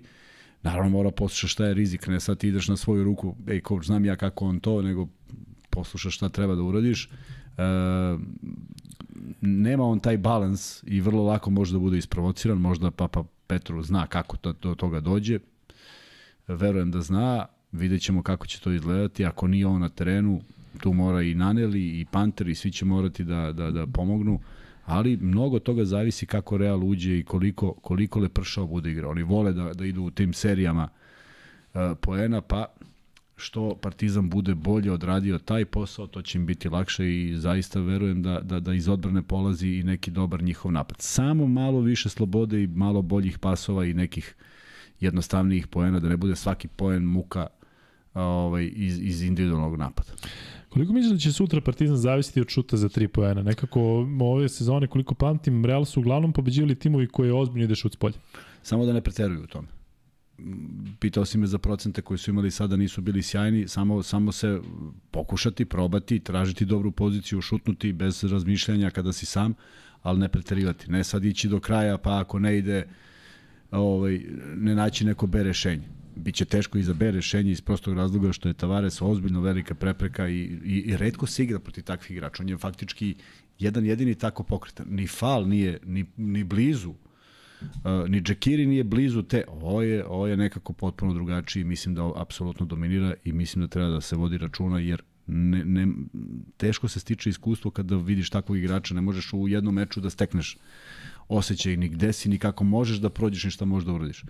Kompletna ekipa, imali su svoje pehu, imali su svoje poraze, ali tu negde i to neko iskustvo koje su spojili sa nekom ovaj, dobrom energijom i sa skraćenom minutažom tih ljudi u, kod kojih ne vidim da postoji neki ego i neki problem što im je skraćena minutaža, mi deluju da su onako spremni za Final Four i da će učiniti sve da, da, da takvog iznenađenja ne bude s obzirom da Jel pretprošle godine je bilo da su da je bilo 3-2 za Efes, je tako bilo? Ono ludilo s Krune Simon. Jeste, jeste. Da. Eto, pa neće se ponoviti tako nešto. Da, eto ljudi, ja bih skrenuo pažnju na nekoliko stvari. Dakle, prva, uh, treba pozdraviti Williamsa Gosa maksimalno zato što je taj momak bio u Partizanu u jednom jako teškom periodu i uh, zasluže veliki aplaus. Naravno, ako dođe, s obzirom na to da je povređen, ali pretpostavljam da će biti sa ekipom. Druga stvar je, zaista ne bih volao da budu neke ozbiljnije provokacije što se tiče Hezonja i Muse. Uh, imao sam kontakt sa obojicom, sa Musom ne direktan, već preko njegovog brata. E, gde je trebalo da gostuje u podcastu, ali pričao sam o tome, taj dan je potpisao za Madridski Real i onda automatski mora da se ide preko preko kluba, da pišete njima, da li može da bude, tako da zaista su obojice srdačni. Uh, Hezonju sam upoznao u Barceloni kada sam bio, bila je to 2014. godina. Um, Hezonja je jedan divan momak. Slikali smo se tada, ja se inače ne slikam, uh, generalno ne volim da se slikam, ali tako se namestilo, tako da daj Bože da pronađem tu sliku, izašla je u danas, 2014. na leto. E, bio vrlo srdačan, bio vrlo, vrlo prijatan u to vreme, ako se sećam još uvijek je bio tinejdžer, tek je trebalo da, da, da, da ide u NBA ligu. I još jedna stvar koju sam hteo da kažem za sutrašnji meč, molim vas da ne nasedate na provokacije Rudija Fernandeza. Rudi je jedan preiskusan, fenomenalan igrač, ali koji voli da, da, da onako potpaljuje, da potpaljuje i vidjet ćete sutra će sigurno biti nečega od strane Rudija, dakle dajte da uživamo u njemu kao, kao igraču, dakle očekujem provokacije Rudija Fernandez zato što jednostavno on to radi. Dakle, ono što mene plaši, to je zaista kada pogledate centarsku liniju i vidite Tavaresa, kogode u Partizanu, svaka čast Lesoru, ali to će morati da bude posebna bitka. Kada pogledate njihovu tu spoljnu liniju, takvo iskustvo koje imaju Rudi, pa i taj Koze, naravno i Ćaće Rodriguez, još da je Ljulj tu, ovaj, i kada pogledate onda Avramović, za koga kažem da je prva sezona u Euroligi, isto važi i za Madara, E, ja bih iskreno voleo da eto recimo Tristan i Andjušić sutra dobiju neke minute i da to maksimalno iskoriste, ali ovo što je Kuzma rekao, mislim da će uloga e, Trifina biti jako bitna zato što će on sutra sigurno igrati. Ne znaš gde trebaš pre defanzivno, dakle imaš toliko opcije gde moraš defanzivno da se istakneš. E, tako da samo da ne bude da ne bude neke panike, ne daj Bože ako se izgubi od Reala, dakle um, mislim da Partizan ima mnogo veće šanse da pobedi Monako na strani i kasnije Panathinaikos kod kuće, samo da se ne upada bilo kakvu dramu ako Real sutra bude na svom nivou, ja sam siguran da Partizan može da dobije, ali ovaj, evo neko je pisao ovde za Deka, Crni Grober kaže Luka Deka ima nadima konjače jer je spor. Uh, Uh, jeste, Dek takav nije mogao da prođe u NBA ligi, ali sećam se da je Kobe, koji je bio ambasador uh, svetskog prvenstva 2019. godine, da se raspitivao kod Ginobilija za Deka, zato što ga je Dek oduševio, baš zato što je atipičan. Ja moram priznati, obožavam te igrače koji gotovo pri svakom šutu koriste tablu. Dakle, to je, to je nešto što je, što je ovaj, zaista za Deka uh, onako izdvaja ga u odnosu na drugih. Od drugih, e sada, Kada govorimo o Deku, on će sigurno sutra imati veliku minutažu i sigurno će imati, imati e, e, ozbiljnu ulogu. Međutim, jedna stvar na koju bih skrenuo pažnju, dakle, to je nešto što sam primetio tokom sezone, posebno kada sam prenosio i meč između Virtusa i Reala. Dek ima ozbiljne, ozbiljne probleme kada šutira slobodno bacanje. Kuzma, to je nešto što je sada u glavi, evo ja ću sada pokušati da nađem statistiku, dakle, on je, pritom se zakuvalo malo u, u Bolonji kada je Belinelli dao neke trojke, pa je bilo nekih tehničkih, pa je bilo puno tih nekih slobodnih bacanja, publika naravno mislila da je da je Virtus oštećen, ali Dek je na tom uh, na tom meču šutirao slobodno bacanje 3 od 7. Dakle, slati njega na liniju penala koliko god može, zato što mislim zaista da u punoj areni on može da ima problem da, da, da pogodi slobodno bacanje, a e, to naravno može da unese i onako ozbiljan nemir što se tiče ekipe, tako da eto, na to bih skrenuo pažnju, nešto što sam primetio da da je Deku onako ozbiljan minus. E, Kuzma, li imaš nešto u vezi, e, u vezi ovog meča? Fernandeza, maestralan potez na nedavnoj utakmici kad treba da skače za mrtvu loptu. Jeste. Genijalno. To ne može svako da smisli. I odjednom mu nešto škljocne u kolenu i mora da ga izmene i ulazi najviši od sve dece i skine loptu. Rudi se time služi, je to legitimno, Kuzma? Pa, evo, šta sad? Šta da mu kaže sudija mora skočiš? Šta, šta kaže? Mora skočiš. On kaže, ali boli me majke mi. Još će pusti suzu i stvarno ti nije onda u redu da ga nerviraš. Mm, da. A, ovde Ivan Pejić poručuje da je sutra od pola šest na sport klubu utakmica veterana Real Madrida i Partizana. Je, da, ljudi, to smo zaborili da kažemo i prošli put, dakle... A viš kako Ivan kaže? Ne, to smo to je trebalo da najavimo, dakle ispratite to, biće toliko zanimljivih imena i sport klub, dakle prenosi tu utakmicu, tako da molim vas budite u sport klub e, sutra, ne zato što sam sa sport kluba, zato što smo sa sport kluba, nego zato što će to zaista biti prilika da vidimo neke ozbiljne majstore. E, video sam rostere i očekujte mnogo e, de, debelih ljudi. Ovaj, odnosno ljudi Možda koji ste navikli. Možda neke nećete prepoznati. Da, da, neki nećete prepoznati, ali zaista nije realno da, da, da, da budu u formi, ali kažem, kada ih, zapam, kada ih pamtite po nečemu, kako su divljali nekada i kako su bili u top formi, ovo sutra će biti onako prilično iznenađujuće, ali e, naravno e, cilj je da se svi lepo zabave, tako da šta smo rekli, pola šest, tako? Mhm. Mm Sjajno, sjajno što nas je podsjetio, e, veliki pozdrav za momka, a što se tiče dakle ove utakmice, ja još jednom samo da skrenem pažnju da se ne naseda na Rudijeve provokacije, da se ne ubacuju paljači, da se ne plaćaju neke kazne, biće sigurno tenzije, biće ponovo preko 20.000 ljudi, dakle, dajte da se sutra bude maksimalno da ljudi, odnosno navijači budu dostojanstveni i da se nadamo pobedi Partizana. Kuzma, sada prelazimo na ono o čemu ćeš ti sigurno više i stručnije pričati, a to je taj duel između Asvela i Crvene zvezde koji praktično i zatvara ovo 32. kolo. Kada završimo sa tim, pro, proći ćemo ostale mečeve i proći ćemo to šta čeka ostale klubove koji, koji figuriraju za top 8. E, Zvezda je pobedila Asvel u Beogradu, ako se sećaš onaj meč 71-67, redko ružna faul, da. utakmica da, faul, i faul na Ponsu. Tako je. Odmah Mitrović pravi faul, da, da, i onda kad je šutno slovno bacanje. kad je dobio faul. Tako da e, Zvezda će biti favorit u tom meču, sa druge strane Asvel igra opušteno, Asvel je igrao sa devet igrača protiv uh, Olimpijakusa, nikako Zvezda ne sme da poceni jednog naravno, takvog protivnika, naravno. tamo je atmosfera kakva jeste uvijek ista, makar gde god Asvel bio na tabeli, ali realno Zvezda je, Zvezda je u prednosti.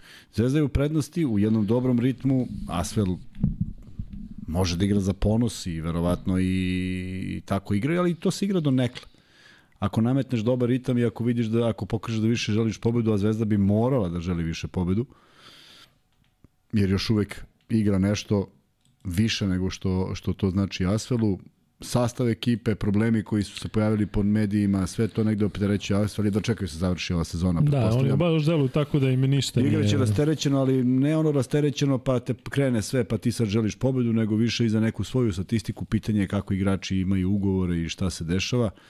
U svakom slučaju ne neka atmosfera koju bi, koja bi trebala da zabrine, ali baš iz tog razloga Zvezda mora da pristupi ozbiljno i da Uh, svog trenera učini srećnim kada odigra odbranu kako je odigrala eto konkretno u ove dve, pa i kad računam Efes i Barcelonu u četiri utakmice. Dakle, to je nešto što je preduslov da bi njihov trener Duško Ivanović bio zadovoljan, kad je on zadovoljan sve je drugačije, a mislim da Zvezda pokazala da iz dobre odbrane napad može da se igra i da uvek ima igrača koji uh, imaju poene u rukama. Eto, Ako to nije niko drugi nego do, do, do Holand sa dve trojke i šest poena, što da ne? Možda opet neka minijatura od 10 minuta u dobrim brojevima i svi su srećni i zadovoljni.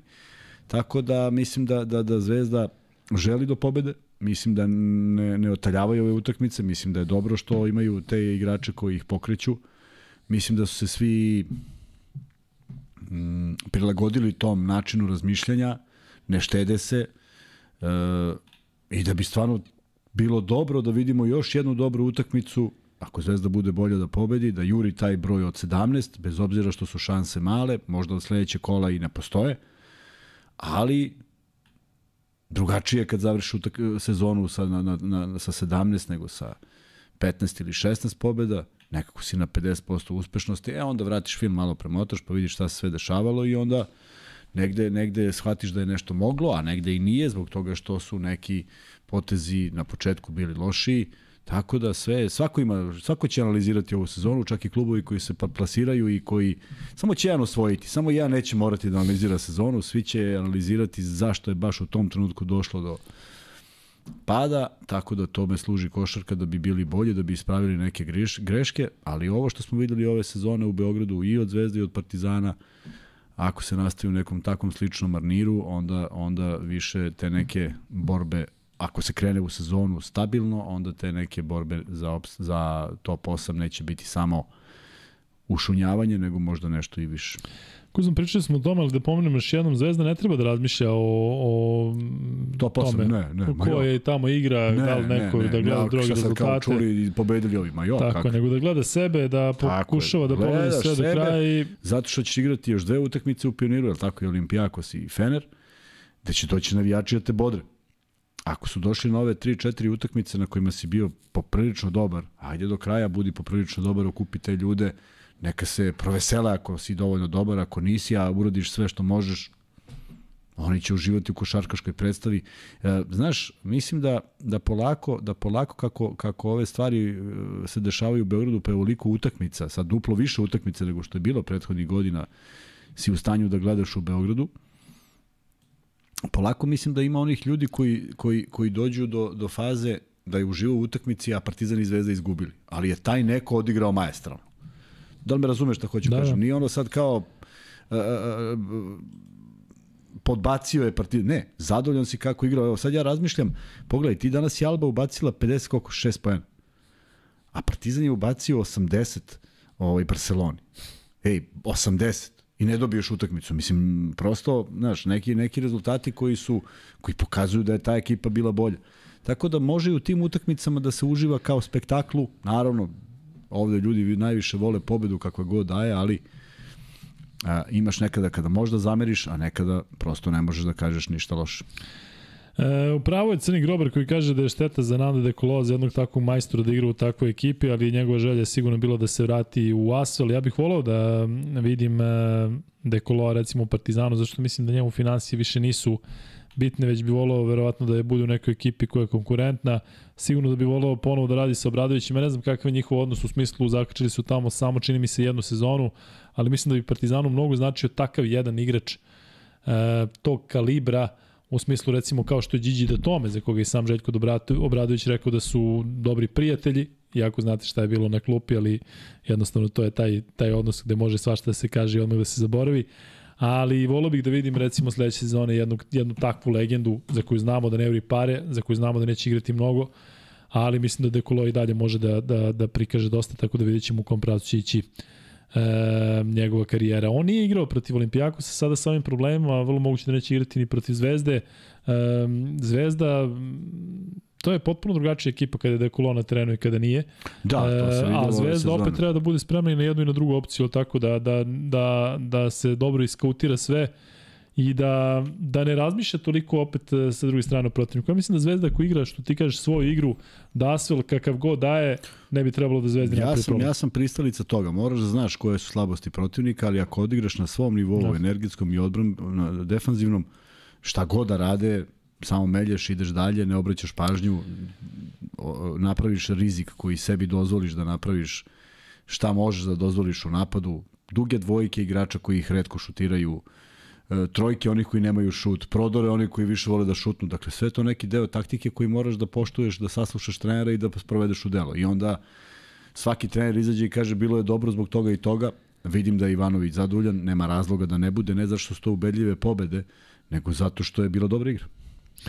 Malo da odredimo scouting Asfala, dakle igrači koji su uh, nastupili protiv Olimpijakosa, uh, u petorcu su bili Bost, Falka, Hudi, Lighty, Matthews, taj Johna Matthews je vrlo opasan u igri 1 na 1, Lighty je sa ogromnim iskustvom, ja mislim da on jedno desete godine, skoro desete godine igra u Asfalu, svašta je prošla sa tim timom, razne takmičenja i svakakve uh, uspone i padove. Taj Kahudi je osvojio silne medalje sa Francuskom, dakle kad pogledate iskustvo Kahudija, Lightija, Dioa, E, Tajusa, dakle ima tu igrače koji za sebe imaju baš x, y mečeva u Euroligi, a onda imate i te playmakere koji Jeste Dibo strane igrao u Euroligi, ali oni Obason će sigurno želiti da se nadigravaju sa Kampacom, sa Vildosom da, i sve. Dakle, to oni, oni su pritom brzi taj nivou, tip, tako da, je. da naprave. I pritom mogu da budu opasni, tako da ih treba paziti i obojicu. Tu je taj Pons koji nekim zakucavanjima može da onako promeni atmosferu. Faul, čim primi loptu. Ma, kad ne primi loptu, faul. Kad je na klupi faul. Faul, priđeš da. i šopiš ga. Alex Tajus je, kažem, legenda i Jusufa Fal, dakle, eto, pričamo kako će Tavares da, da um, odnosno kako će Partizan da brani Tavaresa. Uh, Fal je potpuno drugačiji tip igrača i ne toliko kvalitetan, ne toliko ovaj, svestran, ali opet imaš čoveka od 2.20 i uh, ti pretpostavljam da bi volao da Kuzmić opet Kuzma će da ga stavi u mali džep. Da tako? E, u svakom slučaju ja ono što mislim da je ogromna razlika, pretpostavljam da će se i Kuzma složiti sa mnom, ranije govorio o tome, mislim da je Asvel tanka ekipa, a da su najtanji na mestu trenera.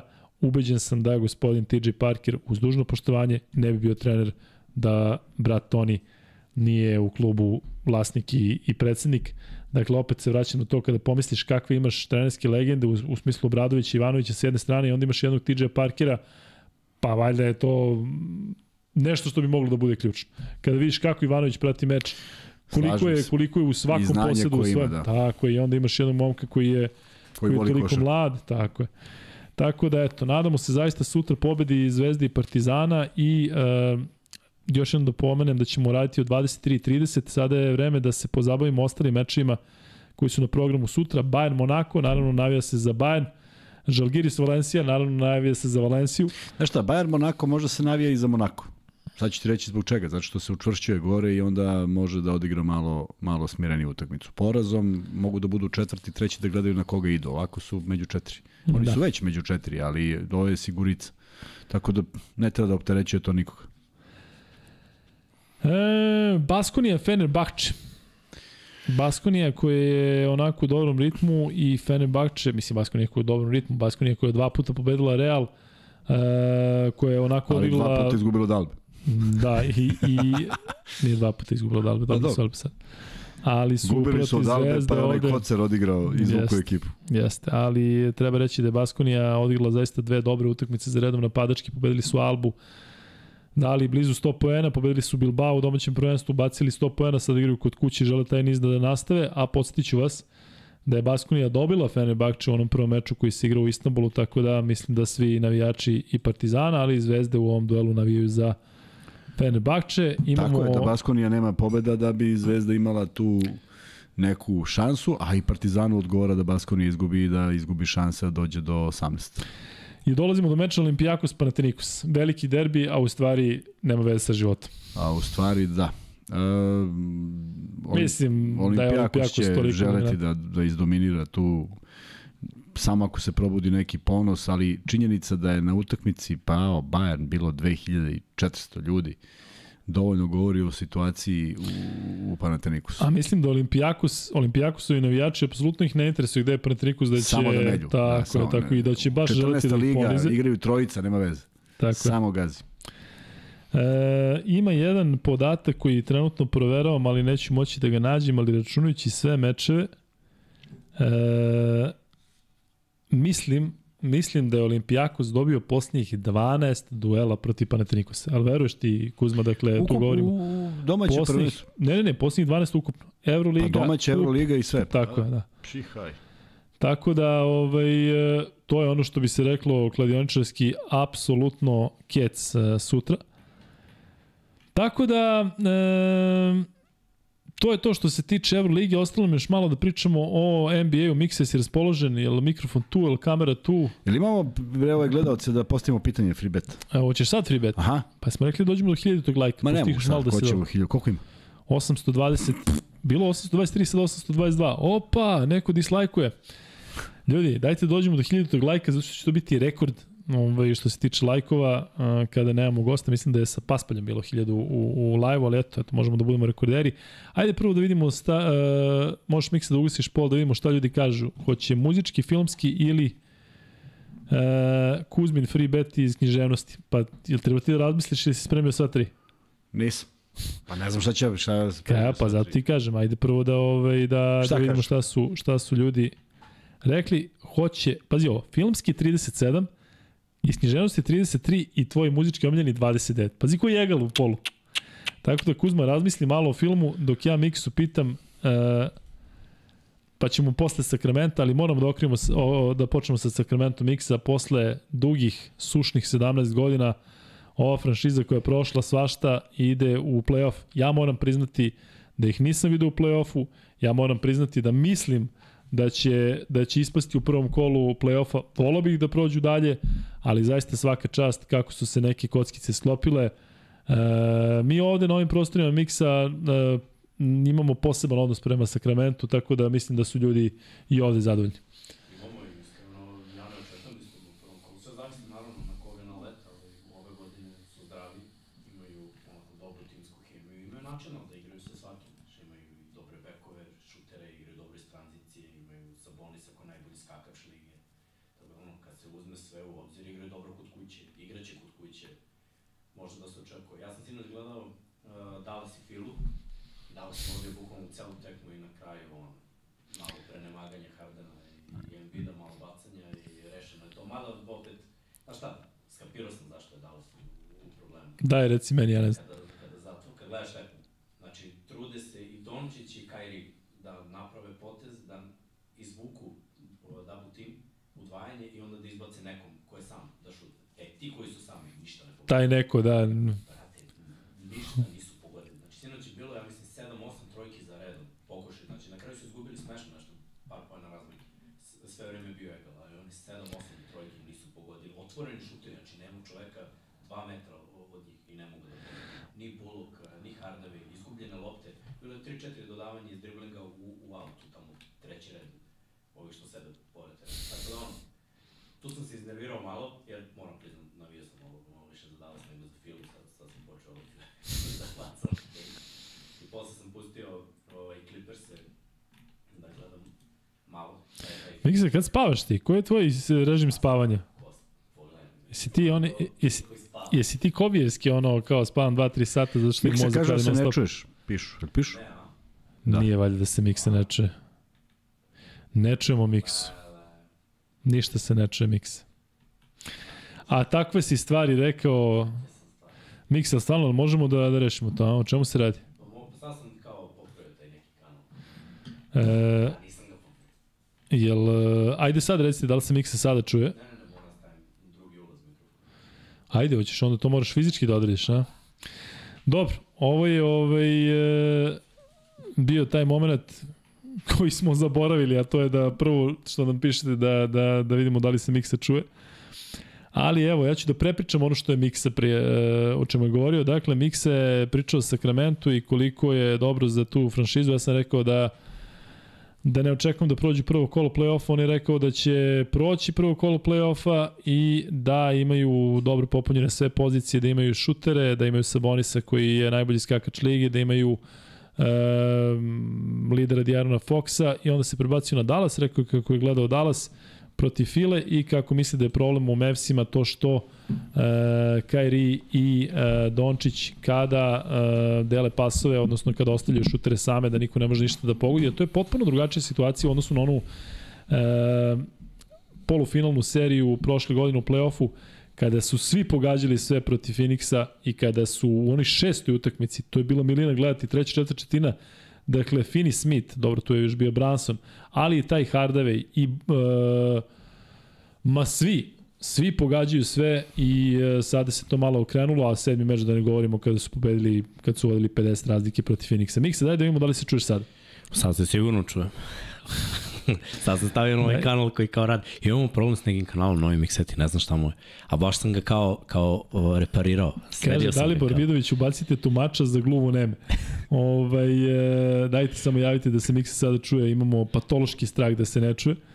Ali, e, kažu, neki su pisali da se pojačaš, možda su te čuli negde onako u daljini, a? E, pojača, pa da, pa verovatno na tvom mikrofonu. Čuje se. To je kad ja vičem. Miksa. Kad ja vičem. E, baš sam se smorio za Dallas. Posle sam pustio Clippers. Pošto je razlika to si od početka bila oko pola sata. Ja rekao, ajde kad se ovo završilo već nestalo da odgledam te Clippers-e. I Taman se uklapa u to da pričamo o tim e, zap, zapanjacima Pa da, koji su tu na tim pozicijama koji bi možda čak i mogli na, na Sacramento. rešiše Clippersi. I to opet Westbrook, ušao, bar to. pazi, Westbrook je ušao, znači bilo je, ja mislim, Egal, Westbrook je ušao, dve kontrice, na, uhvati skok i gas do kraja, sam, coast to coast. Moja!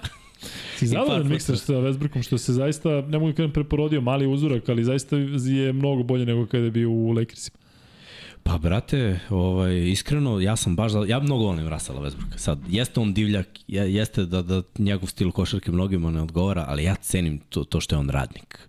Yes. I on stvarno, kad vidiš, on hasluje. On radi, trči, skače, sve pokušava. I ovo dodavanje što baca u aut, on iz najbolje želje da nekog proigra baci loptu u aut. Znaš, ono, st- stvarno želi. I mislim da mu je konačno legla ekipa. Pritom, sinoć nisu igrali ni Kavaj, ni George. Da, da. I oni su odigrali dobro. Zubac je skakao, lepo igrao. Znači, baš je nekako ekipa od, odradila posao i mislim da on na boljem mestu, ja nema bolje ekipe, ako mene pitaš, za njega. Ja, možda čak sve druge ekipe bi bile slabije da on igra ne- nego Jeste. ekipa Clippersa kojima će značiti on za playoff da uradi nešto. Pritom, Idealna sredina, baš. pritom igri dobru odbranu. Tako da to sam pogledao i onda sam kao ajde malo da pustim dok se uspavljujem uh, Phoenix i, mine, i Minnesota Kuzminu. Rekao ajde da vidim i to je bio egal, ali na kraju prelo, prelomišao. Ima Durant ništa nije pogađao dok sam ja gledao po posle kao imao je, ja mislim, 5 od 18 šut iz igre. I, Da, da, da. Ili tako, ne, nešto slabo imao šut iz igre baš. Ja iskreno jedno čekam uh, playoff zapadne konferencije da vidimo sve te ljude koje toliko čekamo u playoffu. Dakle, samo da Kavaj bude zdrav. Paul George, Russell Westbrook, Kevin Durant, Booker, Paul. Nadam se da će Dončić i Kyrie igrati, igrati u playoffu. Nadam se da će Lakersi, odnosno da će igrati u play-inu. Da će Lakersi biti u play-inu. Kada pogledaš zaista koliko tu imaš tih super, super zvezda, zaista će biti, biti uh, milina pratiti, ali mislim da, da Denver zaista ima svoju šansu. Ajde da se vratimo Miksa na, na, na Denver. Dakle, jeste bila ta neka kriza, ali evo, čini mi se da je ta kriza iza njih. Jel ima, jel ti deluje možda malo da se krivaju karte sada da su, da su malo opušteniji pred playoff i da će akcent biti baš na doigravanje? E, pa ne, samo su se malo uzbiljili. I to im je trebalo u stvari. Možda to je bio šamar, verovatno. Ti, ti svi porazi, onako šamar realnosti, ušao si u crnu seriju, mora da se trgneš. I vidjet ćemo večeras protiv New Orleansa. New Orleans je po meni nezgodna ekipa. Yes. I ono, s njima nisu oni meni favoriti, ali mogu svakome da skinu skalp i vidjet ćemo večeras. Ako i ovo reše protiv njih, ne znam, neko je ovde pisao u komentarima, ja stvarno nisam ispratio, to je bilo onda kad spavamo, o 4 sata, 4-5 sati dok spavam, tad nisam video ovaj, da Jokara možda neće igrati večeras. Ali ako Jokić će igrati... Ja sam za nema to šta. odmor, iskreno ti kažem, ako treba, ako svi odmaraju, ako čovjek nosi celu ekipu cele sezone, da stavimo malo tu borbu za MVP u drugi plan i uh, ajde kad smo već kod toga, šta očekuješ, zahuktalo se, dakle Embiid ili Jokić, mislim da su to jedina dva kandidata da ovo je ispod Antetokumbo i ostali da, da nije toliko realno. E, inače, mi, vi dok niste radili, jo, ovaj Embiid je propustio protiv Jokića da igra. Da, to znam, bilo je onih Denver je e, rešio filu. Inače, jedini je. Da.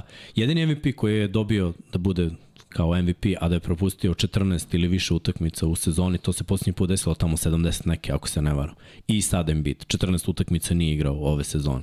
I u svakom sportu, mislim, ove bar koje ja pratim, a pratim ih pomno, kad neko propušta utakmice, taj ne može da bude MVP, to, to je neko nepisano pravilo.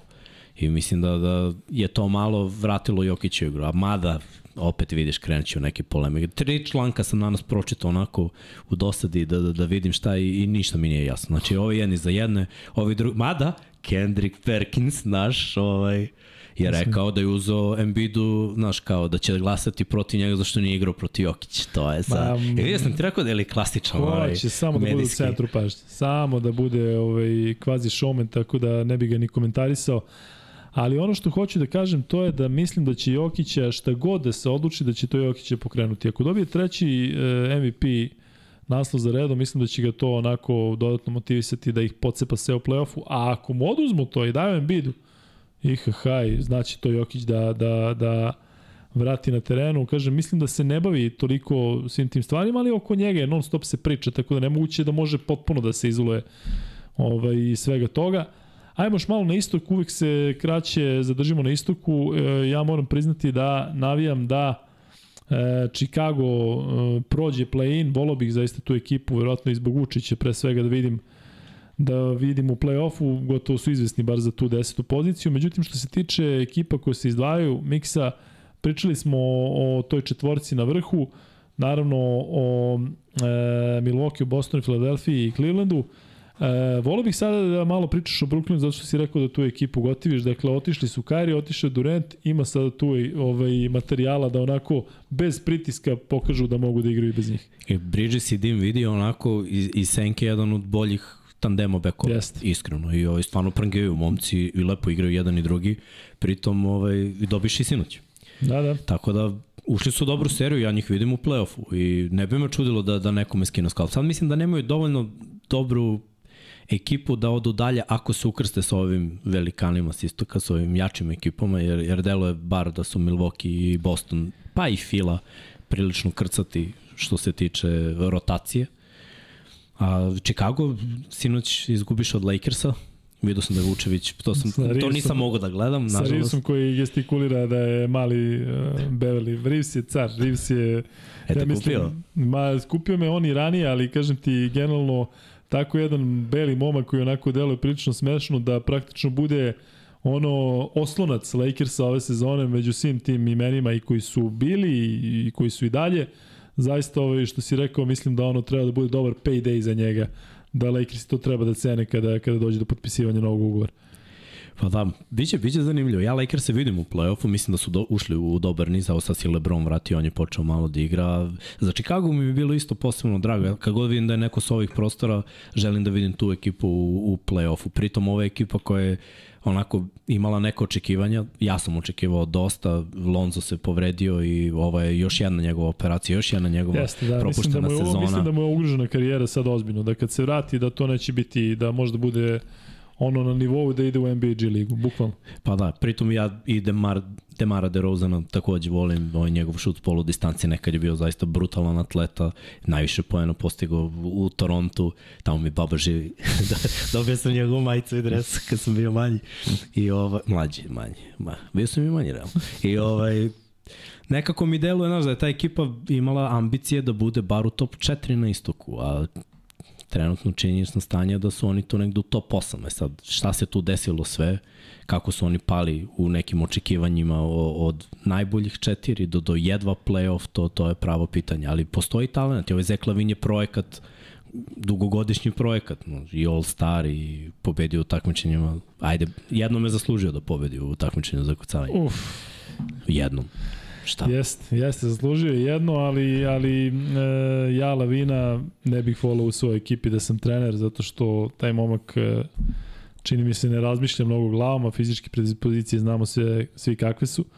E, Mikse još dva tima sa istoka bih prošao Atlanta zbog našeg Budanovića, igraće izvesno play-in. E, sa onim rosterom, sa Dejontom, sa Treom, sa Bogdanovićem, sa Kapelom, sa toliko tih nekih igrača koji imaju ime i koji imaju iskustvo, Young ne toliko, ali generalno zaista mislim da mogu da, da, da naprave problem s kim god igri. Pa mogu. O, Ovo što si ti rekao za New Orleans Pelicans se to mi je Atlanta vamo. Dakle, nezgodna ekipa koja je ono, ne smiješ da podceniš. Jeste nezgodna ekipa. Znaš šta, ja mislim da su oni mnogo izgubili kad je Herter otišao. Mislim, on je otišao u Sacramento i, i, i stvarno kad treba on pogodi. I ne volim da gledam nešto Atlantu. Gledam zbog Bogdana, ali Trae Young nije igrač. Da. Potrošač je onako kako ja ne volim. Mnogo je njegov show. I zbog toga mislim da, da Atlanta ne može da napravi ozbiljni rezultat. Ali da su nezgodni, nezgodni su da mogu da prođu prvo kolo, mogu, ali u onom trenutku kada budu naleteli na, na ozbiljnu defanzivnu ekipu tipa Boston ili Milwaukee, da je play 1,95 sa, sa o, ozbiljnim radom nogu kao što imaju i Boston i, i Milwaukee, mislim da, da je to kraj, da, da se tu gasi Trae Young i da, tako mi deluje sad. Žao mi je što je Bogdan u toj ekipi. Znaš I žao mi je što u Sacramento ona kad se napravila ona dobra energija i ta ekipa nije ušla u playoff Jest, kad je Jäger jest. bio trener, kad, kad ih je sve držao na 25 minuta po utakmici. Da. E, ja moram priznati da sam prilično iznenađen kada pogledate taj draft od pre koliko, četiri godine. E, kada pogledate da su e, Young i Dončić bili na tom draftu zamenjeni jedan za drugog i onda smo očekivali sada da eksplodiraju da Atlanta bude dominantna na istoku, Dallas na zapadu, Dallas koji je prošle godine igrao finale i evo Dallas možda neće ni u play-in, Atlanta je deveta na istoku, zaista onako prilično e, razočaravajuće, rekao bih. Ali želimo naravno Bogiju da e, odigra što bolje, da Atlanta ode što dalje, a ako ne ode, onda Kuzma očekujemo Bogiju u nekom trenutku i u podcastu. Ovde kod nas, tako. da. E, a što se tiče Majamija, sa time bi završio, dakle, Majami je iznenađujući lo, na lošoj sedmoj poziciji kada pogledaš njihov roster i kada pogledaš iskustvo i sve, dakle, ja mislim da su svi očekivali od njih e, više. Ja, e, mene ne bi iznenadilo da oni e, namuče ove najbolje ekipe ili čak možda da napravi neko veliko iznenađenje. Pa nije nemoguće. Mislim, roster je tu i, i ta ekipa je i, imala uspeha. Mislim, manje više par igrača je samo razlike, ali i dalje su oni nosioci igre tu. Tako da je moguće, ali svaki put kad sam pogledao Miami, igrali su jako loše. Sad, Jeste, celo sezona, da, da li ne je, mogu se. Tri poraza redom imaju sad. Pa da, i sinoć su isto izgubili. I, i gledam naš i, i ne verujem, ne znam da li je ono, neka hemija možda u ekipi narušena i, ili šta. Uvek se pričalo o Jimmy Butleru kao da je i on veliki radnik, ali da, da zna da naruši hemiju u Kako ekipi. ne, da, pa da znaš se... da je hteo da se bije i da je hteo Haslem da ga Pa, ovaj, da, ga, da ga lema, tako da sigurno da ima, ima neki problema, zato što kad pogledaš Lauri, Butler, Adebayo, ali nisu samo oni, bre, imaš popunjeno, popunjeno dobrim igračima i mnogo mi je žao što Jović e, je imao tu povredu, zato što bih volao da ga vidim da, da, da on ovaj, u toj prvoj sezoni napravi nešto, zaista nije imao sreće, ali bilo bi neozbiljno, slažeš se Mikse, da opišemo Miami sad. Ne, pa da- ne smem da ih otpišem. Pritom, znaš, ja mislim da su i očekivanja, Tyler Hero bio šesti igrač. Jest. I onda od toga šta je očekivanje sledeće godine si starter. Tako Mislim, niko ne želi da bude, osim Lua Williamsa koji je tu iza tebe, verovatno uvek najbolji šesti igrač. Ali Tyler Hero niti je starter, niti je najbolji šesti igrač. Znaš, pro, prosto mi nije jasno kako se on izgubio ka- kao značajan u, u celu toj Pa, kad ekipi. govoriš Duncanu Robinsonu i tako nekim igračima koji smo svi očekivali više, pritom, pazi, pored svih njih, tu su Viktor Oladipo, tu je došao Kevin Love, dakle, ja ću jedno čekati da gledam Miami, da vidim to njihovo iskustvo, šta će uraditi, šta će, šta će biti u play-offu. Dakle, predviđam da oni ako ispadnu, e, da će ispasti od nekoga u minimum šest utakmica, tako da, eto, pratit ćemo i Miami. Mikse, hvala ti e, na ovom NBA delu. Kuzma, jesi smislio uh, filmski nekošarkaški free bet, Yes. a imaš i filmski košarkaški, da znaš. Ne? Šta kažeš? A, Free bet, treći kreće sad. treći free bet. U kom film? Ali beše film? Film, film. Petar misli da je dobro što se obesio. Da, ali mislim da je prilično lako. Pa dobro, sad 1 i U 20. kom filmu Petar misli da je dobro što se obesio? E, očekujemo brz odgovor i očekujemo da taj treći free bet bude e, bude brzo rešen. A za to vreme, preporuka jedne interesantne knjige. U stvari nije jedne knjige, nego više knjiga. Braće po materi. Ne, Naravno da ne. Si gledao braću po materi? jesam težak. A držanje za vazduh? Jesam težak. Sabirni centar. Marko Topalović to. Jesam težak. E, sabirni centar. Jeste. Ali Tope, zar ti nisi dobio free bet danas? Nije Tope dobio, a? Nije, Nije. nije, nije. Tope, znaš sve, ako neko zna, znaš ti, tako da ovaj, šalješ na lukikuzme.gmail.com. Preporuka knjige, E, preporuka knjige Grigori Čhartišvili je original naziv. telo je kao da je izmišljeno. Da, Grigori Čhartišvili je, Naravno. je ime, koristi pseudonim Borisa Kunjen. Čovjek je japanolog i piše van serijske knjige o Erastu Petroviću Fandorinu.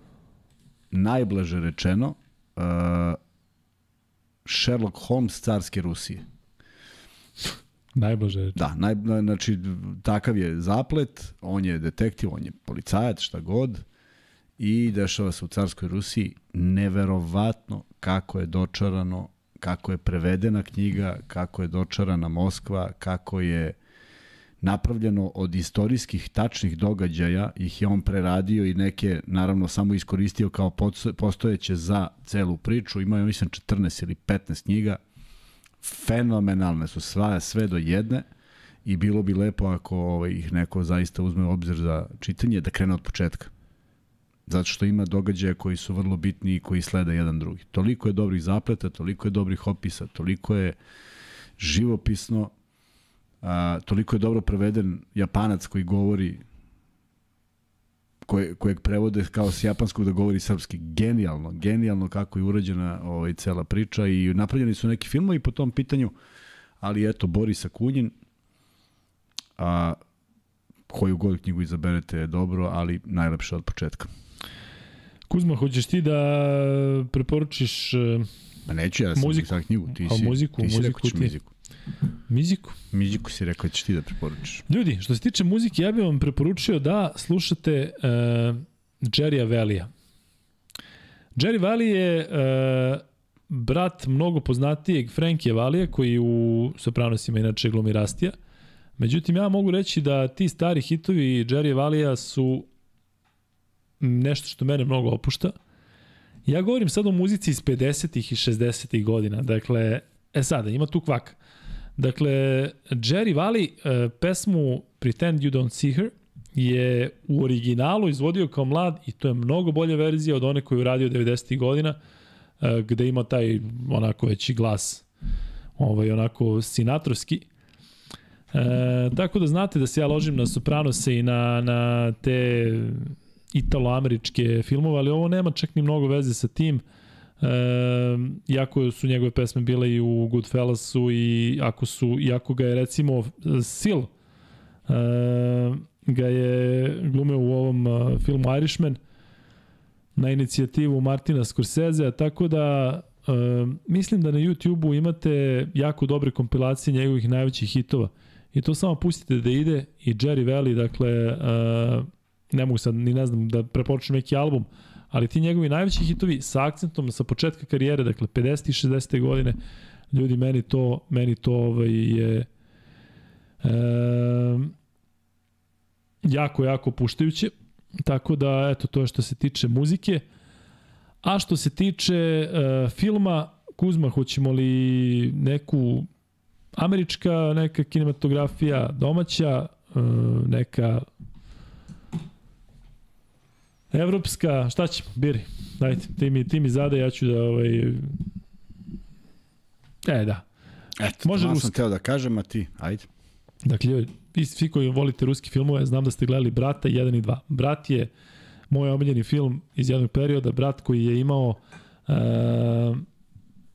ovaj Sergij Bodrov, ja mislim da se zvao momak koji glumi i koji je kasnije preminuo u nekoj, šta se bilo desilo, nazdalje Kuzma. Poginuli su svi Hvala. njegovi saradnici tokom nekog filma, ali moram se da li se zove Sergij Bodrov. Dakle, Brat 1 i Brat 2 su potpuno dve različite e, potpuno različiti način odnosa prema filmu. Dakle, Brat 1 je za 10.000 10.000 dolara je bio budžet i onako e, je, da, Sergij Bodrov junior, e, napravljen je baš onako umetnički, mnogo ima dodirnih tačaka sa onim periodom 90-ih i pre 90-ih što se tiče Srbije, a onda je dvojka napravljena u, u američkom stilu, ono u Ameriku, tamo u Hudu. Meni je to isto zanimljivo, samo je potpuno drugačije. Taj film je recimo imao budžet milion i po. A kako volite Sergija Bordorova juniora, junior, e, odgledajte Vojnu, Dakle, Vojna je ozbiljan film, mnogo ozbiljniji, dakle, on tu glumi, čak i nije jedan uh, od bitnijih likova, ali Vojna mi je, eto recimo, posle Brata 1 i 2 omiljeni treći ruski film. Jesi gledao Vojnu? Nisam, Nisi gledao Vojnu? nisam. Kuku, lele. A Brata? Jedan? Jesam davno, Uh, Kec. kec, Dvojku nisi gledao? nisam. Nije, nemoj. Dvojka, dvojka je bukvalno, znaš šta je dvojka? Kada pravimo poređenje sa košakom, znaš šta je dvojka? NBA League. A, Dakle, u bukvalnom smislu. Onda znaš, dobro. čuvan. Tako da eto, to je, to je moja preporuka, dakle, brat 1 i 2, akcenat na kecu, odgledajte vojnu, slušajte Jerry Avelija, e, Čitajte Borisa Akunjina. čitajte Borisa, Borisa Kunjina, Do šta sutra, do sutra da čujem šta ste pročitali. smo, i šta smo rekli iz Boys, Dob, Frki, Mrki i Moldavci, Zobšiz Dub, da, pesma moldavska, DJ Vasile, pesma Moldavska. DJ Ko bi rekao Vasile, da će to ikada pesma, iko izgovoriti? apsolutno genijalna pesma, poslušajte je, ne morate sada, nije, nije takva za večeras, ali sutra ujutru možete. Hvala na poseti, počeli smo da delimo o opremu koja je ostala kod nas, ide malo sporo, ali ide, tako da ću vam se javiti kad bude došao red na vas i da vam dostavim ili da pošaljem ili već nešto treće. U svakom slučaju sve smo to završili e, i nadamo se da se vidimo sutra, malo kasnije od, od, od stvari u naj, najlogičnijem vremenu, s obzirom da je utakmica od 9 i da ćemo imati opet da pričamo o nekim dobrim stvarima vezano za obe utakmice naših predstavnika. Do tada do tada Do tada da kažem da je bio komentar dok smo mi pričali o NBA-u, budite Kuzmu, čuje se neko lagano hrkanje u pozadini. E, ljudi, Kuzma je sve rekao, dakle, zapratite nas na sve ove načine i platforme ili kako već sve to ide. Bližimo se 20.000 tom uh, uh, subscriberu, što će zaista biti poseban moment za ovaj podcast. Dakle, još jednom da pomenem da ćemo sutra, u petak, to je u stvari već danas, raditi od 23.30, dakle 99 jadi će trajati od 8 do 11, pratite njih, a sutra će da gori, s obzirom na to da imamo taj toliko bitan dan da igraju i Zvezda i Partizan, Zvezda protiv Asfala na strani, rekao bih favorit, Partizan protiv Reala u Beogradu, dakle naredni podcast će biti vrlo, vrlo interesantan, tako da umeđu vremenu, šta kažeš? I prešli smo 19.500. 19.502, dakle 498 jurimo do... Da probamo da to izvedemo do sutra, ali će pa biti... bilo bi baš lepo. E, da, bilo bi divno. U svakom slučaju, hvala vam. 154. podcast sa Lukom i Kuzmom je gotov. Vidimo se u 155.